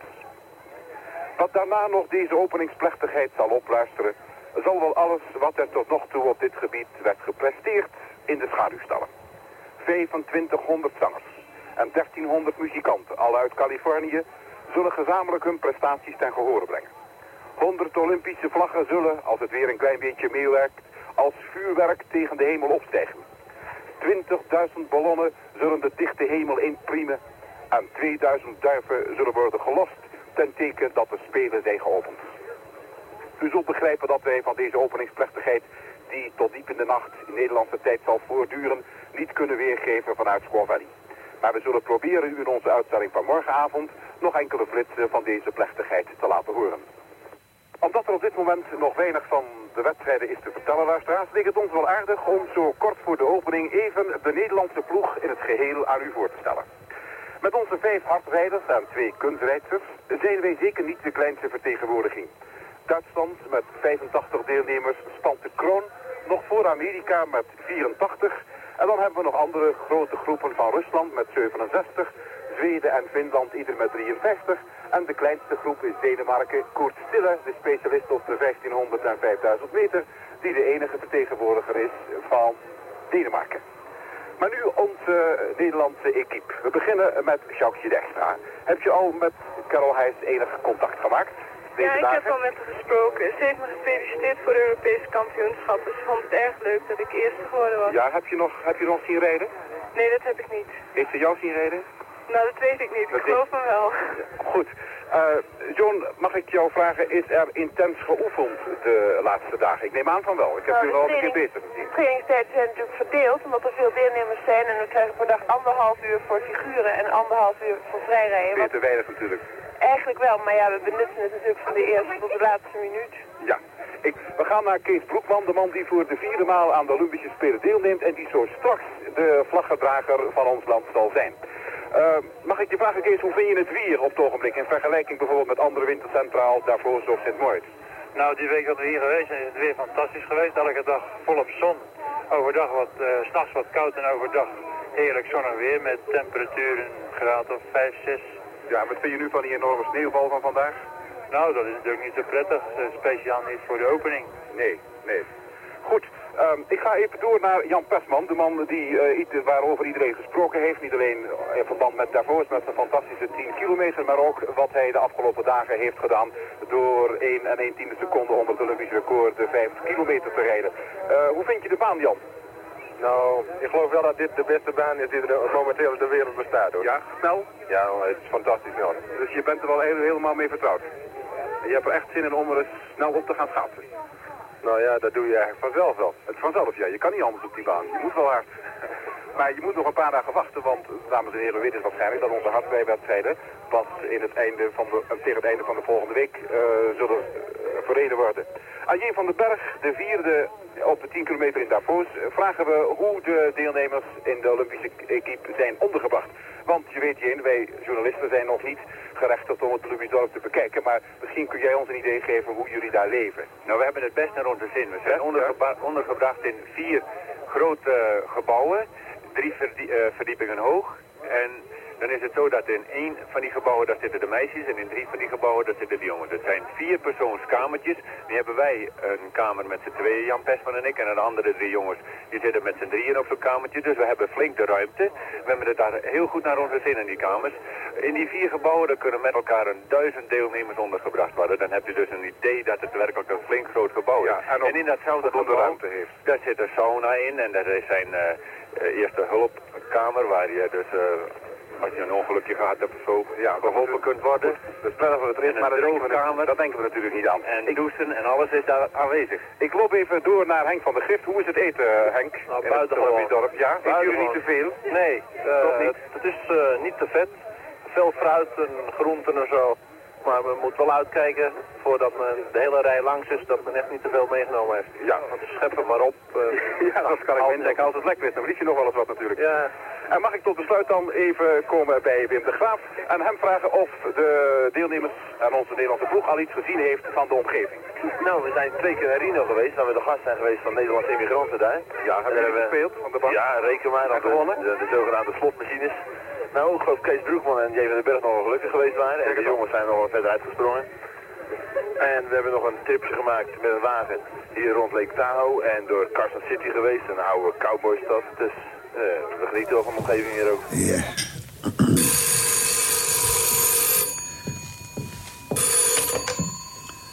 Hallo? Meneer Vlaanderen, Ja, spreekt u mee? Met wie? met, met Margot. Margot? Meneer Vlaanderen, laat mevrouw die doos niet openmaken. Welke doos? Die doos uit de modezaak? Ja, laat ze niet aanraken. Laat ze niet aanraken, meneer Vlaanderen. Ina! Ina! Blijf van die doos af! Raak hem niet aan, Ina!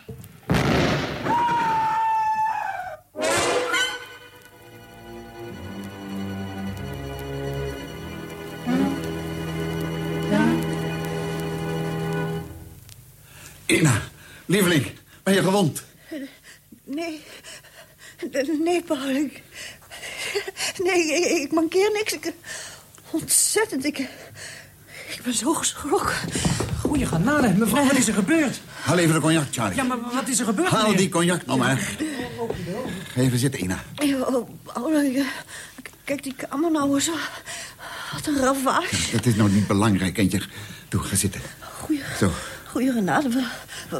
Wat, een toestand. Nou, ze moeten de familie Vlaanderen wel hebben altijd.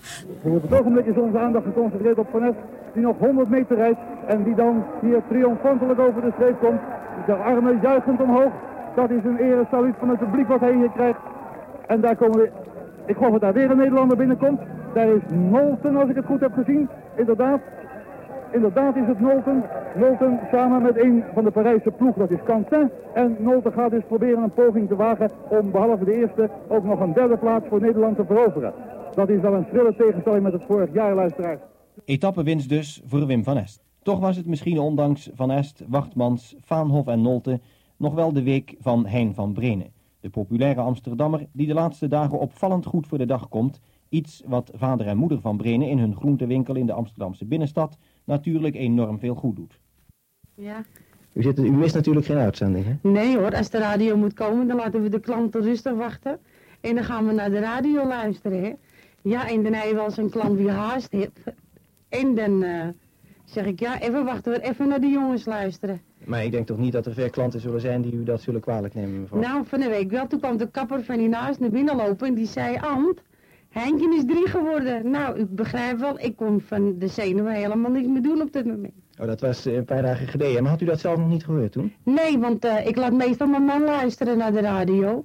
Want eh, omdat we allebei nogal erg... eh, ik wil luisteren en mijn man wil luisteren. En dat gaat altijd niet, hè? Dan duwt u elkaar misschien wel eens weg zo bij het toestand, meneer.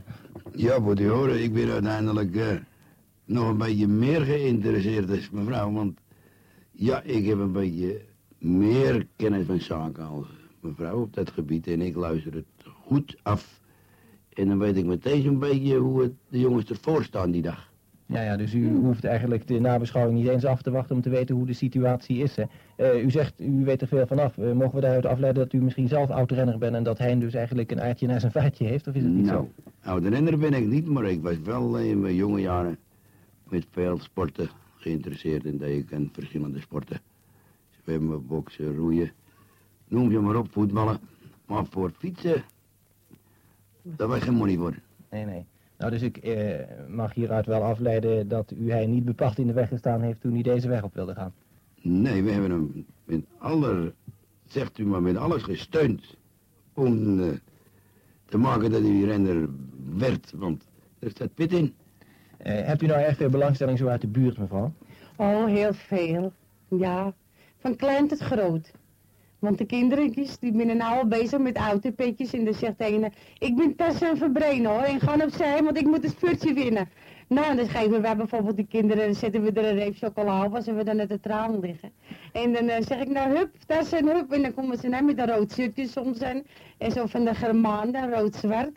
Nou, en dan... eh, dan gaan ze en wie naar een sputje wint, dan zeggen ze, nou, ik ben Hein van Breen hoor, ik heb gewonnen. Uw zoon die maakt hier dus wel furoren. Ja. Nou, is er hier nog iemand in ons midden die eh, misschien nog wel met meer spanning dan de ouders van Hein van Brenen de dagelijkse uitzendingen beluistert. En dat is zijn verloofde, mevrouw Annie Veldhuizen. Is dat zo? U bent natuurlijk eh, de hele dag, denkt u aan niets anders zeker? Ja, dit is zo hoor. Op kantoor ook, dan luister ik elke keer naar de radio als er wat over de radio komt. Ja, kan dat wel? Dat eh, Ja. krijgt u zeker wel toestemming voor. Ik ga zelf over de radio, dus het kan makkelijk. Over de, over de radiodistributie, Ja. hè? Maar ik denk dat uw collega's toch ook wel eh, Ja, met zijn- aandacht eh, de zaak volgen. Ja hoor, die zijn allemaal geïnteresseerd.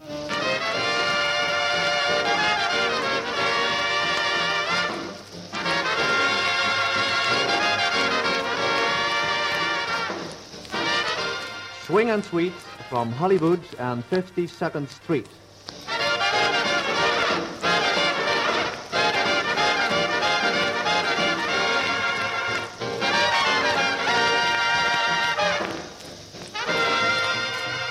En vanavond weer de vocal touch. In deze serie bracht Swing and Sweet u al Frank Sinatra. If I don't see her each day, I miss her. Gee, what a thrill each time I kiss her. Believe me, I've got a case on Nancy with a laughing face. Romance in Close Harmony. Eyes will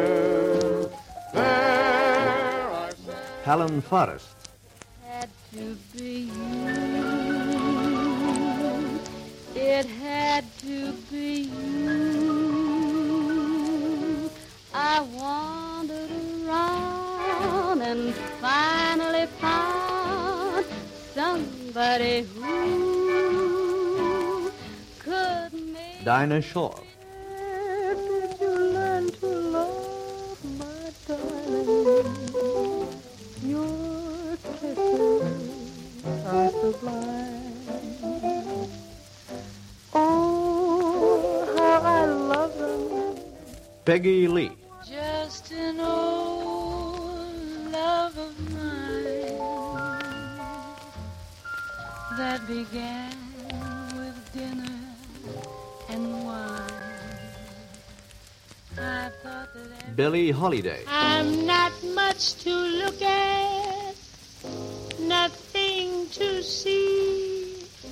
Just glad I'm living and lucky to be. Mel Torme. Some folks were meant to live in clover, but they are such a chosen few. In 1959 waren we met een aantal zakenlieden bijeen en toen werd er voorgesteld om een zender te beginnen. We zijn dan gestart met een aanvraag om een zendvergunning, maar we wisten eigenlijk vooruit al dat dat nooit zou gaan. aangezien we hier omroepen hebben die op meer dan uitstekende wijze het politieke gedeelte en ook godsdienst voorzien. En dat is iets dat zouden we hun nooit kunnen verbeteren. Wel meenden wij een gaatje te zien voor een commerciële zender. En aldus werd besloten tot de aankoop van een schip en dat was dan de Borkum. We stonden vol ontzag te kijken toen hij dan eenmaal op de werf lag. Er kwam het een kluisgat water lopen en iemand dacht zelfs dat hij lek was. En toen moest het schip klaargemaakt worden en die is dan uitgevaren in april 1960. Die uitvaart is een staaltje geweest van doorzettingsvermogen... en het oplossen van ontelbare moeilijkheden. Door een Engelse sleeboot werden we naar Katwijk gesleept... en zijn later afgezakt naar Scheveningen. Dit is Radio Veronica op 192 meter.